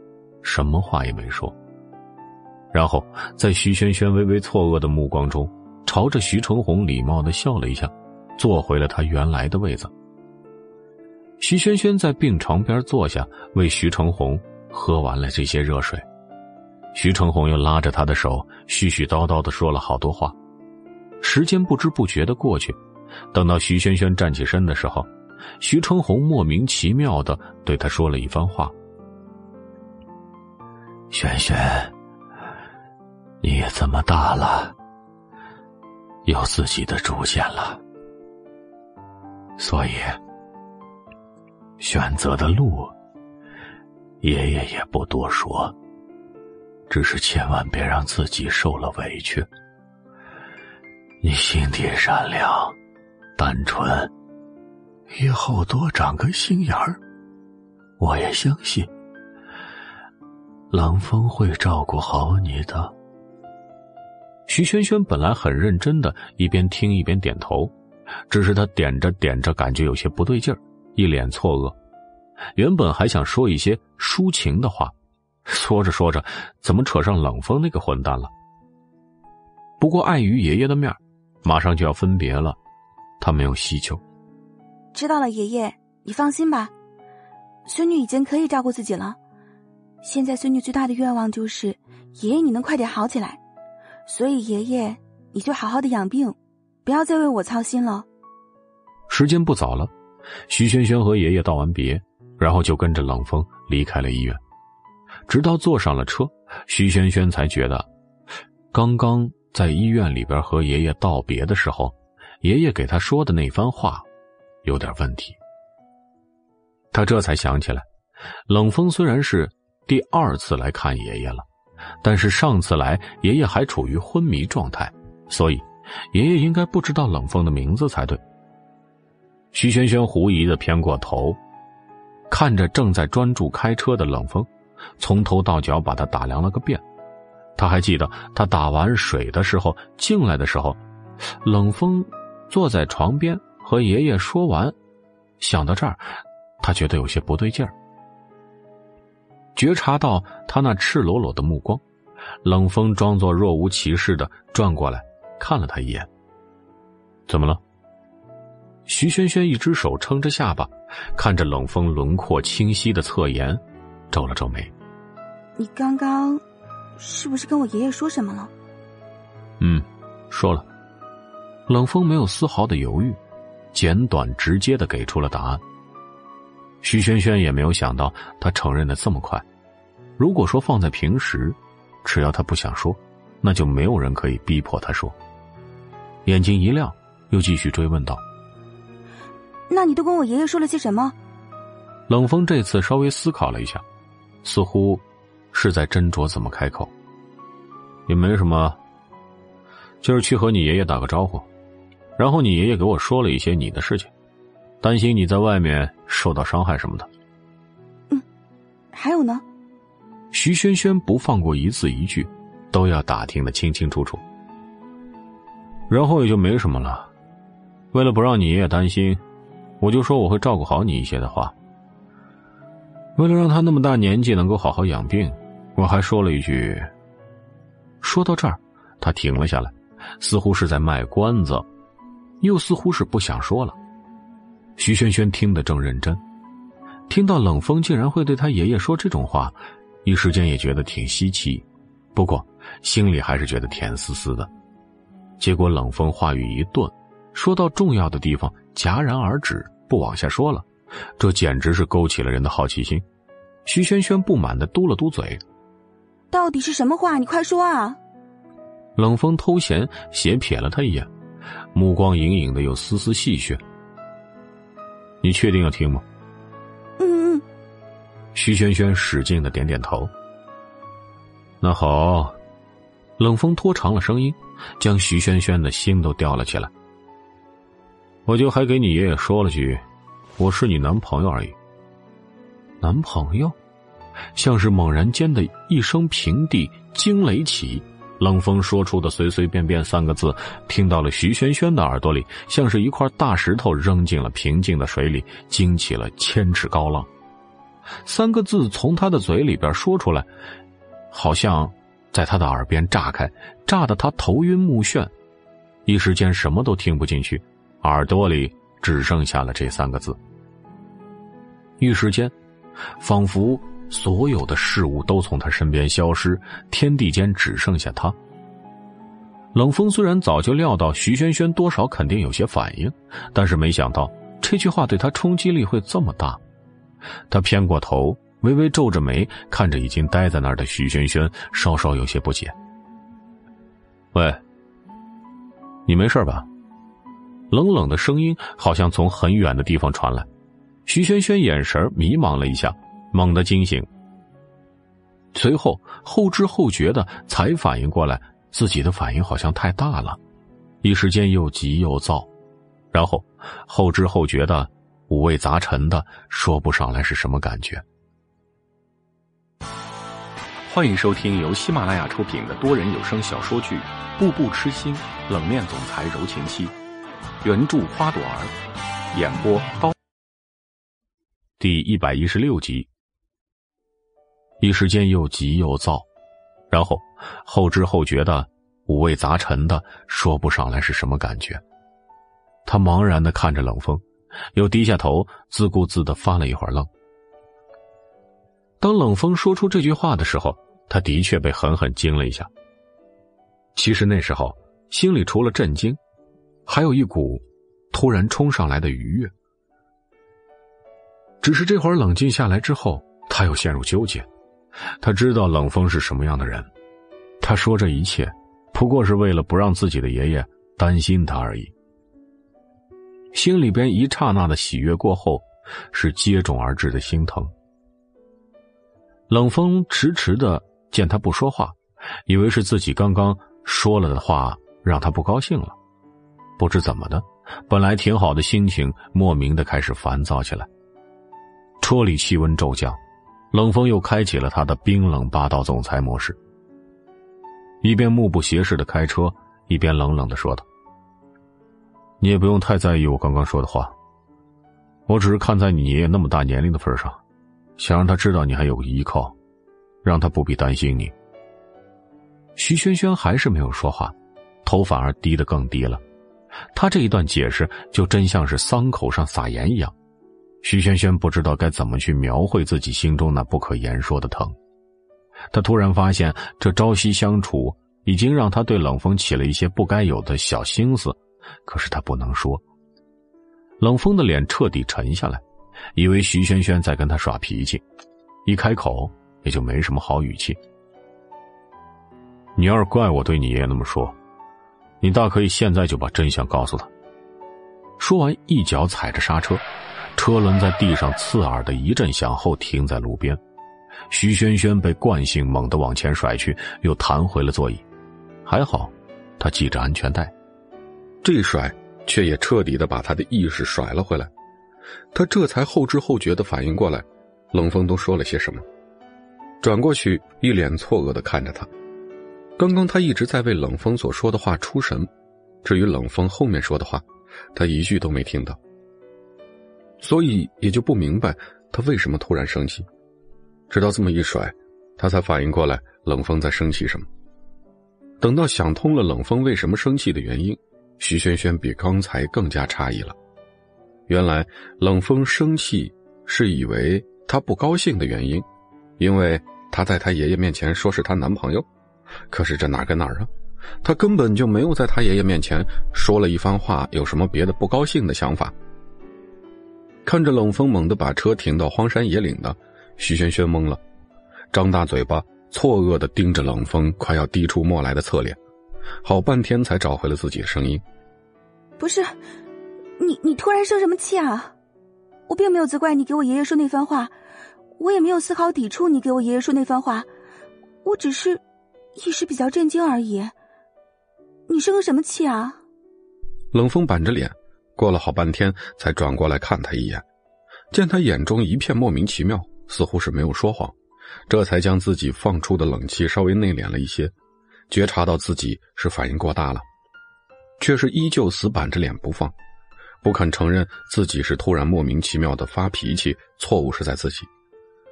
盯着徐轩轩赤裸裸的目光，一言不发，面无表情，继续踩了油门上路。两人又上演了一出莫名其妙的戏。之后，等回到冷宅的时候，太阳已经落下去了。王姨站在院子里，一直张望着，看到冷风的车开回来，这才喜笑颜开的打开了宅门。车子在台阶下停下，冷风先从车里钻出来，反手关门的声音“砰”的一声，车身都震得抖了三抖，更别说徐轩轩在车里没来得及下。这一声直接在耳边炸起，震得他耳膜都隐隐发痒。一众人不知道发生了什么事情，面面相觑。但是他们少爷是真真正正的存在的，而且真真正正的生气了。王姨此时赶紧拉开车门，让快要蒙圈的徐萱萱下来，然后扶着他进屋，在客厅里坐下。你们都还没吃饭吧？等着啊，我这就去给你们做饭。冷风也在沙发的另一边坐下，将西装的外套脱下来，随意放在一边，然后往沙发上一靠。有下人换了新鲜的茶上来，又很快的退了下去。有冷风在的地方，他们一般都识相的不会去打扰。一时间静默无言，谁也没有说话。徐萱萱拿起了杯子，给自己倒了杯上好的君山银针，刚想喝，想了想，还是把它放在冷风面前。又给自己重新倒了一杯，这才捧在手里，慢慢的喝了起来。冷风不知道在想什么，这会儿相比刚才的气色好了很多，脸色也没那么沉，目光在那杯茶上停留了一下，却是没有拿起来要喝的意思。徐萱萱实在是没办法，一杯茶见底了，冷风还是保持着那个动作，那个表情。这时候的冷风，多半还是要来哄着的。其实，徐萱萱也不是非要迁就着他，他生气的原因又不是自己造成的。但是这个非常时期，他们两个人的关系还是非常的。冷风还是他的大金主。无奈，徐萱萱只得放下手中的茶杯，然后使出自己的卖萌十三式，慢慢蹭蹭的往冷风那边挪了一些，又挪了一些。冷风的余光扫视到了，就不知道他要干什么。所以没有反应。等距离够近的时候，徐萱萱伸出她的爪子，刚想抓住冷风的衣袖，好在及时反应过来冷风那特殊的癖好，又忙收了回来。好了，不要生气了，是我的错，好不好？我给你道歉，不要生气了嘛。软软糯糯的声音，带着一丢丢撒娇以及一丢丢的委屈。如果是正常人。这会儿完全没有自控力，可是冷风是谁呀？见惯了那些花天酒地的人，就是女人赤裸裸的躺在他怀里都能坐怀不乱的那种，更何况只是声音呢？只是没有人发现，他那垂在一侧的手悄无声息间握了起来。冷风只觉得那声音犹在耳边，对着他的脖颈吹口气一般，撩拨他的心，痒痒的。哪怕他面上镇定的如同是柳下辉坐怀不乱，可心底已经卷起了浪涛。他也不知道自己是怎么了。此刻如果说换做别的女人，别说只是对他撒几句娇，就是躺在他怀里勾引他，他也会毫无反应。可是唯独面对这个小女人时，他那向来引以为傲的自制力就会崩溃。内心无声无息的叹了口气，率先站起身，往餐厅走去。徐萱萱眨巴了两下眼睛，看着冷风离开的背影，有些错愕的瞪大了眼睛。自己说了这么多，他竟然一句表示都没有，这都白说了。随后，也站起身，迈着小快步跟上去。他知道，要是今晚不把这位不知道抽了什么风的大爷搞定，他接下来几天都别想安宁。哎，你怎么了嘛？倒是说句话啊！冷风终于在他喋喋不休中停下了脚步。徐萱萱只顾往前追，一不留神，没想到他会突然停下来，没止住步子，就这么直直的撞上了前人的后背。哎呦！细微的一声撞击，冷风依旧纹丝不动的站在那儿，倒是徐萱萱被撞得往后踉跄了一步，苦巴巴的皱着眉头，眼泪汪汪的捂住了鼻尖。好疼啊！那家伙背后也不知道是用什么做的，硬得像块板砖，平时摸起来也没那么硬。冷风回过头看了一眼身后捂着鼻子的小女人，一脸嫌弃的皱了皱眉，突然走过来，在他面前站定。徐萱萱刚感觉眼前有一片黑影，抬起头来，冷风的手毫无征兆的袭过来，然后轻轻的在她红彤彤的鼻尖上揉了两下，然后。又在徐萱萱还没来得及反应时抽离，转身继续大步向前走去，同时嘴里还低咒了一句：“真是个蠢女人。”徐萱萱愣在了原地，过了好半天才反应过来，呆呆的看向已经坐在餐桌边的冷风。他这是不生气了吗？快步走过去，然后在冷风面对面坐下，目光一直凝聚在对方脸上。以及他刚刚揉过的鼻尖也开始隐隐发烫。饶是冷风面不改色，他此时被人这么盯着，尤其是徐轩轩，这会儿也是有些不自在。装作若无其事的抬头看了他一眼，怎么了？没，没什么。徐轩轩摇了摇头，有些羞耻的低下了头。吃饭时间还要一会儿，王姨在那边厨房里忙着。冷风干脆站起来，亲自去橱柜里找了高脚杯，然后去储酒室找了一瓶红酒，打开，给自己倒了一杯。欢迎收听由喜马拉雅出品的多人有声小说剧《步步痴心冷面总裁柔情妻》，原著花朵儿，演播刀。第一百一十七集，踱步过来坐下，慢慢品尝着。徐萱萱鼻子灵。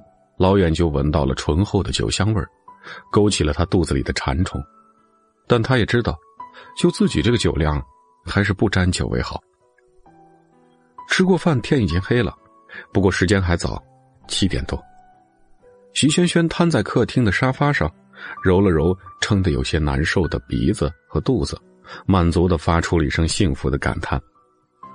冷风就坐在他不远处，抱着平板，不知道在看什么。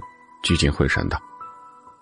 要是徐萱萱就坐在他旁边的话，他一定会看到，此刻冷风手上的平板屏幕上什么都没有。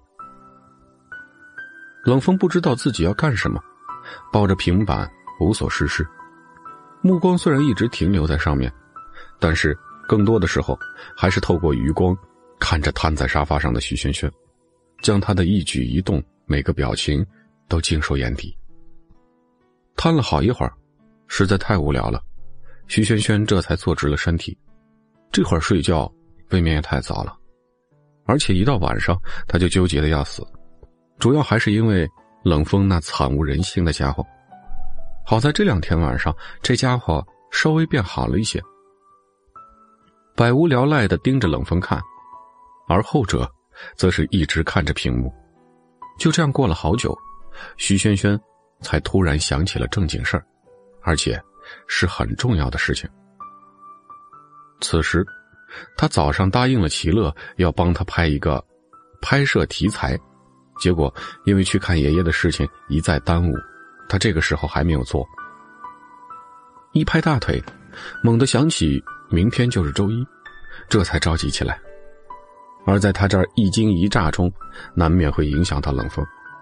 果真，冷风从屏幕上抬起头。狐疑的看了他一眼，怎么了？徐萱萱想了想，这会儿也没有什么时间去想别的新思路、新方案，还不如他早上想的那个汉服拍摄素材。只要他到时候把汉服的设计以及裁剪做得好一些就好了。那个，能不能把你电脑借用一下？我有急事儿。徐萱萱嗫嚅的开口。如今的自己，全身上下穷的只剩下一部手机，还是没什么用的手机。所以，为了做设计，他不得不提出向冷风借用电脑一用。冷风以为他坐立不安是因为什么事情，结果就是借他的电脑。默默无语了片刻，起了给徐萱萱买一台电脑的想法，就让人去楼上把他书房里的电脑拿下来。沉默了一下，他还是多嘴的问道：“你用电脑做什么？”徐萱萱将电脑放在了茶几上。一边不停的操作着，一边脱口而出：“做汉服题材拍摄计划。”什么？冷风又问了一句，他每个字都听懂了，但是一时间没反应过来是什么意思。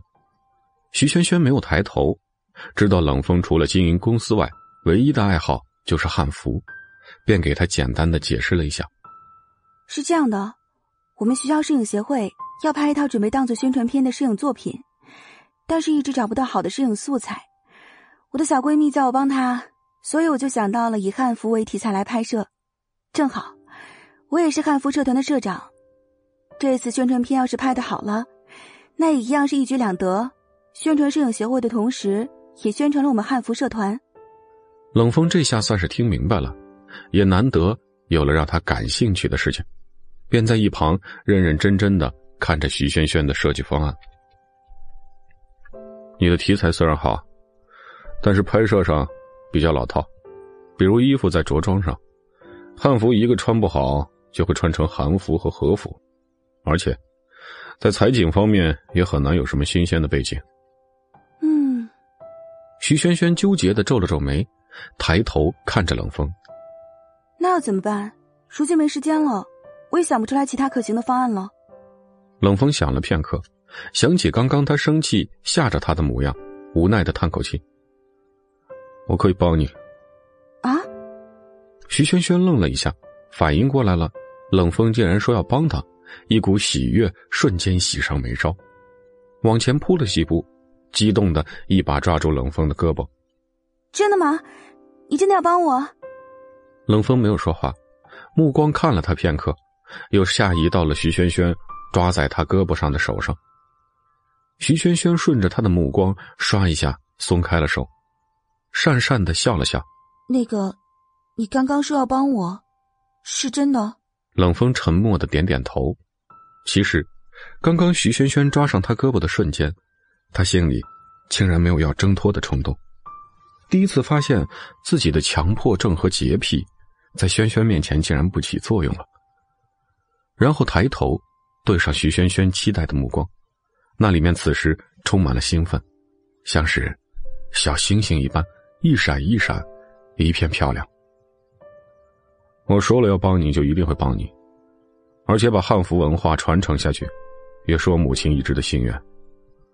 徐萱萱没想到冷风帮他是因为这个原因，而且他发现每次冷风提及母亲时，语气总会软下来。冷风忽略了他的目光，然后接着说道。你这想法不错，但是在服装和出镜上有些普通，所以这些我都会帮你。徐萱萱的好奇心一下被勾了起来，很好奇，冷风这个业余的汉服爱好者会怎么帮他？快说说，那你有什么好主意？锦绣。冷风薄唇轻启，缓缓的吐出了两颗字：“锦绣。”徐轩轩乍听到这两个字，愣了好久才反应过来。然后一脸错愕的看向冷风，好似不相信一般。你说什么？锦绣？冷风不置可否，忽略了他疑惑的目光。还记得我上次带你去那个艺园吗？我母亲生前的许多作品都在那儿。自从我母亲去世之后，锦绣也就不再问世。这几年我师傅也在原有基础上改进了很多，只是一直没有找到合适的机会。把作品宣传出去，这次就当是个开端吧。一番话说完，沉寂了好久，徐轩轩才把这段话里的信息消化完。心里的震惊已经无法用言语来形容。冷风的意思是，他要通过这次机会让锦绣重新问世。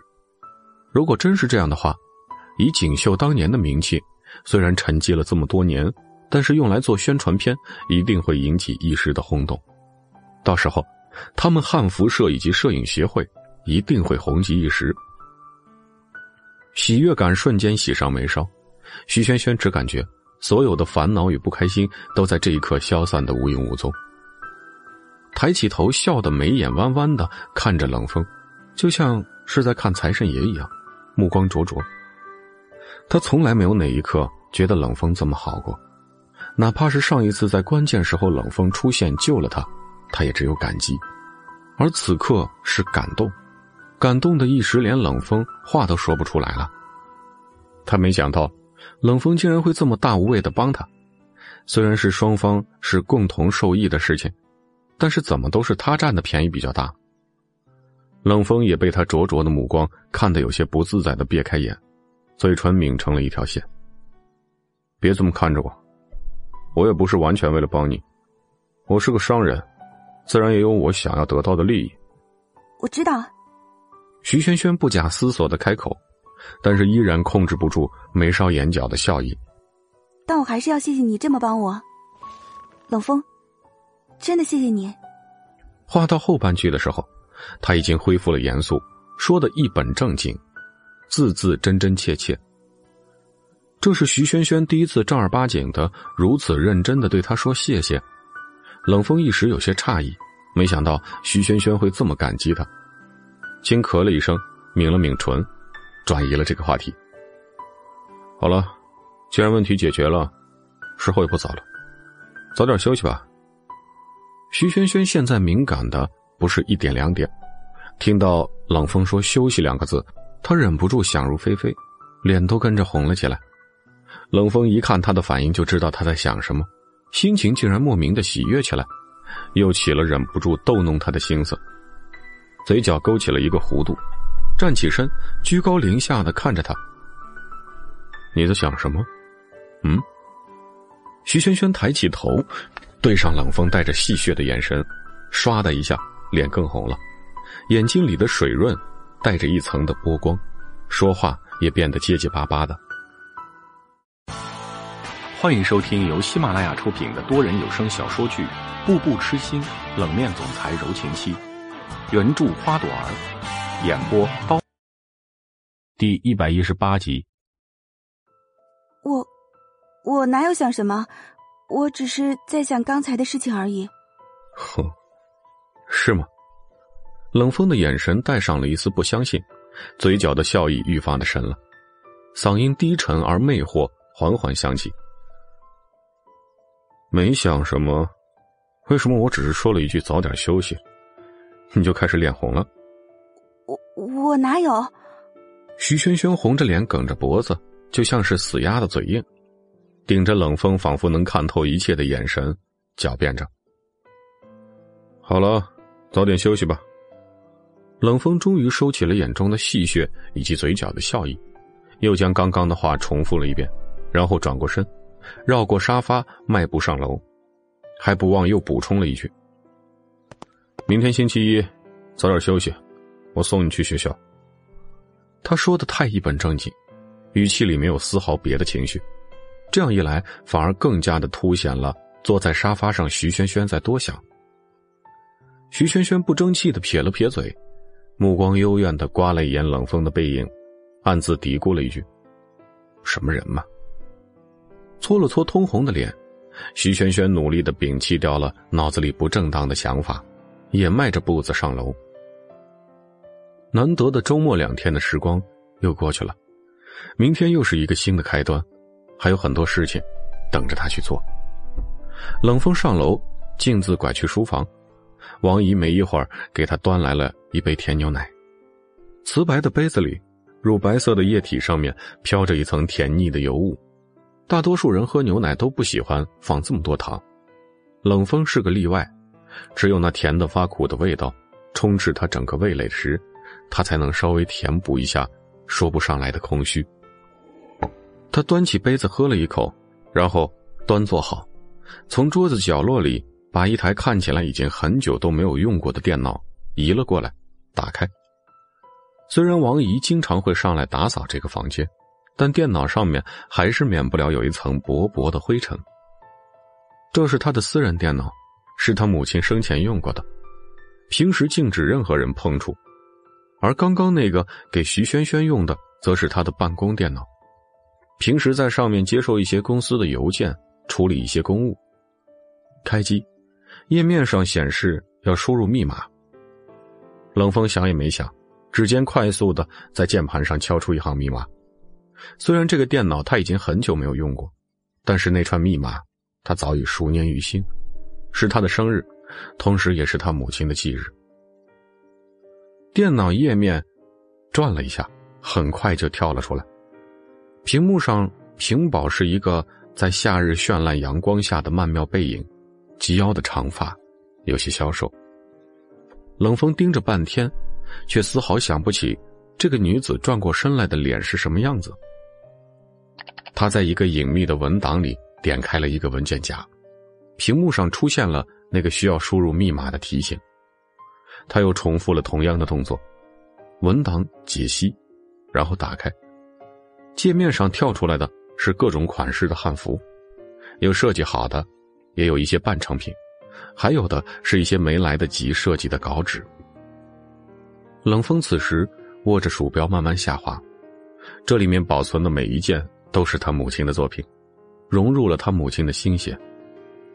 他母亲出事的时候，这台电脑当时是放在家里没有带走的，也就是后来冷风成了一名商人的同时，也在一边研究汉服的原因。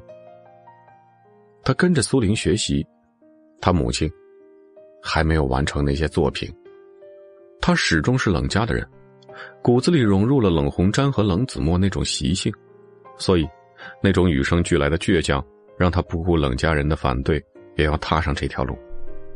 就如那天在医院，徐成红跟他说的：“商人是不会做没有利益的买卖的。”所以他不肯放弃他母亲生前一直在做的，但是同时跟冷家的一众明里暗里的争斗，也争夺着冷氏集团的继承权。鱼和熊掌不可兼得，可是他偏偏就要双赢。一夜好梦，这几天没有再受到冷风那个混蛋的折磨，所以徐萱萱难得的睡了几天好觉。第二天早上一早就被自己昨天晚上定的闹钟给叫醒了，眼睛一睁，迷迷糊糊的摸到手机一看，才六点多，翻个身正打算继续睡觉，门外响起了敲门声，小姐。起来了吗？时间不早了，少爷让我上来喊你起床吃早饭。徐萱萱瞬间眼睛一睁，这才记起来今天是周一，自己待会儿还要去学校呢。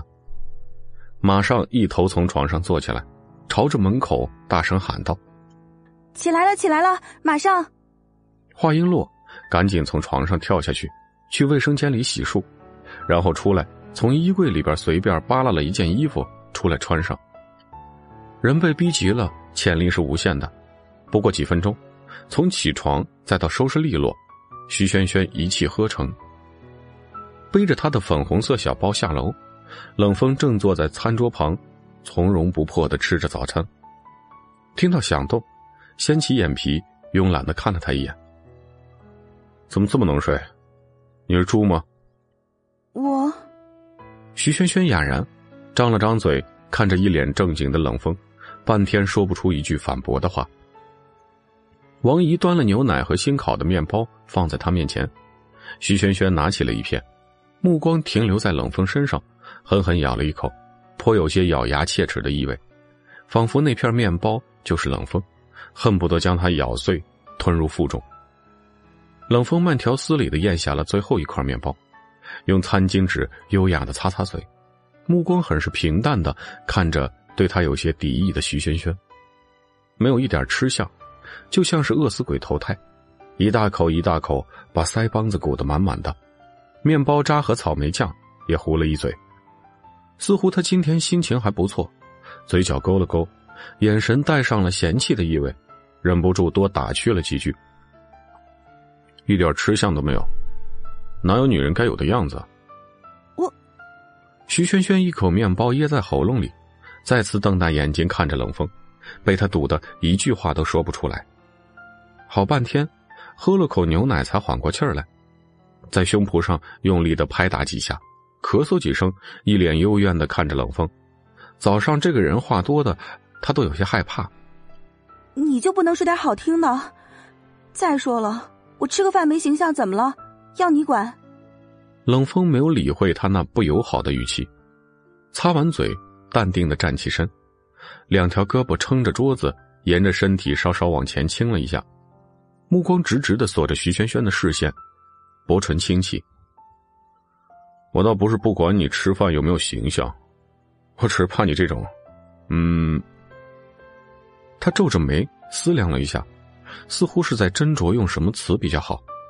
想了好半天，才说了一个比较内敛的词：“怕你这种不羁的性子融入骨子里，到时候会遗传给孩子。”他说的再怎么委婉，徐萱萱也还是听明白了。他这是在拐着弯说他不像女人。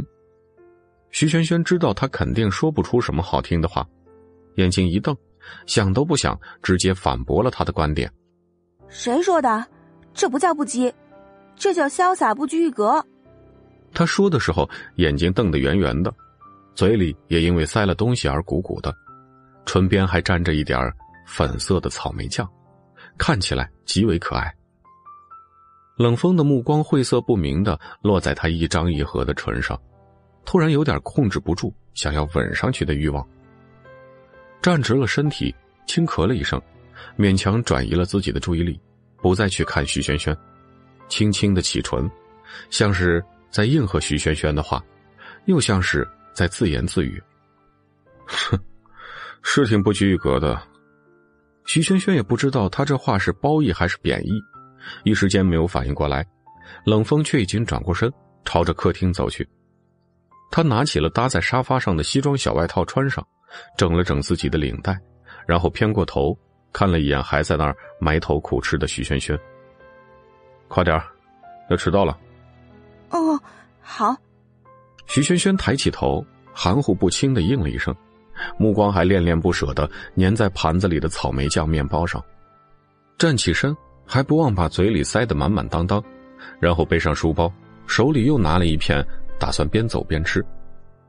冷风嫌弃的目光将他来来回回的打量了好几回，仿佛此刻站在自己面前的是一头猪。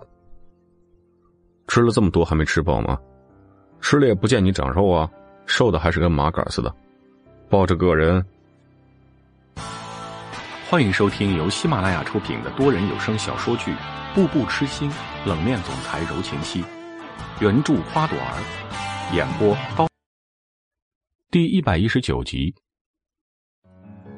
徐萱萱跟在他身后往外走，又将手中的面包咬去了一大半。听到冷风说的话，脸又不争气的红了红，艰难的将嘴里的食物咽了下去，才梗着脖子反驳了几句：“哪有，我也是有肉的人，好不好？而且王姨做的这个草莓酱面包实在是太好吃了，我不赶紧多吃一点，去学校就要好久都吃不到了。”冷风心里默默的嘀咕了一句话，没有说出来，目光不着痕迹的在徐萱萱的胸前瞄了一眼。嗯，的确是胸前有二两肉的人。王姨跟在后面，听到徐萱萱夸她做的面包好吃，笑得嘴都合不拢，赶紧接了一句：“没事儿，小姐什么时候想吃，就打电话回来给王姨，王姨做了，让保镖给你送过去。”好。徐萱萱眼睛都亮了，立马笑得眉眼弯弯，轻昵的凑过去挽住了王姨的胳膊，脑袋还在她肩头蹭了蹭。谢谢王姨，还是王姨最好了。只是心里美滋滋的念头还没有转一个圈就被走在前面的冷风无情的话语打破了。不用，你要是真想吃，让王姨每天早上给你做就行，这样更营养。你放心，我会每天下午都去接你的。如果我没时间，我会让保镖去的。啊！徐萱萱悲催的苦叫了一声，目光恨恨的盯着前面那个挺直伟岸的背影，恨不得在上面钉出一个洞来。苦巴巴的撇了撇嘴，脸都已经垮了下来。他可不想天天的回来住，这样会被冷风给折磨死的。思绪在脑子里转了几个来回，觉得没有什么可行的办法，因为冷风向来都是软硬不吃。台下的司机在那儿等着。今天冷风稍稍低调了一些，只开了一辆价值千万的劳斯莱斯。徐萱萱轻轻的松了口气，不然的话，待会儿送他去学校，又会被别人围观。冷风绕到一旁，打开车门坐进去，然后侧过头，静静的看着徐萱萱，目光提醒他快点。徐萱萱没有再跟王姨说什么，然后拉开车门坐进去，车子启动，在王姨的目光中，驶出了冷宅。车内静悄悄的，只有空气净化器运转发出的细微响动。徐萱萱规矩的端坐着，只要跟冷风坐在一起，他就说不出的有多别扭。想了想，觉得还是要挽救一下，看看能不能每天晚上不要都回来。偏过头，小心翼翼的瞄了一眼身旁的人，开口说道：“那个，就是。”我每天都要回来的那个事情，能不能再商量一下？没得商量。冷风像是铁了心，想都没想就给出了答案。转过头看着徐萱萱一副可怜巴巴乞求的模样，莫名的有些心软，但也没有松口，并且再次开口打消了他心底最后的一丁点希望。我跟 Z 大校方说好了，已经派人去把你宿舍里的所有东西都搬了。从今往后，你也不需要住宿舍。徐萱萱没想到他动作这么快，瞬间变得蔫兮兮的，整个人都不好了。照这么说的话，他以后岂不是日日都要面对冷风这个大冰块了？哀嚎一声，声音里带上了些许可怜。不要啊，能不能再商量商量？你想，冷宅离学校那么远，我要是早上有课的话。那就要很早很早起来，这样麻不麻烦啊？还休息不好？不行。冷风还是冷冷的一口拒绝，反正就是打定了主意，一定要让徐萱萱住在家里。冷风决定的事情，向来很少有人能够劝说得动他。徐萱萱只得不情不愿的接受了这个事实。车内恢复了安静，路上也没有堵车，于是。徐萱萱顺利的在八点上课前成功到达了 Z 市大学的大门外。Z 市大学处于商业繁华阶段，附近有商贸大厦，也有一些高档小区，以及六星级服务地点。总之，住的全是一些有钱人。不过，这个地段的学校，不管是小学还是大学，都是 Z 市里面最好的，所以能在这儿上学的也大多是一些有钱人。许多人家里还给租了房子在外面。这里的学区房价格贵到可以让一些普通薪资的家庭一辈子不吃不喝才能买到那百来平，还不说装修的房。所以在这样一个物质需求达到顶级的地方，冷风开一辆劳斯莱斯送他来上学，不至于引起多大的轰动。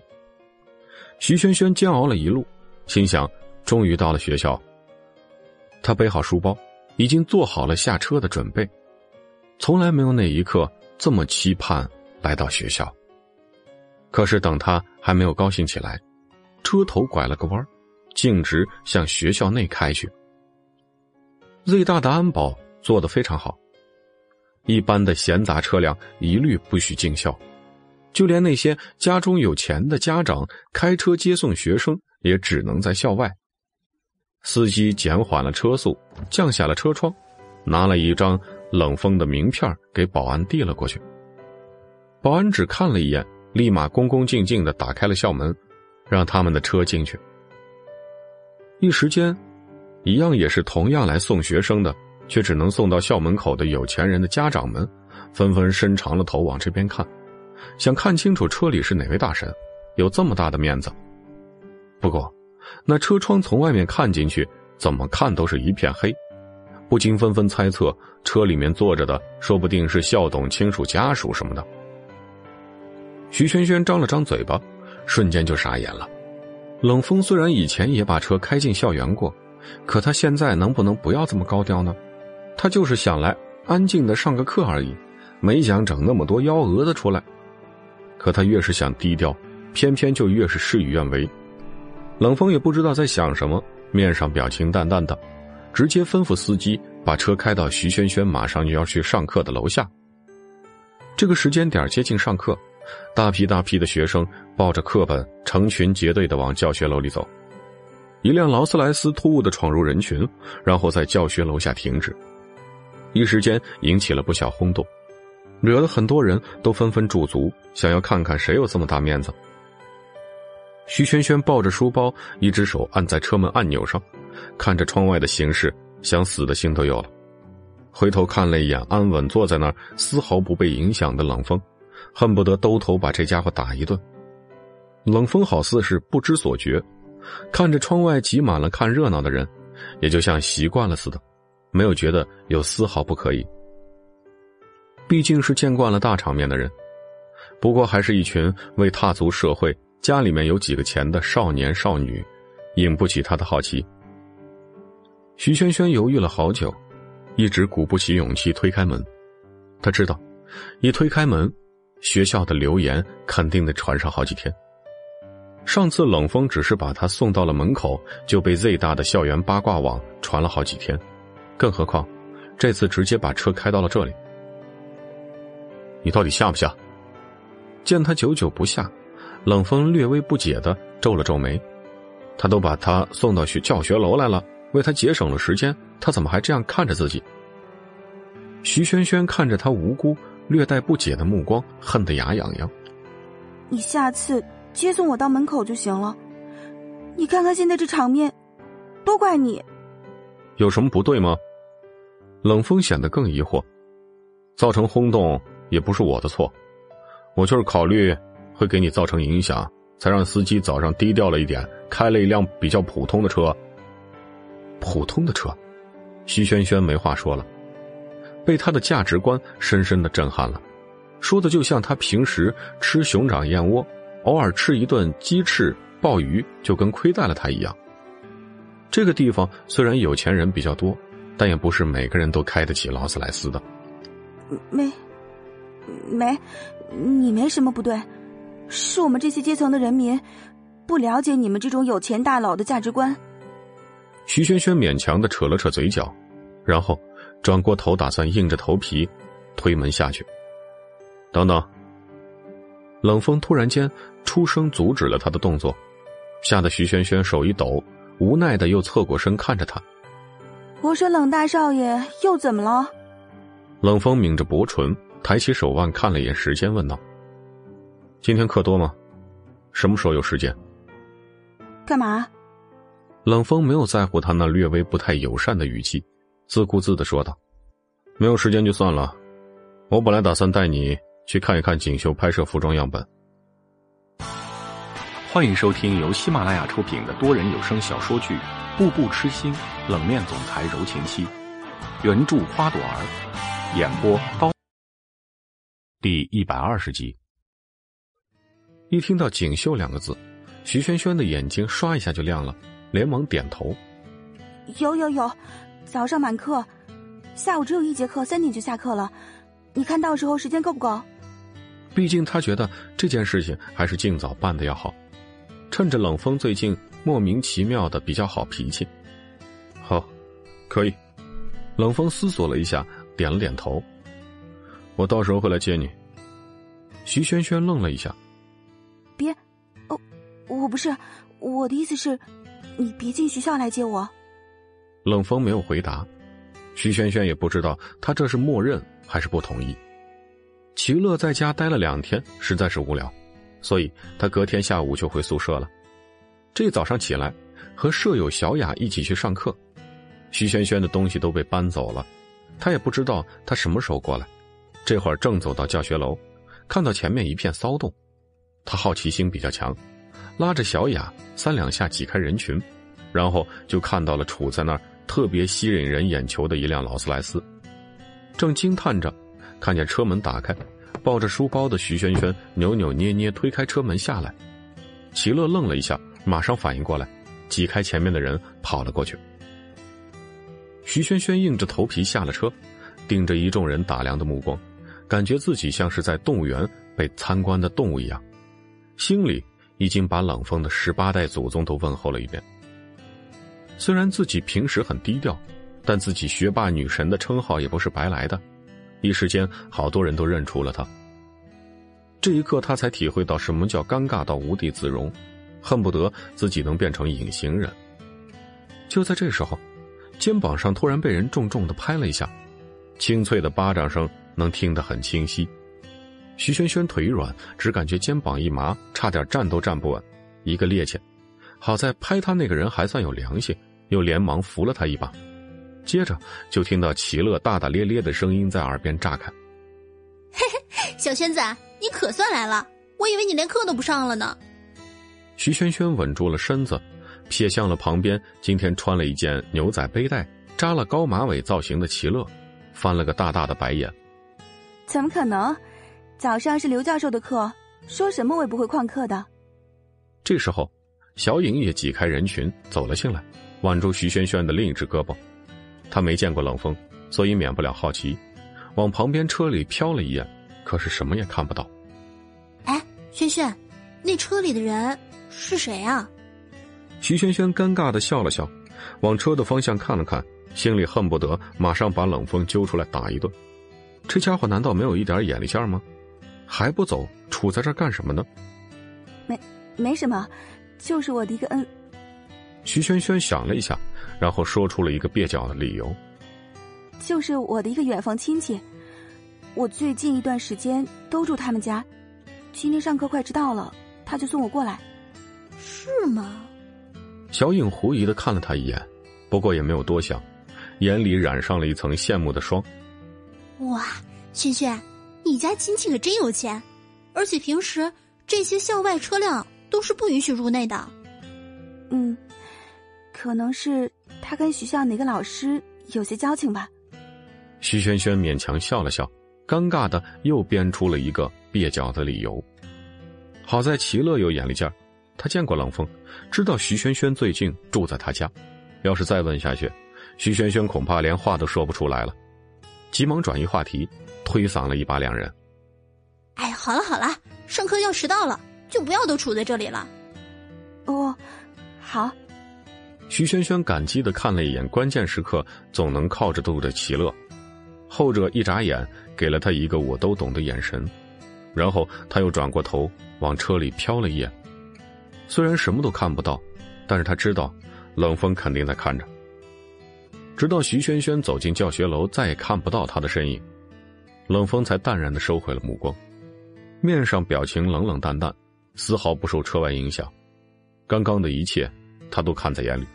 包括徐萱萱说的每一个字，他也听了进去。司机从后视镜看到后座自家少爷在想的什么出神，小心翼翼的问了一声：“少爷，哎，现在要去公司吗？”好，冷风淡淡的给出了一个回答。最近的事情积了很多，都在等着他处理。等会儿还有一个重要的会要开，而且自己这几天不在公司，江南那边催了几次。要是他长时间不了解自己的动向，肯定会给冷子墨说。为了避免不必要的麻烦，他还是回去把事情处理一下比较好。车子发动，向校外走去。冷风此时回头往教学楼的方向瞟了一眼，收回了目光，然后拿起手机打了个电话。电话那头很快响起了声音，不过不是冷风所预料的那个老态龙钟的声音。